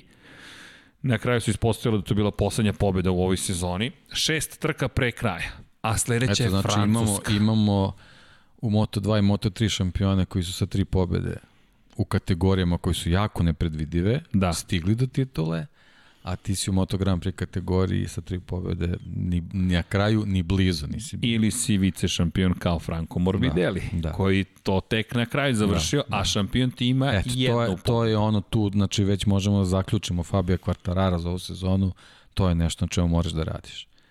A ideš u Francusku za sledeću trku. Ideš u Francusku, mada to su i okolnosti bili, odigrale svoju ali Mir pozicija broj 2 u Kataloniji, Alex Rins, pozicija broj 3. Prvo pobedničko postoji za Rinsa u sezoni. U tom momentu Rins 48 poena zaostaje za Fabijom Kvartararom, međutim Mir sada zaostaje samo 8 bodova. I ono što je fenomenalno, Suzuki je prvo dvostruko pobedničko postolje posle 13 godina ali već je bilo naznaka da to neće biti poslednje dvostruko u sezoni. I, I još jedan detalj, da kažemo, bitan za, za, za šampionat u tom trenutku, o, Zarkovo eliminisanje Dovicioza. Dakle, u drugoj da, krivini da, ali to je, to je opet ona suština, ako se boriš za titulu, ne možeš da budeš... Ali to je splet okolnosti. Tako, tako nisko Danilo ovaj, Petrući. Da, da, da. Lanac, la, la, lančana reakcija. Zarko da. hvata kočnicu, malo pi, pi, i to je to. A Dovi je sa spoljne strane. Inercija je tu. Ali taj pogled, da. Doviciozo, koji put u karijeri? Pedrosa, koji, put, koji da. nikad nikog nije eliminisao i uspeo da obori Andreu Dovicioza. Koliko, to, koliko moraš da Sećaš budeš... Sećaš onaj, onaj nezgodan pad uh, u Silverstonu Jest. preko kvartarara. Kvartarara, tako je. Pa izbacivanje Janona i tako dalje. Janone koji ga izbacuje. Da, da, da. Ne, nema koga Ma, nije izbacio. On, da, mislim, Aleš Espargaro da, uspio da, da ga izbaci da. u Argentini. Da. Čekaj, to je... Dakle, to je, to je, to, to je nekako njegov pečat. Čekaj, i, i loši pečat. momci su te izbacili i da. dobri momci su te izbacili sa staze ali fakat u tom ali momentu Doviciozo da, ostaje bez da. bodova. Prvi put u celoj sezoni. Ostaje bez bodova, pada na 24 poena. Morbidelli se polako ponovo pomalja, međutim Morbidelli ima sledeće rezultate. 15. pobeda, 9. četvrti. To je problem. Ti si gore dole, gore dole, gore dole. Tako ne možeš, tako teško možeš da postaneš šampion sveta i ono što je takođe makar meni zanimljivo, Pole Spargaro ne završava tu trku. Opet kod kuće, na 7 km od svog doma, Espargaro ne završava trku i pada na 51 poen za ostatka. Inače, Francesco Banjaja, kada pričamo o Banjaji, bio je pristojan u toj trci, završio na poziciji broj 6, što daleko toga da je bilo, da, da je bilo loše. Nakagami nastavio trend svoj da završava trke, osvaje bodove, na poziciji broj 7 je bio, ali Jack Miller peti, teška trka, hladna trka i tu smo već ušli u jesen i ušli smo u situaciju da se mi sada spremamo za pauzu odlazak na tri trke koje su Le Mans i dva puta Aragon. gde smo bili zastrašeni Lemanom, ali najave meteorologa su pred dolazak taj vikend govorili da će biti toplo. Međutim, da ne pobegnem i misao ponovo sa čega? Sa Moto dvojki naravno i sa Moto trojki. Kada pričamo o Katalunji, dakle da se dotaknemo veoma važnog momenta, a to jeste zapravo ta njihova bitka za titulu šampiona sveta gde smo videli šta? U Moto2 kategoriji. Videli smo još jednu sjajnu vožnju koga, Luke Marinija. Luka Marini, pričali smo o tome koliko je dobar, šta sve radi, šta može da učini i jedna važna pobeda. Pazi, to je treća pobeda za Luku Marini. Ako pričamo o tri pobede u sezoni, a da nisi šampion, evo ga Luka Marini. Luka Marini, tri pobede, tu u tom momentu beleži tu. Da, ozbiljna uzlazna pobedu. putanja, Tako je. samopouzdanje, sve, sve je na njegovoj Siguran. strani bilo u tom trenutku. Čak počinje da se šuška u tom periodu da će možda da, to se u Francuskoj desilo, ode u Avintiju. A Enea Bastianini već dobija ugovor da pređe u Moto Grand Prix. Jorge Martin, to smo već znali negde da, da je na putu za Ducati, nažalost ne vozi Nije vozio dve trke, u Kataloniji nije stigao do cilja, videli su se posledice covid ali Marini 20 pojena prednosti u odnosu na Bastianini. 20 pojena prednosti u tom momentu, šest trka pre kraja. Delo je kao da je to njegova sezona. 36 prednosti u odnosu na Becekija i 47 u odnosu na Sema Lousa. Izuzetna jedna trka. Inače, pohvale za Fabija Diđan Antonija koji je došao do treće pozicije. Zašto je meni to simpatično? Opet Katalonija, mesto na kojem je Fabio Quartararo zabeležio onu veliku pobedu koja mu otvorila de facto vrata Moto Grand Prix-a. Inače, pozicija broj 2 pripala je Samu Lowsu to je bilo drugi put za redom da Lowe's dolazi do pobedničkog postolja, a forma je treći, pa drugi, pa smo Deki ti ja tu spomenuli, pa možda nešto može Sam Lowe's ukoliko se poklope da. kockice. Mhm. Nismo ni slutili šta, nas, šta Sam Lowe's priprema. Međutim, iz perspektive šampionata sveta Moto trojke, drama. John McPhee izbacuje Alberta Arenasa sa staze. U tom momentu su njih dvojica pozicije 2 i 3 u šampionatu. Arenas izgubio vođstvo, Aja Ogura ima 3 pojena prednosti, bio je 11 u utrci u kojoj jedan preuzima vođstvo u šampionatu liči na Dovicioza iz ove godine, kada je najpotrebnije, najlošije vozi, a John McPhee umesto da ostane u borbi za titulu šampiona sveta, prva velika greška i utiče na Arenasa, što otvara priliku Toniju Arbolinu da se vrati u igru. Druga pozicija za Arbolina. Pobjeda inače je pripala Derinu Binderu. To je bilo fenomenalno. Derin Binder koji više liči na torpedo prethodnih godina, završio trku na prvom mestu i Denis Fođa, prosto da nas podsjeti da je nekadašnji šampion sveta u juniorskoj konkurenciji. Ali Arenasov incident sa McPhee bio... Pa da, ali nekako Arenas je tu već bio u seriji tih nekih odustajanja gde su ga drugi izbacivali ovaj, sa, sa staze i tu je sad već počeo se razmišljati čekaj, kako, kako je moja sreća ovde, zašto se, zašto se ovo sve dešava, ali, ali to je nekako možda i njemu nauk, jednostavno ne, ne, ne možeš da budeš u situaciji da samo ovaj koristiš kvalitet motocikla da nadgledaš situaciju. Znači moraš jednostavno da da da kad si u takvoj kategoriji, a to važi i za, i, za, i za dvojke, jednostavno kad se nalaziš u takvoj kategoriji moraš da u svakom trenutku koristiš maksimalni potencijal motocikla da izbegavaš takve situacije.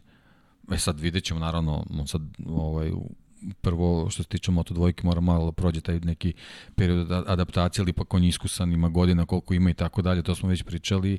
Uh, za njega je jako važno da što pre uđe u ritam i da vidimo kako će to da funkcioniše i sad naravno zavisi sad kakve su ambicije vezane za Moto dvojke, to, to ćemo videti. Ali jednostavno ovo je ta neka serija loših, loših plasmana, to jest ne plasmana, koje su vezane za izbacivanje sa staze jednostavno pokazuju da, da, da ne može to da bude ovaj kalkulacija koja je vezana za, za dvojke i trojke. Ali bitno je samo da, da, da, da se sklanjaš iz tih situacija koje mogu da, da dovede do toga da, da ostaneš bez plasmana. Ali to je ta nemoguća misija. Ti s jedne strane naravno, treba da, i da, da, da se trkaš, ali da se ne trkaš. Pa da, ali, ali on je stalno bio je. u situaciji, ti njega pogledaš, Jest. on je nekako odmeravao situacije. Stalno je kao nekog držao pod kontrolom. Ali vidi. To, se, to jednostavno ne može tako, posebno ako imaš motocikl koji super funkcioniš. Ali imaš neke godine, Znaš. te si dugo već u šampionatu, tebe se da. očekuje da to završiš. Pa mi smo rekli, da. Renec, ma to će sve da počisti. Pa, pazi, da... on u tom trenutku ima tri pobede i onda kreću da se ređaju non-finish, non-finish, non-finish, to, to nije, nije dobro za, za, za kao tvoje šampionske ambicije. A pritom i on je u pregovorima, lomi se, Hoće li da otići u Moto2 pa, ili da, ne? Znaš, nije, jer, kažem ti, on nije u takvoj situaciji, nema on 19 ili 20 godina. Znači, on, On već, mora da osvoji titulu već, da, praktično. znači ti si već u situaciji gde, gde se pitaš kako će ti karijera dalje teći. A mnogo ti zavisi od toga da li ćeš biti šampion ili nećeš. Na Ono što kraju je smo bio. na kraju, na kraju Na pričali, kraju je bio. uh, ako pričamo o dvojkama, ono što pričamo za Bastianinija i Marinija. Št, ko- koliko bi, kakva bi situacija bila sad za, za Bastianinija da stiže u Moto Grand Prix kao čovjek koji nije šampion, to jest koji je ispustio priliku da bude To šampion. potpuno drugačija situacija. A malo nije A, sebe doveo u tu Odlaziš situaciju. u situaciju o, da, da deliš ekipu sa, nekom, sa nekim iza, iza koga stoji Valentino Rossi. Znaš, znači... m, Polu brat da, Valentina da, Rossi. Da budemo vrlo precizni. to je Da. porodica, E sad, to je pazi, više ti, od... ti sad kao šampion dolaziš u Moto Grand Prix i dobiješ ugovor sa Monsterom. Odmah. Da nisi šampion, pitanje je kako bi to bilo. Znaš, mislim, mislim da su to neke stvari koje na, na, na ovoj sezoni i na, i na situacijama koje su dešavale Bastianiniju i Arenasu, sad ovi momci koji, koji su njihovim ulogama, koji kreću da budu favoriti, a pratit ćemo ih, uskoro ćemo početi da ih pratimo, moramo da vidimo kako će one da se ponašaju. Ali ovo im je, ovo im je dobra škola kako treba da, da se, da, kako trebaš da radiš menadžment da bi došao do titula. Da, pa dobro, da. vidi, ali idu sad među... Jel, jel ovo je ovo što si rekao, znači ovo je bila baš kritična već situacija za Renasa. Tu se sad već nešto ne dešava onako kako si ti planirao. Ali Moto Grand Prix je potpuno druga klasa. To je ono što To je, naravno, što ih čeka. pa to je, vidi, tu to, tek, ta, tek ta treba, škola. Tek prvo treba da se vidi da li si za tu Moto kategoriju, pa onda neke druge Moto stvari. 2, Da. pa Moto Grand Da, da.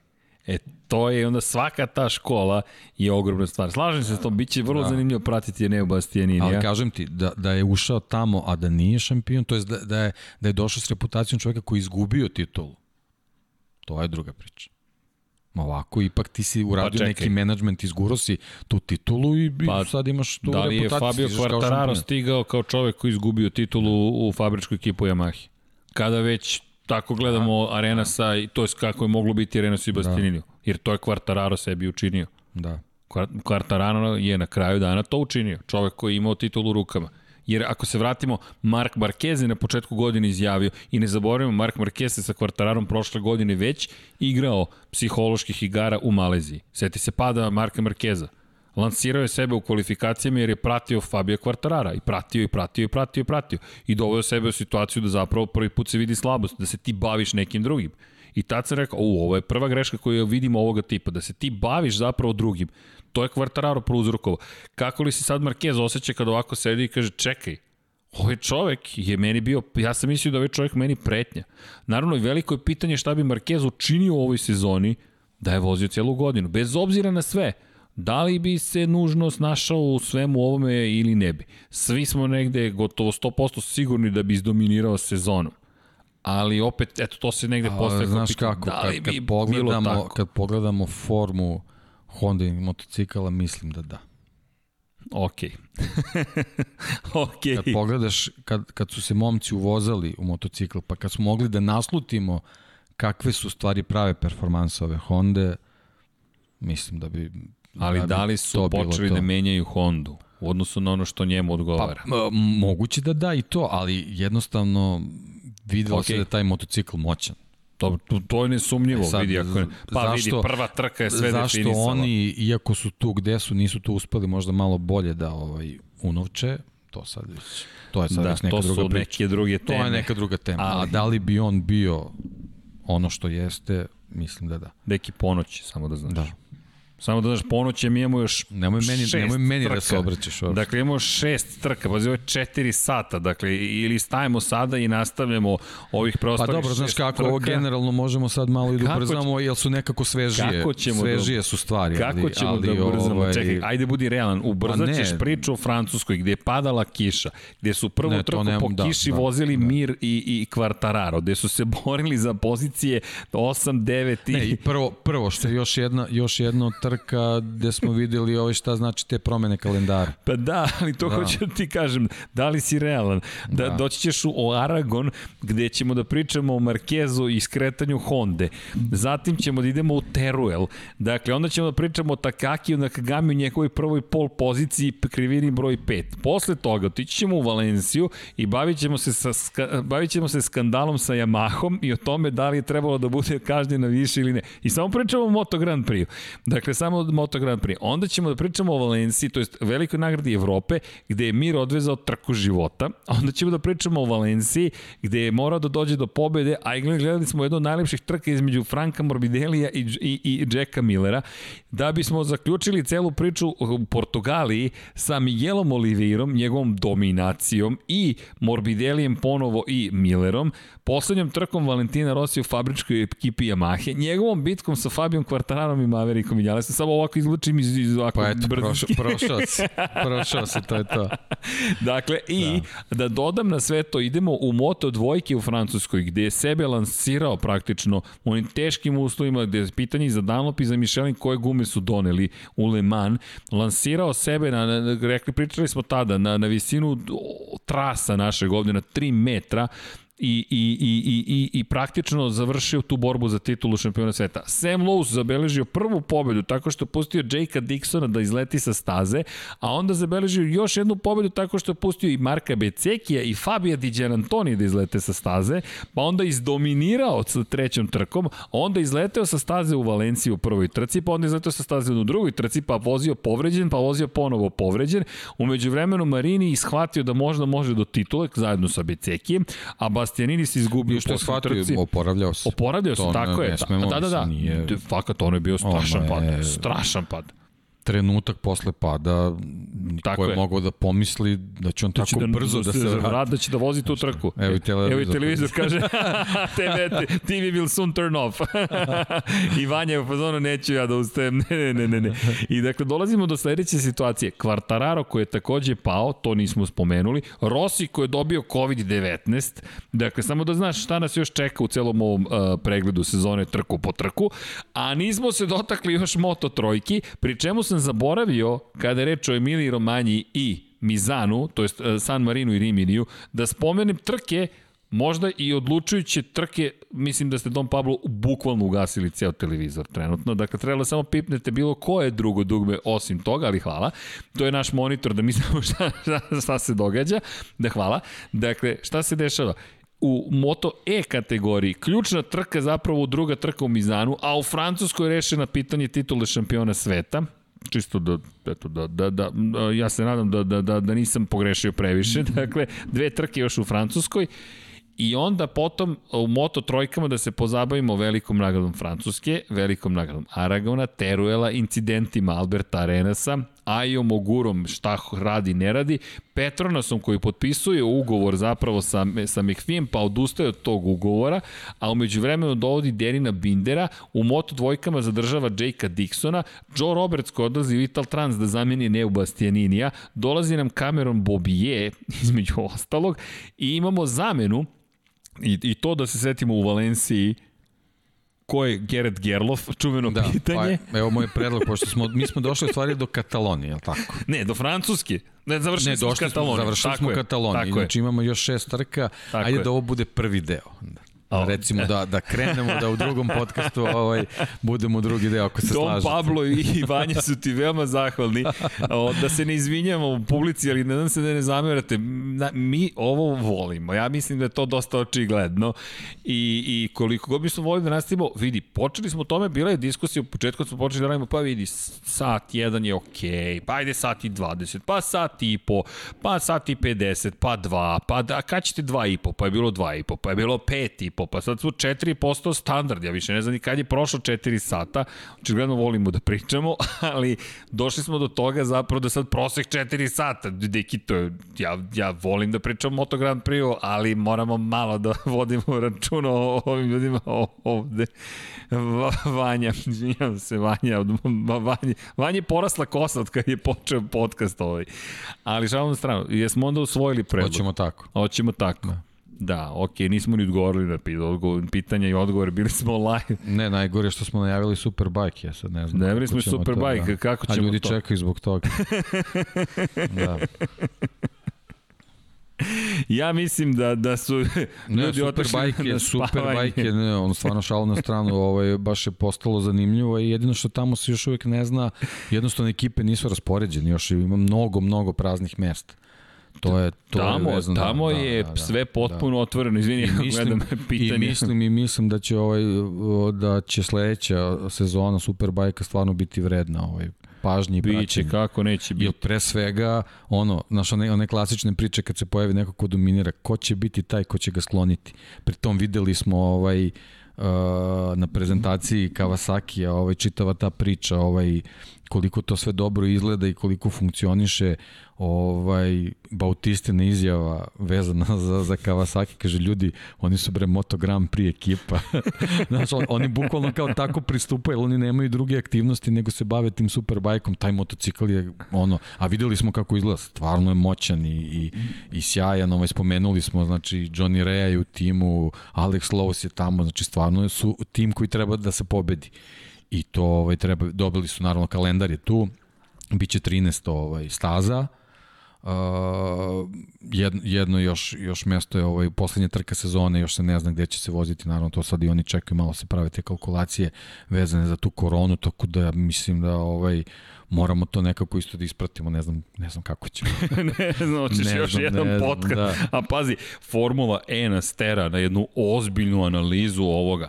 Jedan od planova nam je bio da najavimo Formulu E, s obzirom na činjenicu da je krenula u, u nekom smeru poletanja, a sad odjedno Formula E, nema Audi, nema BMW-a, to su, to, ni, to zaista nisu udarci, to ti je kao da ti neko rekao i vidi, snađi se.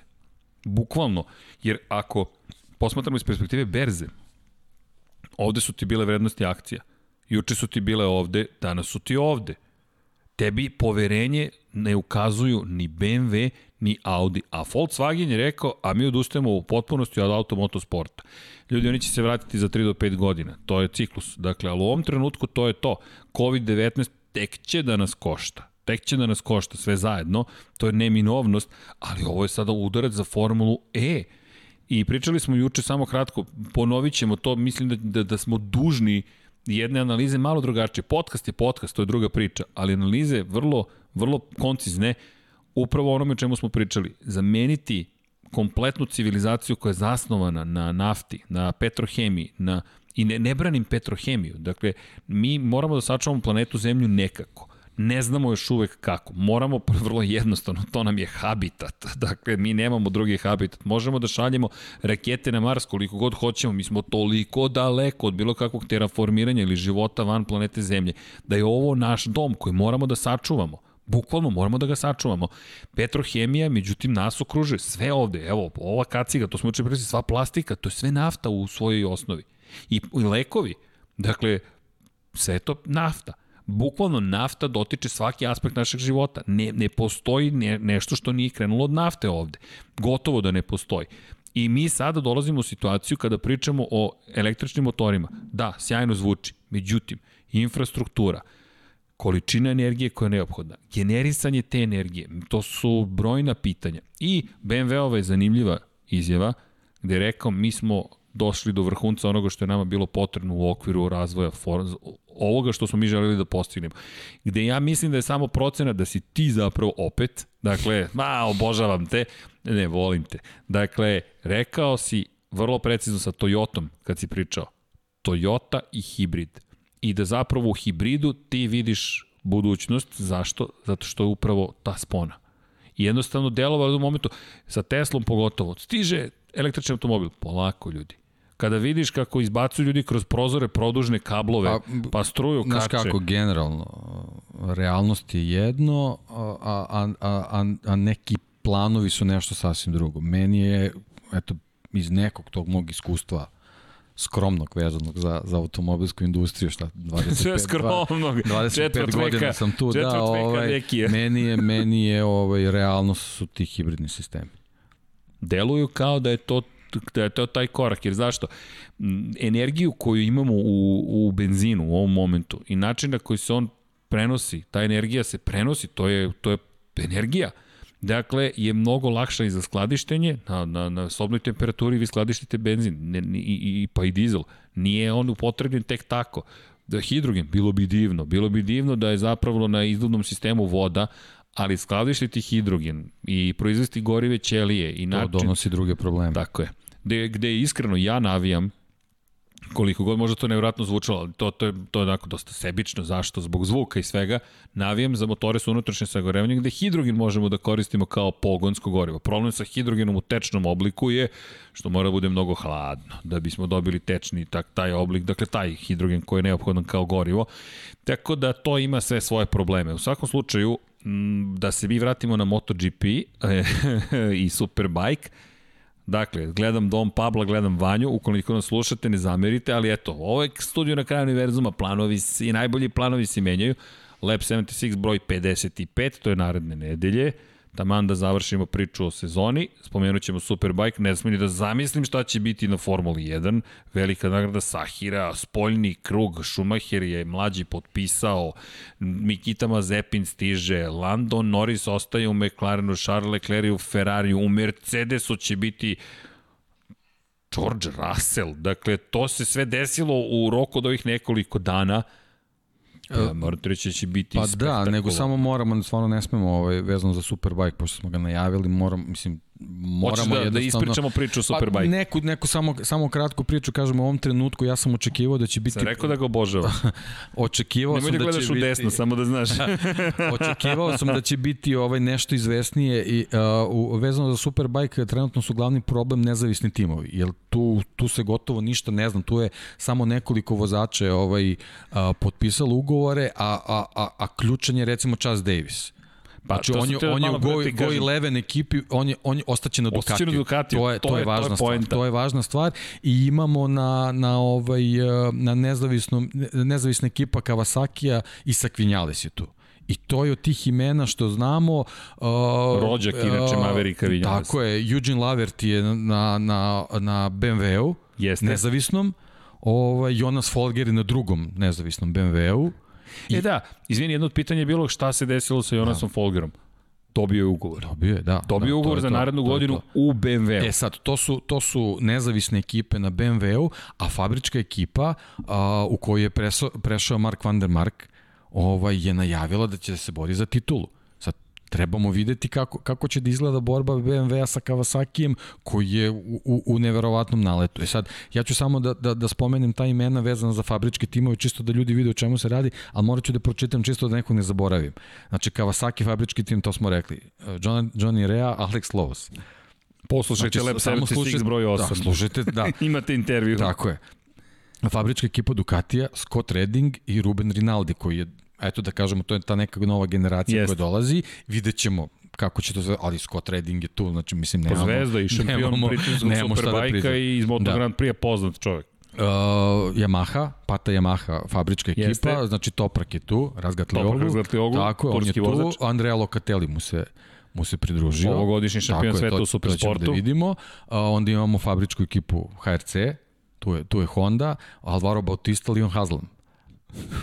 Znači, to su, to su sve imena koji su na neki način vezana za Moto Grand Prix, uh, imaju dugu istoriju vezanu za, za Superbike, uh, britanski Superbike, to jednostavno ljudi, to, to je ono, uh, momci koji, uh, tu ima mnogo momaka koji jednostavno nisu dobili šansu da se priključe Moto Grand Prix karavanu, su dugo godina u Superbajku i, i svi oni su uh, vrlo dobro znaju kako se pobeđuju, kako se osvajaju titule. Da, uh, da uh, i BMW, ne smo da zaboravimo, pošto smo ih spomenuli, uz Michael Van der Marka, Tom Sykes je tu koji isto više godina tu čovek koji ono... Zvini, Tom Sykes, da. gde je vozio Tom Sykes pre pa, ovoga? Vozio je mašinu koja je sada nezaustavljiva. Dakle, Tako Tom je. Sykes je zapravo bio čovek u čiji tim je došao Johnny Rea. Da. I ne smemo samo da Kawasaki, zaboravimo, samo da, da ne smemo da zaboravimo juniorski Yamahin tim, da je Gerrit Gerlof. To sam treba ti kažem, znači, nemoj čovjek zaboraviti ko, Gereta koji sad već ima neko Moto Grand Prix iskustvo, znači ja verujem da i on jedva čeka da, da krene Superbike sezona, to je sad već neka druga priča. Tako da, da sam, mislim, samo smo zagrebali, ali e, prava priča će možda biti, jer, jer mnogo praznih mesta imam ja, se, ja verujem da jedno desetak vozača još, još traži šanse tu da se priključi. A samo ova Ivena što smo nabrojali, tu nema outsidera. Nismo, nismo, Nema outsidera, Znaš kako, apsolutno. moramo da odvojimo celu emisiju, ja mislim, za, za Superbike. Ili bar pola, ali ne neke druge, pošto smo ovde bili preambiciozni, da, ja bih rekao. Pa da kažemo za te neke druge kategorije, sad si me podsjetio, nažalost nećemo imati ovaj Isle of Man sledeće godine ponovo. Oni su se odlučili da ovaj u stvari ne nećemo imati. Uh, sigurno neće biti u terminu kad kad se trka vozi, postoji mogućnost da u slučaju da se da se cela situacija sa covidom, pandemijom ako se reši, tamo pred kraj godine možda bude neki termin, ali vrlo dobro znamo tamo je jako nezgodno zbog vremenskih prilika i tako dalje, to je onako sve na, na nekom dugom štapu, ali nažalost u o originalnom terminu Ostromana neće biti. Eto, to je, to je ono što, što se sad, sad sigurno zna, pa ćemo vidjeti dalje. A eto, slažem se, možemo da vidimo da, da uključimo neke druge šampionate, pa da, pa da prođemo čisto neku priču. Pa i ne treba zaboraviti ni svetski šampionat u supersportu, niti supersport Tako je, 300. ali to sad sve, sve zavisi od ovih mesta u Superbajku, jer je, verujem da će oni, popunjavanje tih mesta će usloviti ko će sve biti u Supersportu. Da, ali tamo je zanimljivo što ljudi koje znate iz Scott Derue, koga smo pratili u Red Bullom kupu Novajlija, imate Anu Karasko koja je bila povređena vrlo ružno da. ove godine. Da, Ima ona se recimo sjajno poravlja, Jest. da to je to Tom stvarno... Butejmos takođe, pomak koga znamo. Dakle, ljudi ima tu Sofu Oglu, Još da. jedan Sofoglu je u, u priči Supersportu 300. Ima, imamo milion nekih ljudi koje vrlo dobro poznajemo i volimo da pratimo. Prosto drugačiji pristup imamo Moto Grand Prix, Moto dvojkama, trojkama, s obzirom na činjenicu da je to je nešto što komentarišemo, ali činjenica je da, da dolazimo u situaciju da da, da prosto ta ljubav prema motociklizmu nas vodi i ka superbajku. I pri, posvetit ćemo baš dosta pažnje, zaslužuje šampionat. Zaista zaslužuje šampionat s obzirom na činjenicu da je jedan od najboljih i najneizvesnijih, bez obzira na dominaciju. Jer ako pogledaš, Johnny Rea je uvek imao neku bitku, s nekim je morao da vodi bitke. Mora da vodi bitke i to je, to je zanimljivo. A eto, dolazi nova generacija. I predvođeno je između ostalog i Andrejem Lokatelim, koga smo spominjali. To je klopski kojega Joana Mira Fabija Kvartarara iz Leoparda 2016. godine. Da, to su vozači koji već imaju ozbiljno iskustvo u tu nekim ovaj bliskim takmičenjima u, u trkama u grupama. Tako da njima to neće ni, biti ništa strano. Ovo je naravno Superbike je ono posebna kategorija za sebe, ali ti momci dolaze iz takmičenja da kažemo nekih malih prototipova. Ili jednostavno sve što je vezano za svetski šampiona moramo tako da nazivamo kako god to bilo. Ovaj, pa, tako da m, oni donose poseban kvalitet i, i to, to ćemo videti ovaj, u, ti, u tim nekim takmičenjima kad kreće. Inače sezona kreće krajem aprila u Asenu. znači prvo pa, pa Asen. Pa ono što, evo, jedno od pitanja je Sandro Corteze. Da, neverovatno je da Sandro Corteze, čovjek koji je osvajao titule i koji je napustio Moto2, otišao u svetski šampionat u supersportu, nije dobio potpis. Dakle, priča se o svetskom šampionatu izdržljivosti za Sandra Cortezea, ali vidjet ćemo. Corteze je, nemojte zaboraviti, imao Corteze, Corteze je bio u ozbiljnom incidentu jednom. Dakle, imao je strašan incident, dakle, u Portimao je doživio stravičnu nesreću i znali smo da ove godine više neće voziti. Sad šta će biti sledeće godine ne znamo, ali činjenica je da je Corteze zaista živu glavu izvukao. I njegova izjava je bila da lekari su mu rekli čudo je da si živ podsjetnik samo još jednom koliko je ovaj sport opasan. Dakle, i, i, i to je, ne znam, to je jedna od onih situacija koje želi, ne želite nikada da, ni da razmišljate o njoj, ali Cortez je naravno na štakama i kreće se već i trudi se da nađe neki ugovor, ali pitanje naravno kada, kako će se vratiti, pogotovo u ovoj godini COVID-19 gde, gde, gde je teško uopšte naći načina sada da trenirate.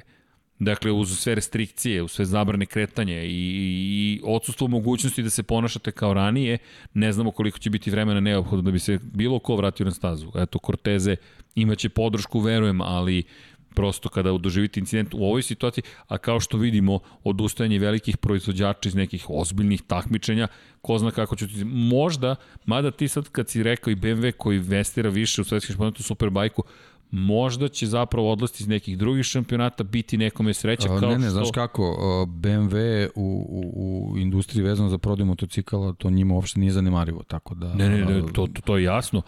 Vidi, ne, ne, samo hoću da kažem koliko je koliko to može da bude dobro za neke manje šampionate. Tako je, sad je očigledno vreme turbulencije ovih par nekih nedelje, moramo malo sam da se strpimo da, da vidimo je. da sad mi tu nešto ne ne ovaj ne iznosimo neke kalkulacije koje jednostavno uh, uh, nemaju mesto zato što to su igre velikih brojki. To jednostavno moramo da sačekamo da vidimo šta će se izroditi. Hoću nešto drugo da kažem, da, da, da, da to otvara mogućnost možda nekim šampionatima. Ne kažem da će se to desiti, da. dakle ne, ne, ne, ne, ne, ne spekulišem tek tako, nego razmišljam naglas, naveo si mi na to razmišljanje, dakle da možda će bang for the buck biti to čuveno, dakle više za manje u nekim drugim šampionatima. Jer ako pogledaš, skupo je baviti se Formulom E. Izuzetno su visoki troškovi proizvodnje toga. Formulom 1 tek, ali Formula 1 smanjuje budžete planski. Dakle, u pravom momentu je povukla te poteze.